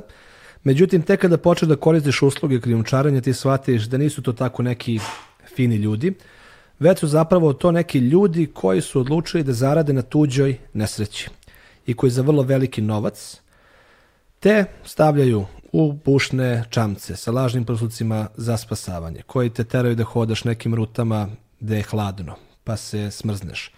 Koji kada, na primjer, ne znam, kada se pravi krijumčarski dogovor, on počne u zemlji porekla. Ti se tamo s nekim čovjekom u selu, ko zna nekog čoveka u Iranu, a ti si iz Afganistana, dogovoriš, ide moj sin na put. I onda se napravi tako, u zavisnosti toga kojim tačkama će se neko kretati, napravi se plan i odredi se ukupan iznos novca koji treba da se plate za to. I onda se to plaća Znači, u znaju ti iznosi? Pa ne znam, radili su mnogi razne istraživanja, to toliko varira, mislim, od ovog toga 500 evra za jedan prelazak do 3000 evra. Mislim, vajda cenu određuje i a, stepen uspešnosti, a, verovatnoće da ćeš preći granicu, ali nivo rizika kome se taj krijumčar izlaže kada a, te vodi... A vrlo često i proizvoljno i oceni kad te vidi, ono. A i kad te vidi tako, da ja verujem da ne postoji neki cenovnik za koji možemo se pouzdamo kao, ovaj, kao stabilan, ali onda tako kad se oni dogovore oko tog krijumčarenja, ti svaki put kad stigneš na sledeću destinaciju, tebi tata iz Afganistana uplati sledeću ratu. Znači stigo si iz Turske u Iran, iz Irana u Tursku, prva rata, iz Turske u Bugarsku, druga rata i tako dalje. Međutim, nekad se dešava da neki od tih roditelja recimo ne mogu da plate treću ratu. Ti si stigo do Sofije. Držete u nekom naselju u blizini Sofije, u nekim napuštenim kućama, u nekim podrumima. To je to neko čuveno mesto. Mislim da je tu neko romsko naselje, kako meni pričaju moji klijenti kad mi pričaju o Bugarskoj. I onda tu vidiš strašne stvari. Nisu platili. Ok, sad ti zovi telefonom i reci, ako ne plate, uzet ću ti bubrek. Tući ću te, matatirat ću te, izgladnjivat ću tako. Znači ti krijumčari, nisu samo krijumčari, oni su trgovci ljudima. To jest eksploatišu slabost, određenih ljudi na različite načine. Da li seksualno, da li tako što te navode vrši kriminalitet i tako dalje. Znači, to su organizovane kriminalne grupe koje su vrlo brutalne, koje zarađuju ogromni novac, koje se sastoje od domaćih i stranih državljana određene zemlje, među kojima su i ljudi koji su možda izbegli svojih zemalja imigranti i koji su shvatili da kada su svi već podigli ove zidove, ograde i uveli Frontexe i termovizijske kamere i tako dalje, da je to jedan vrlo unosan posao, kao što je trgovina drogom i tako dalje. I njima se isplati, bez obzira na teške krivične sankcije, da tako nešto rade. I svake godine se na nivou sveta ne okreću milioni, nego milijarde eura ili dolara na krijumčarenje. A sad zamislite još to kada pošaljete dete od 15 godina da gleda tako nešto. U toj nekoj napuštenoj kući u podromu, da 30 dana čekaš da dođe neki krijumčar da te pozove idemo na game večeras. Da. Pa zamisli ne stigne ti rata. Ili si dete koje gleda drugog čoveka kome nije stigla rata kako ga tuku, ubijaju, muče, izgladnjuju i tako dalje. Ti isti neki krijumčari. A onda kad pomisliš u Bugarskoj, ja možda bi mogao da pozovem policiju, vidiš da je u Bugarskoj prethodnih nekoliko godina uhapšeno više desetina policajaca zbog saradnje sa organizovanim kriminalnim grupama koje se bave krijumčarenjem. I dolazimo u jednu paradoksalnu situaciju. Kada je Orban dizao zid, on je dizao zid jer je rekao mi sprečavamo takvu ilegalnu migraciju i borimo se protiv krijumčarenja. Kada su, Italija, kada su italijanske obalske straže počele da presreću brodove u međunarodnim vodama sa izbeglicama i migrantima iz Libije, Alžira i Tunisa koji idu ka, ka Italiji, Njihovi tada ministri spoljnih poslova i unutrašnjih poslova su pričali mi na ovaj način suzbijamo krijumčarenje, suzbijamo kriminal. Znači pod mantrom i oreolom toga da se suzbija kriminal, oni zapravo sa sve restriktivnim merama sve više guraju te ljude u ruke krijumčara i na taj način podstiču mm. da to krijumčaranje cveta. To je isti onaj primjer kao kako objašnjavaš činjenicu da je konzumacija marihuane u Holandiji pet puta veća ili deset nego tada u susednoj Nemačkoj u kojoj je tada bila ilegalna mm. i tako dalje. Znači, to je taj neki retributivni mentalitet, populistički takođe, u kojima su zemlje koje imaju svoje zakone, ustave i međunarodne konvencije koje uređuju kako treba da se ponašaju na granicama, oni kršeći zakone svojih zemalja stvaraju novo bezakonje krijumčarenja, koje cveta i raste, koje se ne smanjuje. Da. I sve veći broj ljudi gine, nestaje. Ja sam slušao strašne priče o tome šta čak rade i te krijumčarske grupe gore po severu Srbije. I to rade? su jezive stvari znači gde postoje obračuni, gde postoje ja se sećam među krijumčarskim grupama i među krijumčarskim grupama kako eksploatišu izbeglice i migrante kako ih, a, ako ne plate šta im se gore dešava, šta su meni pričali ljudi, da čak gore postoje neki mrtvi zakopani ljudi, ja nemam dokaz za to, to dolazi do mene. Ali kada čuješ, na primer, sa svojim klijentom, kada pričaš i kad pokušavaš da ga izvučeš, relativno skoro imao uh, jednu klijentkinju koja je tako. Znate, vi kada ste u bezizlanoj situaciji, kada vam trebaju pare, da biste prešli granicu i nemate te pare, nemate način da zaradite u Srbiji taj novac, često se dešava da te krijumčarske grupe kažu, ok, ajde, ti počne da radiš za nas, počne da nam vrbuješ ljude za naše usluge i tako dalje, pa odradi svoj ovaj svoj iznos koji ti je potreban da bi, da bi, da bi te prebacili preko granice. I recimo svi pokušavaju da zarade između 4 i 5 hiljada evra, jer to je iznos koji ti je potreban za nešto se zove safe passage. A šta je safe passage? To znači da kad platiš 5000 evra, ti si za 4 sata 5 iz Srbije u Beču. Postavi pitanje kako. Hmm, znači to postoji? To postoji. Meni je evo taksista iz Šida, jedan gospodin čovjek tamo što čeka na voznoj stanici da stigne voz iz Beograda do Brenovca, pa ih tera gore ka Batrovcima da oni preko njiva idu u Hrvatsku. Rekao kako ga je jednom jedan dečak iz Afganistana zamolio, da ga vozi na autoput on je rekao da ćeš na autoput na zvanični granični prelaz pohapsit će na sve. Ne, ne, ne, staćeš ti ispred autoputa i ti sad mi stajemo, kaže mrkli mrak, stajemo u zaustavnoj traci, on izlazi napoj, kaže, gde ćeš čoveče, kaže, u redu je sve, plaća mi koliko smo se dogovorili i prolazi džip sa zatanjenim staklama sa vukovarskim tablicama, on seda pozadi i pravac na granični prelaz.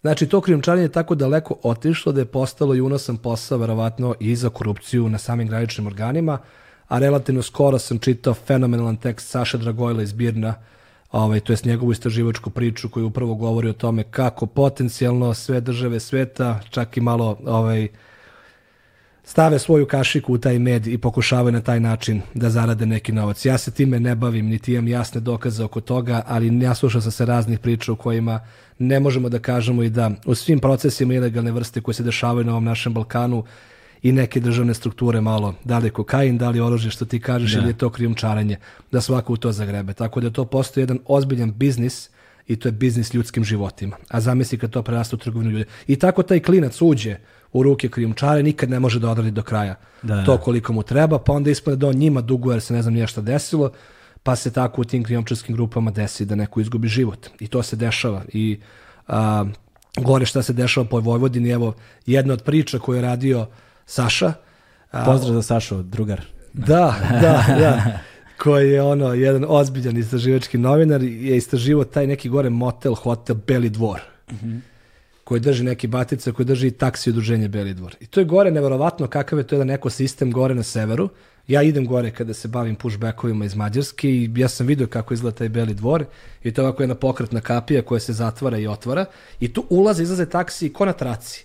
Odvozi jedne na granicu, a vraća ove koji nisu uspeli da pređu nazad. To je tako. A dole 300-400 metara parkiran policijski auto, a kilometar dalje centar Sombora. I to, je, to se gore dešava. I tu je neki veliki prihvatni centar i sve tako da... Evo, boja Da. Sombora.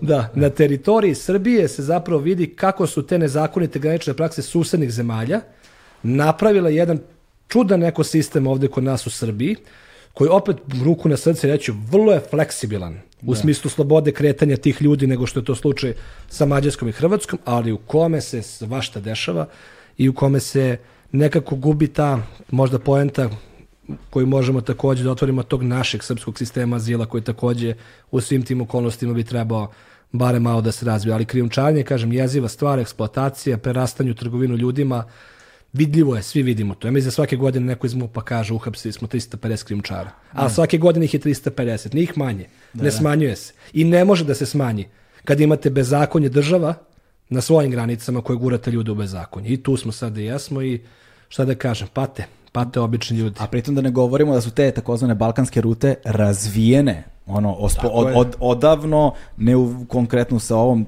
temom, nego su u vezi sa drugim stvarima. I onda kada se pojavio ovaj problem, zašto onda ne iskoristiti već dobro razrađeni sistem koji u ono provereno funkcioniše sada na neke druge nesrećne duše.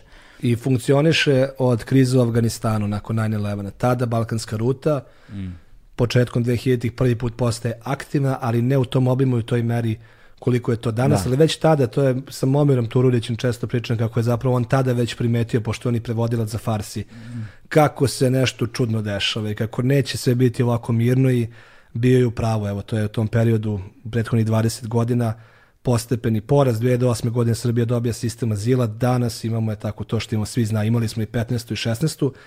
Teško da će ta ruta izgubiti tu neku svrhu i funkciju koja je imala još od Lepenskog vira. Da, da, Da. da, I neće, neće nikad verovatno dok je ljudi, ono, dok je svet ovakav kakav jeste, to će, to će nažalost ovaj, ovaj, biti slučaj. E sad, a, a, a, koliki, pazi, jedna od stvari ovaj, koje sam, kojima sam razmišljao kada si govorio o, o pravnom procesu i o tome da ti zapravo moraš da ono sa ne znam 13 ljudi da imaš konekciju kroz ne znam šest različitih zemalja da bi ovaj slučaj bio dalje aktivan ono pred sudom za ljudska prava, jel te?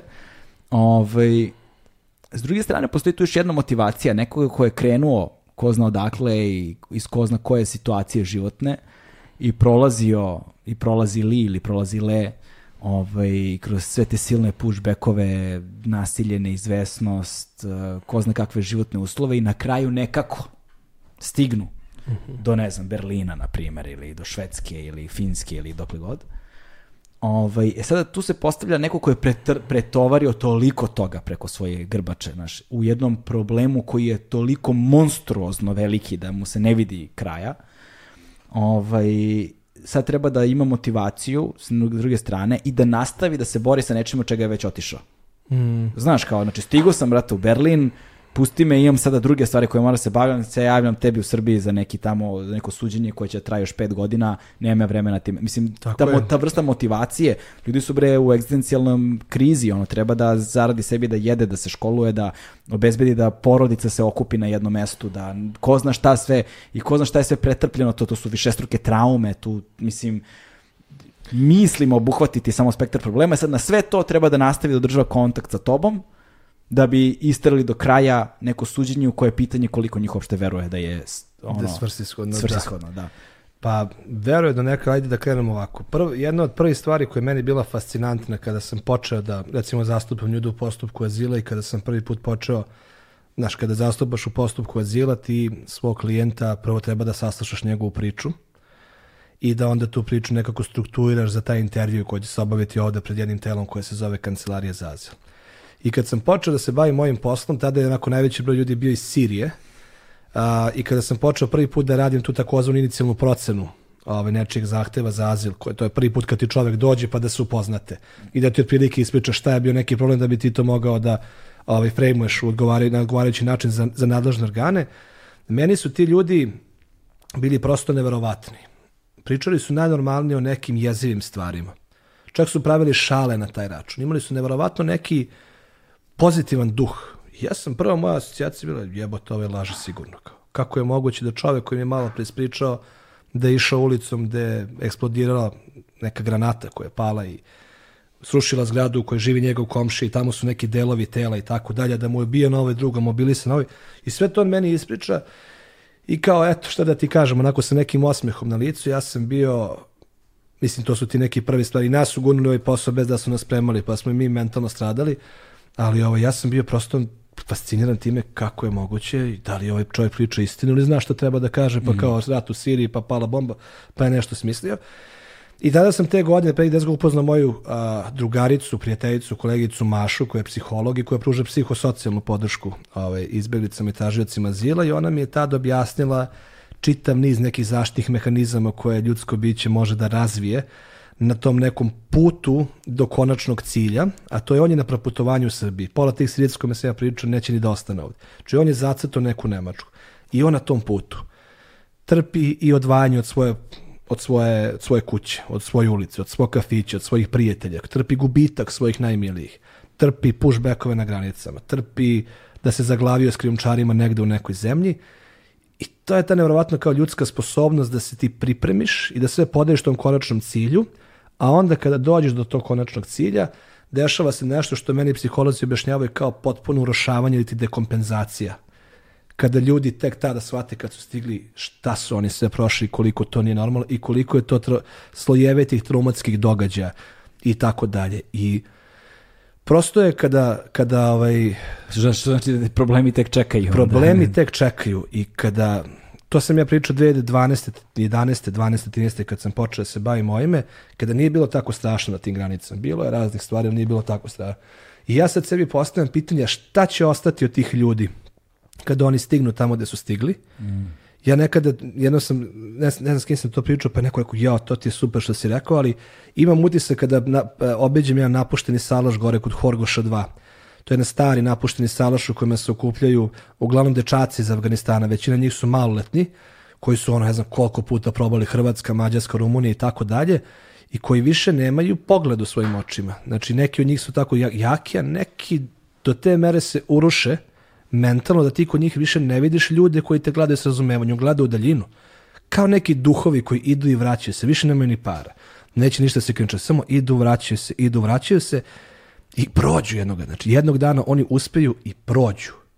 Ali postaje se pitanje šta je ostalo od njih. Kakav će njihov ostatak života izgledati kada su doživjeli traumu od zemlje porekla, pa na svakoj granici, pa čak i da si krenuo kao ekonomski migrant. Znači ne kao izbjeglica koja sa samom sobom uči jaku traumu, šta ostaje od tebe kada si bio u zatvoru u Bugarskoj, u Grčkoj, kad su te pretukli na ovoj granici, ujeli psi na onoj i ne znam, ja video si da se neko udavio kada ste prelazili neku reku to nije normalno, to je potpuno, tako da ovaj, jasno je da to što se ti postavio, izvini što sam malo možda to opširnije objašnjavao, ali i ja razumem u potpunosti. I kada prilazim ljudima i objašnjam šta meni treba da bismo mi nešto probali, ja uvek pokušavam na početku da kažem da u potpunosti mogu da pokušam da razumem, iako ne mogu nikad da razumem do kraja, kroz šta se sve, mm. kroz šta sve prolaziš, ali eto, to što ti se desilo je pogrešno, ja lično ne želim da se to dešava ovde da ja operišem i radim, meni treba tvoja pomoć da ja probam da napravim nešto što se zove strateški slučaj. A taj strateški slučaj znači da ti nađeš jednog Afganistanca, koga su Mađari, kao što su na dva Ilijas i Ahmed Bangladeževe. Da. Ti si našao dva dečka s kojima si otišao do Strasbura i Orban je morao skroz da menja sistem. Pa si našao još dva čoveka, pa je Orban mora da zatvori kontejnere. Pet godina, pet godina. I ono što sam naišao u ovom poslu kao jednu predivnu stvar, to je kada im objašnjanje kako je to nepravedno i kada mu ti prvi put se obratiš i kažeš mu kako zapravo Ja razumem da je to pogrešno i mnogo mi je žao što ti se desilo, veruj mi, ajde da probamo nešto, kako im se vrati možda malo taj neki poj kaže ajde hoću. I to je neverovatno, ta unutrašnja snaga u tim ljudima i onda oni A i daješ, daješ možda ne, njihovom životu smisao neki da ponovo se bore za nešto. Za nešto što ima smisla. a moguće, nisam siguran, ali ta vrsta, ti, ja zato zovem sve te svoje neke klijente s kojima sam išao dosta zbura, to su diskretni heroji ovog vremena. To su ljudi bez obzira na svu svoju muku, koji su rekli sledeće, da, to je pogrešno što mi se desilo, ali nije bitno što se desilo meni. Bitno je što iza mene ide još hiljade i hiljade ljudi, dece, žene i tako dalje, njima to ne treba da se desi. I to kad pričam sa mojim drugarom Andrašom Ledererom iz tog mađarskog jezičkog odbora, šta mi brate radimo, pošto on radi s jedne strane granice, ja s druge, pa tako pravimo kese, šta mi brate radimo, pa kaže kao ne znam, radimo da pokušamo da uradimo nešto, da ako ništa drugo, ova, ovo sranje na granicama, ovi pushbackovi nasilje, ne traju do veka. Da. Znači da postoji možda u budućnosti neka determinanta kad će s ovim da se prestane. Ja ne mislim da smo blizu, ali kao što i on isto tako kaže u jednom, jednom klipu koji je, koji je nastao da smo mi zajedno, kaže I'm not the kind of guy who's gonna turn his head. You know, znači ja nisam lik koji hoće da okrene glavu i kada imaš takav pristup prema tim ljudima ti zapravo vidiš javit će ti se. Ostaći. Dosta njih neće, što ti kažeš, stići će tamo reći, ma jebe mi se i za Srbiju, i za Mađarsku, i za Afganistan, i za Grčku, došao sam ovde, hoću sve da zaboravim, ali postoji značajan broj ljudi s kojima smo uspostavili dubljivost poverenja, pa evo ja sam u kontaktu već pet godina s čovekom koji je 30 dana bio u tranzitu, Nikola Tesla, to je moj strateški slučaj da probam da tamo narodom Nikola Tesla konačno počeo tetiraju te ljude kao ljude lišene slobode. On je bio ovde, pa je bio u Mađarskoj, pa je bio u Švajcarskoj, pa i Švajcarski je prešao La Manche, pa su ga uhapsili i stavili u engleski zatvor, pa sam ja nalazio advokata u Engleskoj koji ga oslobodio, pa je sad u Birminghamu. Pet godina ja njega jurim, servisiram njegove potrebe na tom putu i on se javi i kaže, izvini, molim te, ja sam rekao, ti rekao da ne ideš iz Švajcarske, čak se javlja taj neki moment kao čoveče skrasi se, a ne, on misli da je u Engleskoj dobro. Da, da. I prošao je pakao. Tako da je neverovatna moć, snaga i nešto što ja svakome preporučujem. Ja mislim da svaka osnovna i srednja škola treba da ode i da obiđe. Kako zatvor, tako i centar za azil, tako ustanovu socijalne zaštite i da vidi zapravo ništa drugo nego neverovatne ljude koje sam ja upoznao, koji su meni pomogli da pesno rastem i upravo koji su me, čak kad sam ja bio na pragu da odustanem, zadržali u ovoj oblasti zbog poverenja koje su oni meni poklonili. I meni je to bilo vrednije od svega. Ja sam ja bio 2019. onako, nisam bio siguran da li ću nastaviti time da se bavim. I kad sam pričao sa svojim klijentima da pređu kod nekog drugog, oni su rekli hoćemo da nas ti zastupaš. I meni je to bio ono moment kada kao, ok, nebitno je, što možda ne znam kako i šta u ovom trenutku, ali kao tako se to desilo. Tako da jeste, u pravu si, mogu da se uruše, ali isto tako i mogu da pokažu neku neverovatnu snagu koju ja nisam siguran da bi ikada pronašao kod sebe. Da, čoveče, ljudske sudbine i ljudi su ono, znaš, na šta, na šta živ čovjek sve može da se navikne i u kojim situacijama živ čovjek može da nađe snagu da nastavi dalje, ne prestaje da me fascinira. Znaš, bez obzira na koje god oblasti u životu da govorim, ali je zanimljivo i to što si sad pomenuo, jer nekako opet se pokazuje kao dvosmerna ulica. Znaš, da, bavimo se tim žrtvama i bavimo se tim ljudima, bavite se pre svega, jel te? Ovaj, ali s druge strane, ko se bavi vama? Znaš, k- ko, šta, šta je to što ti nosiš kući? Šta je to što tvoje koleginice i kolege nose kući sa sobom? Kako se ponovo ustaneš ujutru, znaš, i, i kao nateraš da se suočavaš sa nekim sistemom koji ne pokazuje ono, nekim krutim, rigidnim sistemom koji ne pokazuje nikakve znakove ono, popuštanja na bilo koji način. Da ti moraš pod prisilom praktično da, da, da, da, da menjaš naš Orban ne bi nikad ništa promenio se nije desilo to u Strasboru, je li tako? Znači, Da. mora se desiti nekakva pravna prisila koja će ih primorati na nekakvu promenu i onda kada ne vidiš kraj tog puta, znaš, kada je to sada kretanje u nedogled, to sad pretpostavlja takođe još jednu žrtvu na koju opet nije spremno mnogo ljudi, čak i ljudi koji završavaju prava i tako dalje, opet gledaju nekakav pragmatičan, praktičan, dobar put za, ne znam, znaš, nije, Da, da, neće, da. neće se svako usmeriti tamo gde si se ti usmerio. Znaš, od broja ljudi koji diplomiraju na pravnom fakultetu, koji broj završi u... u Ne, to je u- statistička greška, da. o tome ti govorim. znaš. A onda kada se suočavaš sa sistemom koji je dizajniran tako ili je nakaradno postavljen tako, da ti na svakom koraku maksimalno otežava i obeshrabruje te da nastaviš Mm. dalje, kao, znaš, šta je to, evo, nakon 10 godina, što ti ako bi otišao sutra na terapiju i razgovarao s nekom terapeutkinjom ili terapeutom, e, pa to, razumeš, šta, šta tu ispliva na površinu, znaš, sa čime se vi suočavate na kraju dana i šta to što vi nosite kući i opet e, to su sad jedne druge sudbine koje su takođe pogođene svime ovime. Pa da. Da, apsolutno se slažem i, i taj uh, mi koji se bavimo ovom temom u Srbiji nastali smo 2008. godine. Mm. Tad je počela jedna organizacija koja se zove APC. To su možda najstariji, najiskusniji u toj oblasti Radoš i Olga iz te organizacije. Ali ja sam se 2011. 2012. uključio u celu tu priču, 2012. konkretno. To je sad već pa, punih da, 10 godina. punih 10 godina. Uh, ono, volonterski sa starijim kolegama u toj organizaciji koji sam nekad radio i tako dalje. I niko od njih više ne radi koji su radili te godine. Nema ih. Ovaj, znači, mislim da je prosečne godine koje neko provede u ovoj oblasti nije više od 3 ili 4 godine. A, I to razlog za to su više struki. Naravno je tako, tu se dešava, mislim da se to zove sekundarna traumatizacija, to jest, kad, to jest uh, red, kada, bože kako mi to, ma sad će se naljuti na mene, ali kada zapravo ti počeš da, is, da, da, da, da, da patiš zbog drugih priča i teške koje slušaš. Mm -hmm. ovaj, mislim da je sekundarna traumatizacija, odnosno da tako ta trauma koju oni s tobom prenose, prenosi se na neki način na tebe. I kad smo mi počeli da se bavimo time, nas, nas niko nije spremio za to. Odnosno, ni, nikada na početku nismo imali, ja sam tad imao koliko, 23 godine, što je meni bilo to, idemo u kamp, idemo na graništa, god, mislim, tako je to bilo neko mladovački. No. I onda shvatiš zapravo posle određenog vremena kada, pogotovo 2015. 2016. godine, to što nas niko za to nije spremao, se i tekako negativno odrazilo a, na mog kuma Pavla, koji više neće se baviti time, na Guženevi predaje i tako dalje, koji je sagoreo na moju kolege, znači na mnoge kolege sa kojima sam radio, koji su jednostavno u jednom momentu rekli, ja ne mogu više, ni da slušam i tražioce azila, ni da gledam izbeglice, ni da se nadgornjavam sa kancelarijom za azil, komisaratu i tako da ne mogu više, tako da velika je fluktuacija i ja sam doživeo jedno pomračenje 2000, u decembru 2017. godine kad se misleći što sam otišao na master u englesku malo da se mm. iskuliram, kad su mi ekstradirali mog uh, kurda klijenta Jeff Detajaza, iako to nije smelo da se desi.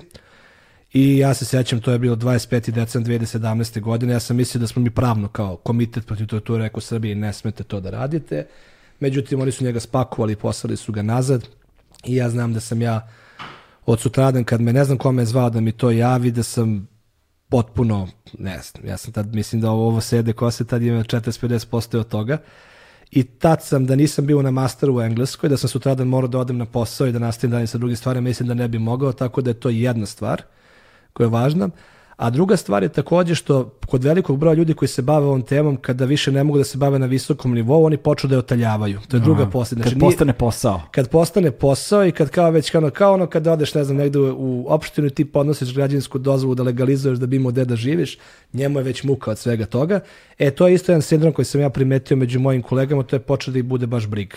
Mm. A ja mislim da to u ovom poslu ne sme nikada da se desi, jer ovde ako napraviš sranje, a, to nekog može da košta života i budućnosti, a ovamo neće legalizovati možda sobu ili dve. Tako da jedna od stvari koja mislim da isto je jedna vrsta odbrambenog mehanizma kod ljudi koji se bave on temom, što zauzmu taj takozvani opštinski pristup, I to je jedan od razloga zašto sam i ja probao svoje delovanje da negde 18. 19. godine polako vadim iz tih nekih jakih NGO struktura u kojima to počeo da prevlađuje, jer jednostavno smatram da taj neki autentičan i dubinski pristup svakom slučaju ili ga radi tako, ne da radiš nikako drugačije. Da. Iz prosto razloga što ako si to izabrao kao profesiju, ok, i naravno ja kad sam došao iz engleske, meni je najvažnija tema, prva stvar koju sam otišao, otišao sam kod psihoterapeuta, jer mi je engleski ipak prijela. I tada sam rekao svojoj Marini da mi je važna stvar, sad se dobro osjećam, već osjećam da je to dosta ugroženo, želim ovako da ostanem. I pomaže. I mislim da svako ko se bavi ovakvom vrstom posla mora da ima a, psihološku podršku.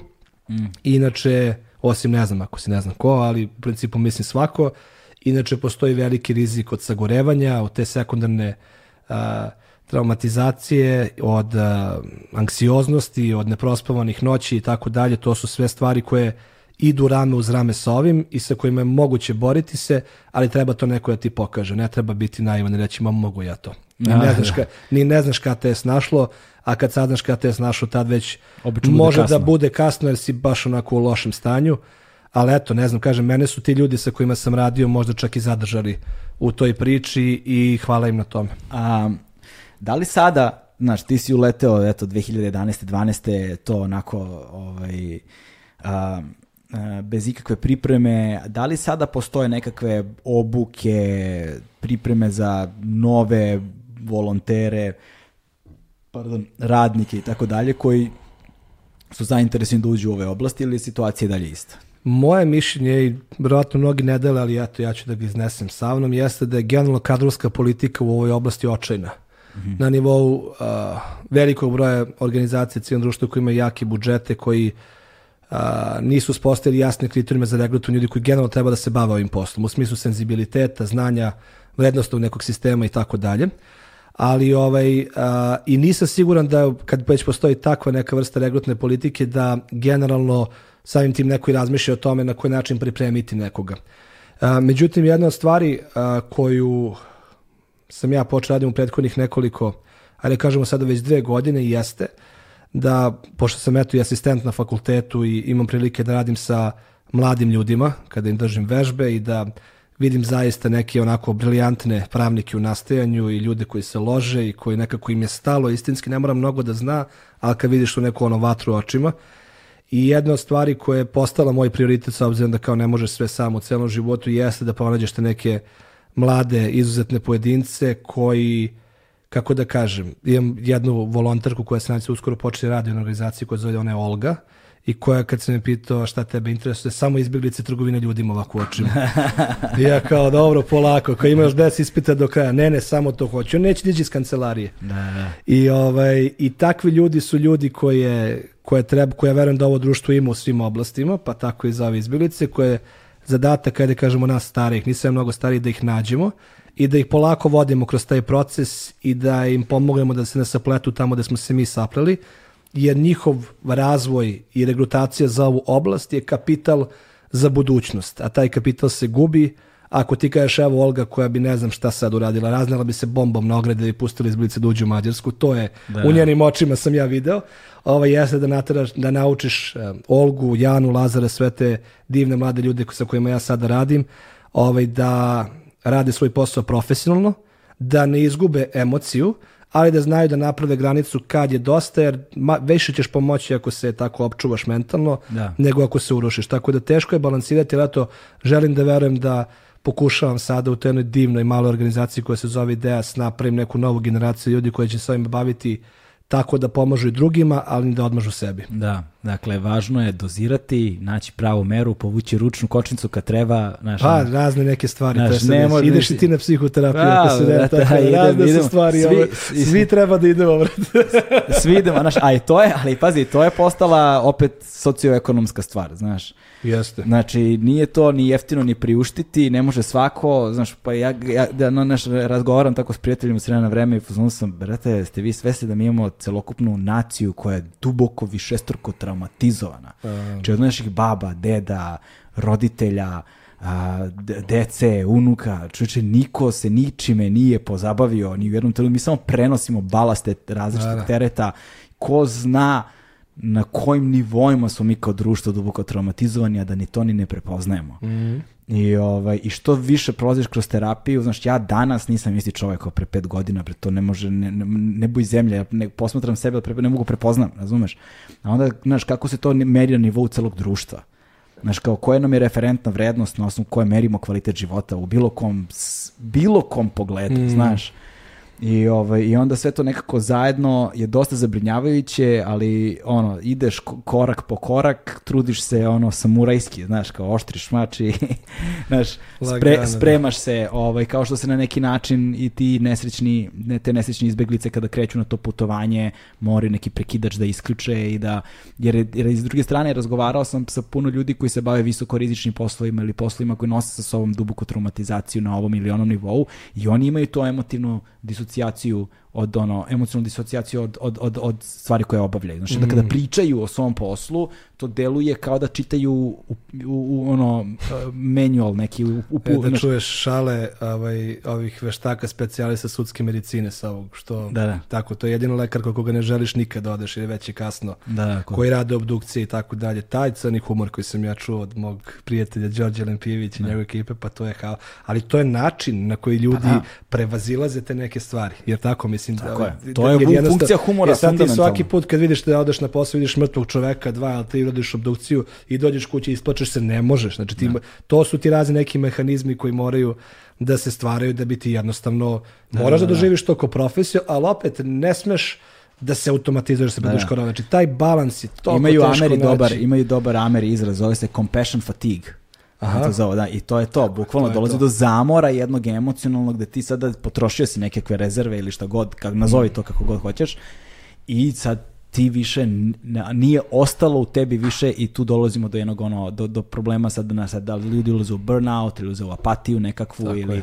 znaš sad ti moraš da imaš te mehanizme kako da se izboriš sa svim tim stvarima i da se oslobodiš i humor je uvek ono znaš katarza jedna znaš ne jedno oslobađanje jedna jedan ventil Da. na, na mnogo nivoa ali eto, sad vidiš kakve teme su se sve rodile zato što je Novaku Đoković odbijena viza. Znaš, i to je ono i to je ono gde zapravo uh, um, uh, možda i, i naš nenamerno, ne možda, nego svakako nenamerno, naš način na koji je uh, dakle profil njegovog lika učinio da evo barem ako ništa nama ovde za ovim stolom u ovom, u ovom formatu takva tema jedna postane centralna tema oko koje ćemo da razgovaramo, u vezi sa kojom ćemo da razgovaramo jer da se njemu to nije desilo mi sad danas ne bismo sedeli ovde. Tako da a, nikad ne znaš gde se nalaze žarišta za potencijalne promene. Znaš. I nikada ne znaš u kom trenutku, znaš, kao što se dešavaju iznenadne stvari u negativnom kontekstu, tako mogu da se desi u pozitivnom.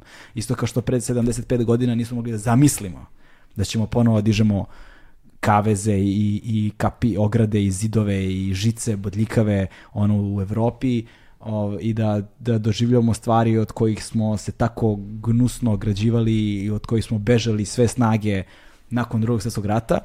Isto tako nikad ne znaš u kojim okolnostima čuči nekakva nova nada Mm. da, da stvari mogu se promene i kažem ti ono trenutak kada sam pročitao tvoj tekst bio sam van, van, van pameti sa onime što si rekao i možda najbolja zapravo uh, najbolje artikulisana misao na temu celokupne ove teniske krize, nazovimo je kako god hoćeš, ovaj, i koja usmerava stvari zapravo tamo gde im je mesto Hvala. i koristi tu pažnju na pravi način. Hvala tebi, brate, hvala tebi za sve što radiš.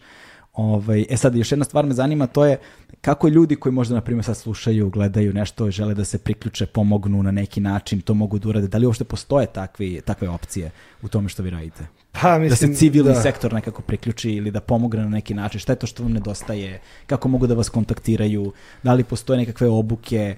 Pa ne znam, postoji... Ne moraš da baš da budeš sa pravnog fakulteta, razumeš? Da, to? da, da, da, da, pa ne, mislim, postoje milion načine, tako i, i postoje različite organizacije koje na različite načine generišu tu potrebu ljudi da se uključe u neki proces. Moja afilijacija je a, sada vrlo usko vezana za Centar za istraživanje i razvoj društva IDEA, da radimo sa decom bez pratnje žrtvama rodno zasnovnog nasilja i eto, pravimo taj jedan mali pravni tim ovaj, koji za cilj ima upravo da se bavi svim tim slučajima pushbackova, XY i tako dalje, tako dalje. Tako da u principu najbolji način na koji bi ljudi mogli da se uključe jeste da uvek mogu, mislim kaže, jer mi nemamo taj običaj da tražimo donacije, nešto niti ću ja sad tada, sada to da uradim, ali u suštini da se informišu, da prate šta rade različite organizacije koje se bave ovom temom. O aerodromu Nikola Tesla se već 10 godina piše. Ovaj, ali ako postoje ljudi koji možda misle da mogu na originalni način da prikažu rad koji mi sprovodimo, možda to nije loše i da bolje i kontekstualni u nekom kontekstu izbacuju te informacije. Mislim da je samo važno da se ljudi o ovom informišu, da ako hoće da uvek mogu da doniraju obuću, odeću i tako dalje. Financijska sredstva, kaže sad ne znam, nema tog nekog običaja, mi svi uglavnom se finansiramo od strane UNHCR-a i tako dalje, ali što da ne jednoga dana kao da se napravi neki fond na osnovu koga bi možda te neke nove mlade generacije pravnika i drugih profesija mogle da se uključe. Znači nama je najpotrebnije u ovoj oblasti motivisan, kompetentan a, i onako kadar koji je pun entuzijazma, zato što je vrlo teška oblast i da je najbolja stvar koja može da se desi da se upravo takvi ljudi jave, da volontiraju. U, kod nas u organizaciji ne volontiraju samo pravnici, volontira i dečko koji je završio svetsku književnost. Poreklom je naš čovjek, živi u Americi, došao, naučio ovde izbilice jezik i tako je.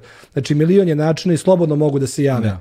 Ovako Ovaj, ćemo da Ti, nešto ti ćeš da- meni da pošalješ sve relevantne linkove za sve one koji su zainteresni da, da, saznaju više. Nisam, i- viš kako nisam dobar u promociji. Da, da, to, to, to, to, to. Posjećaš me, a ja ću sve te linkove lepo da stavim u opis ove epizode i onda ljudi mogu da kliknu i, I to, i, i, šta da, i da nastave svoje putovanje dalje ukoliko su zainteresovani, jer zaista verujem da da desio se jedan trenutak medijski kada zahvaljujući jednom teniseru jedna je druga priča dobila malo na značaju, ali je važno da se taj momentum ne izgubi. Znaš, nego da nastavimo da, da, da, ta, da ta grudva proizvede nekakvu lavinu negde uh, u nekoj bliskoj budućnosti. Evo štivo za čitanje, Reci. za kraj. Pročitajte slučaj Madine Husini, devojčice iz Afganistana koji je ubio voz jer je Hrvatska granična policija gunula u Srbiju. Verujem da niko neće, da je malo ko čuo za to. Pročitajte, možemo stavimo link i za presudu Evropskog suda za ljudska prava. Može. Ko hoće da vidi kako je zapravo jedna devojčica položila svoj život da bi neko telo u Strasburu reklo, e, ovo ne sme da se radi na ovom kontinentu da je ta Evropska konvencija i moramo da vas podsjetimo. I mislim da je mnogo važno da svi toga budu svesni i da recimo to možda bude nešto što bi dalje kroz tu neku ličnu ovaj perspektivu održavalo ovu temu živim. Tako da izvim što ste prekinuli, to možda je ne, to. ne. Prestaću da pričam. Ne veze, to je to. To je to. Hvala ti puno još jednom što si došao, što si izdvojio vreme iz svog veoma zauzetog rasporeda ovaj, da, da budeš ovde gost i nadam se da mi nećemo biti jedina niti posljednja stanica na kojoj ćeš moći da ispričaš sve ove stvari i hvala ti puno na svemu što radiš. Zaista, hvala ti brate što postojiš i ti i sve tvoje kolege ovaj, i nadam se da nam je budućnost svetlija od ovoga u što sad posmatramo. Hvala tebi puno. Hvala. To je to, stigli smo do kraja ljudi. Ćao.